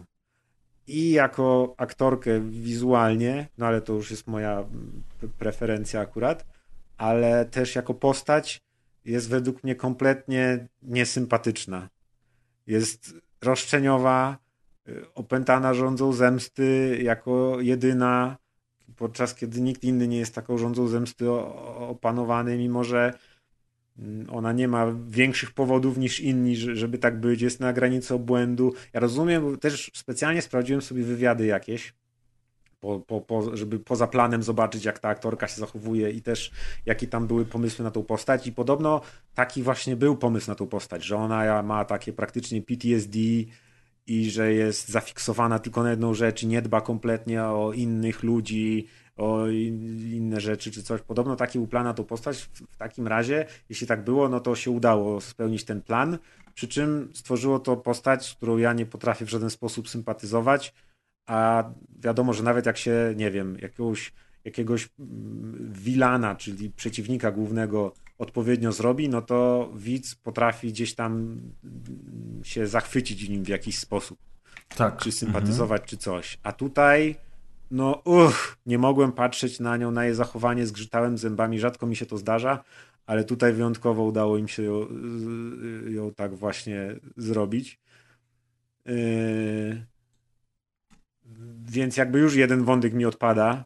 Yy, jest wątek z nowymi hobbitami, tu robię, robię cudzysłów palcami, czyli z tymi tam jakimiś tam... Hardfootami. Tak. No oni mi nie pasują, bo oni już są dla mnie zbyt tacy bajkowi i dziecinni. I kiedy się pojawiał ich wątek i oni na ekranie, to miałem wrażenie, że oglądam jakąś nową ekranizację Narni. Albo no, no, no, innego no. takiego fantazy w tym stylu, takiego young adult, albo nawet teen fantazy.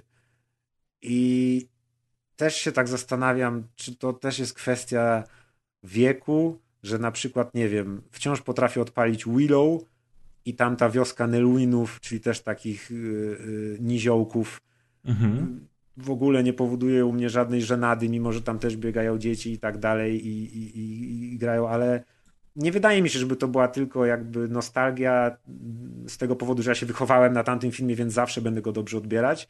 Tylko ewidentnie tutaj widzę, że no jest to tak y, bardziej powiedzmy infantylnie, bardziej y, nie wiem, beztrosko, radośnie, nawet jakich słów użyć, ale no też porównując to z wioską y, hobbitów przedstawioną czy w Hobbitach, czy w, w trylogii Władcy, no to zupełnie nie czuję tego klimatu takiego. Mam wrażenie, że oglądam właśnie coś przeznaczonego dla młodszego widza. Więc kolejny wątek, którego nie jestem w stanie śledzić i się zainteresować. I tak patrząc na to wszystko i próbując odfiltrować tą płonącą wojenną pożogę, która się wszędzie teraz w każdym zakątku internetu dzieje, i patrząc na to, co się dzieje właśnie z, z, ocenami, jak ludzie się kłócą o te oceny i tak dalej, że ten serial ma yy, wiesz, 90% ocen, jakie zbiera, to są dziesiątki albo jedynki, które nie mówią absolutnie nic o niczym i nie mają żadnego znaczenia poza bitwą na cyferki i tak dalej.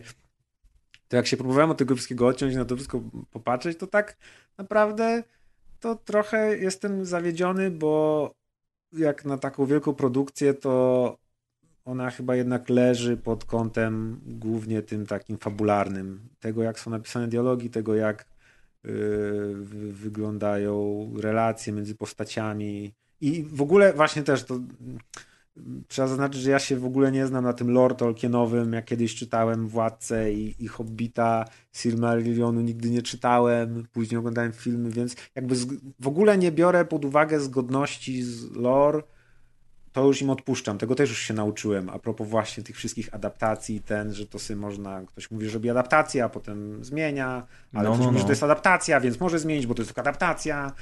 Mm, więc tu już kompletnie odpuszczam, że oni chcą, że ktoś zaraz mówi, że to trwało tysiąc lat, a nie dwa tygodnie, a że tu nie może być Gandalfa, bo Gandalf był pod koniec drugiej ery, na początku trzeciej, a coś tam, a to są inne nazwiska, a tu coś tam, to już kompletnie im odpuszczam i patrzę na to właśnie tylko ze względu na to, jak to jest napisane i jak to jest zrealizowane i o ile jeszcze jestem w stanie im odpuścić to, że to trochę wygląda plastikowo i tak baśniowo i że jest kolorowo i wszystko jest oświecone ładnie, to przynajmniej widać, że te pieniądze są tam włożone, bo rzeczywiście mm, i te lokacje są mm, świetnie zrobione, stroje i tak dalej. Chociaż brakuje mi trochę takich ujęć odważniejszych, bo w, w Hobbitach jednak Jackson kręci, czy w, w ogóle w swoich filmach Jackson używał ciekawszych ujęć, jakichś takich, ta kamera czasem potrafiła przelecieć, zmienić kąt, było to takie bardziej mm, tutaj mi się wydaje, że jest trochę tak zabezpiecznie to nakręcone, mnóstwo jest takiej statycznej kamery i tak dalej, więc no też mogło być trochę odważniej czy coś, ale najbardziej chyba się zawiodłem na tym, że po prostu jest to fabularnie właśnie tak słabe. Mhm. I, i, i, i, te, I że te dialogi są, nie wiem, z jednej strony się silą na pompatyczność, z drugiej strony no właśnie samo to, że praktycznie, że największą sympatią y, zapałałem do elfa, który tak naprawdę chodzi z jedną grobową miną i mało mówi.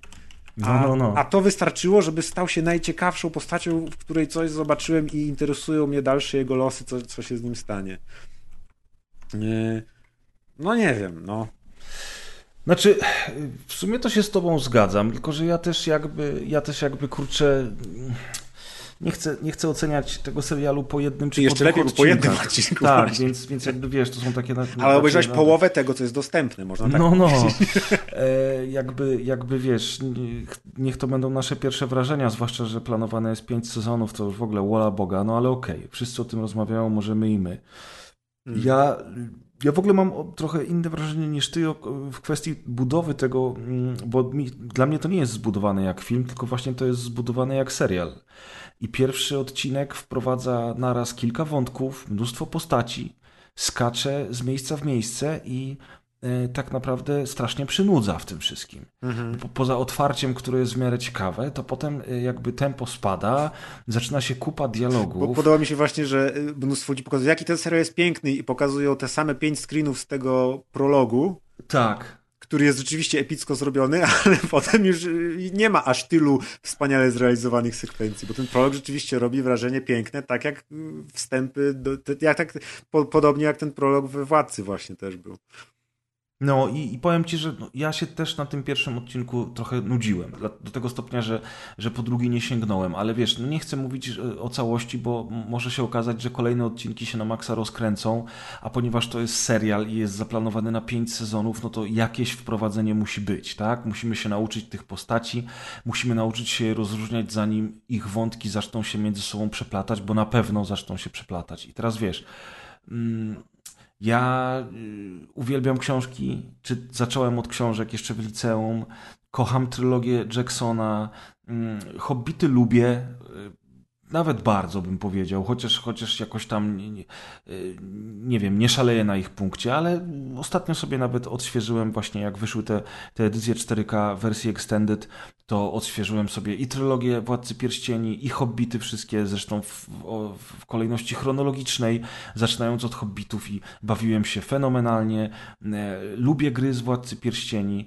E, ogólnie temat jest mi na tyle znany, że wiesz, nie jestem jakimś super znawcą. Może to i dobrze, bo jeszcze bym pierdolił takie farmazony jak ci ludzie w internecie. Albo byś tak reagował jak na Gwiezdne Wojny.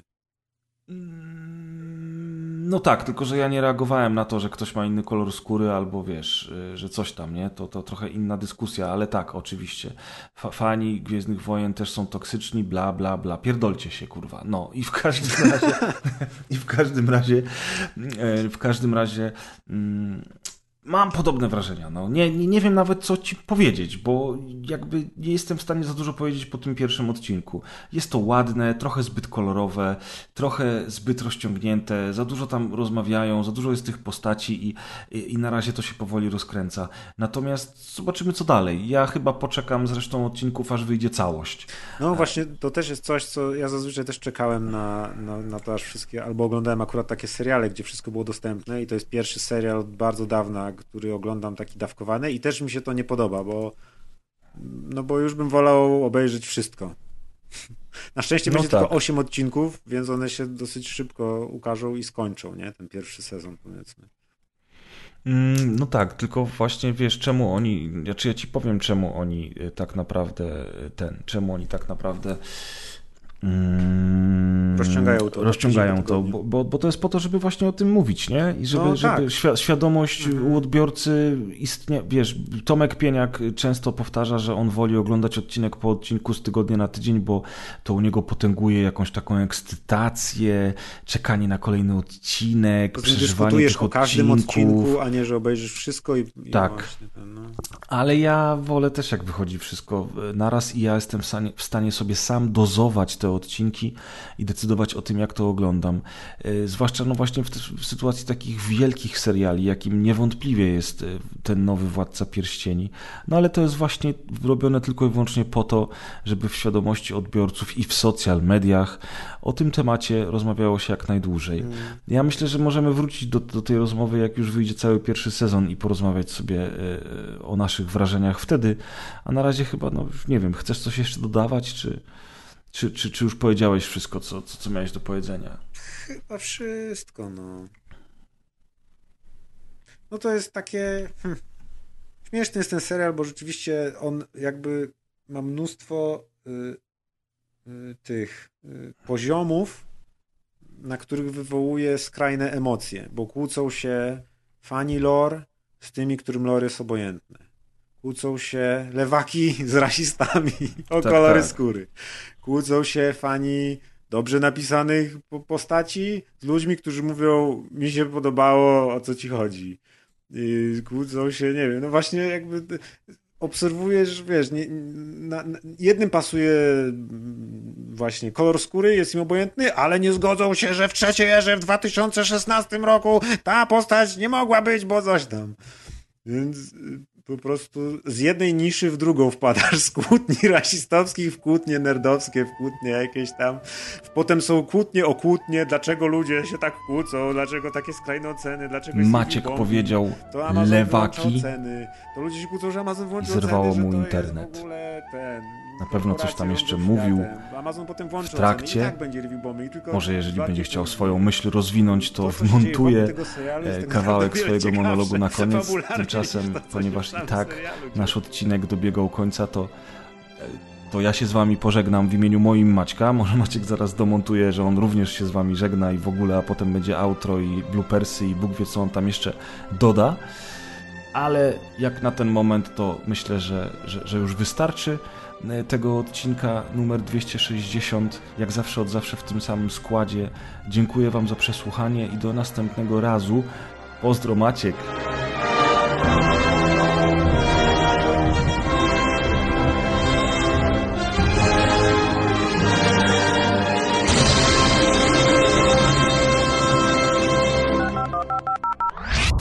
Patronami montażu są Łódzki Dom Kultury.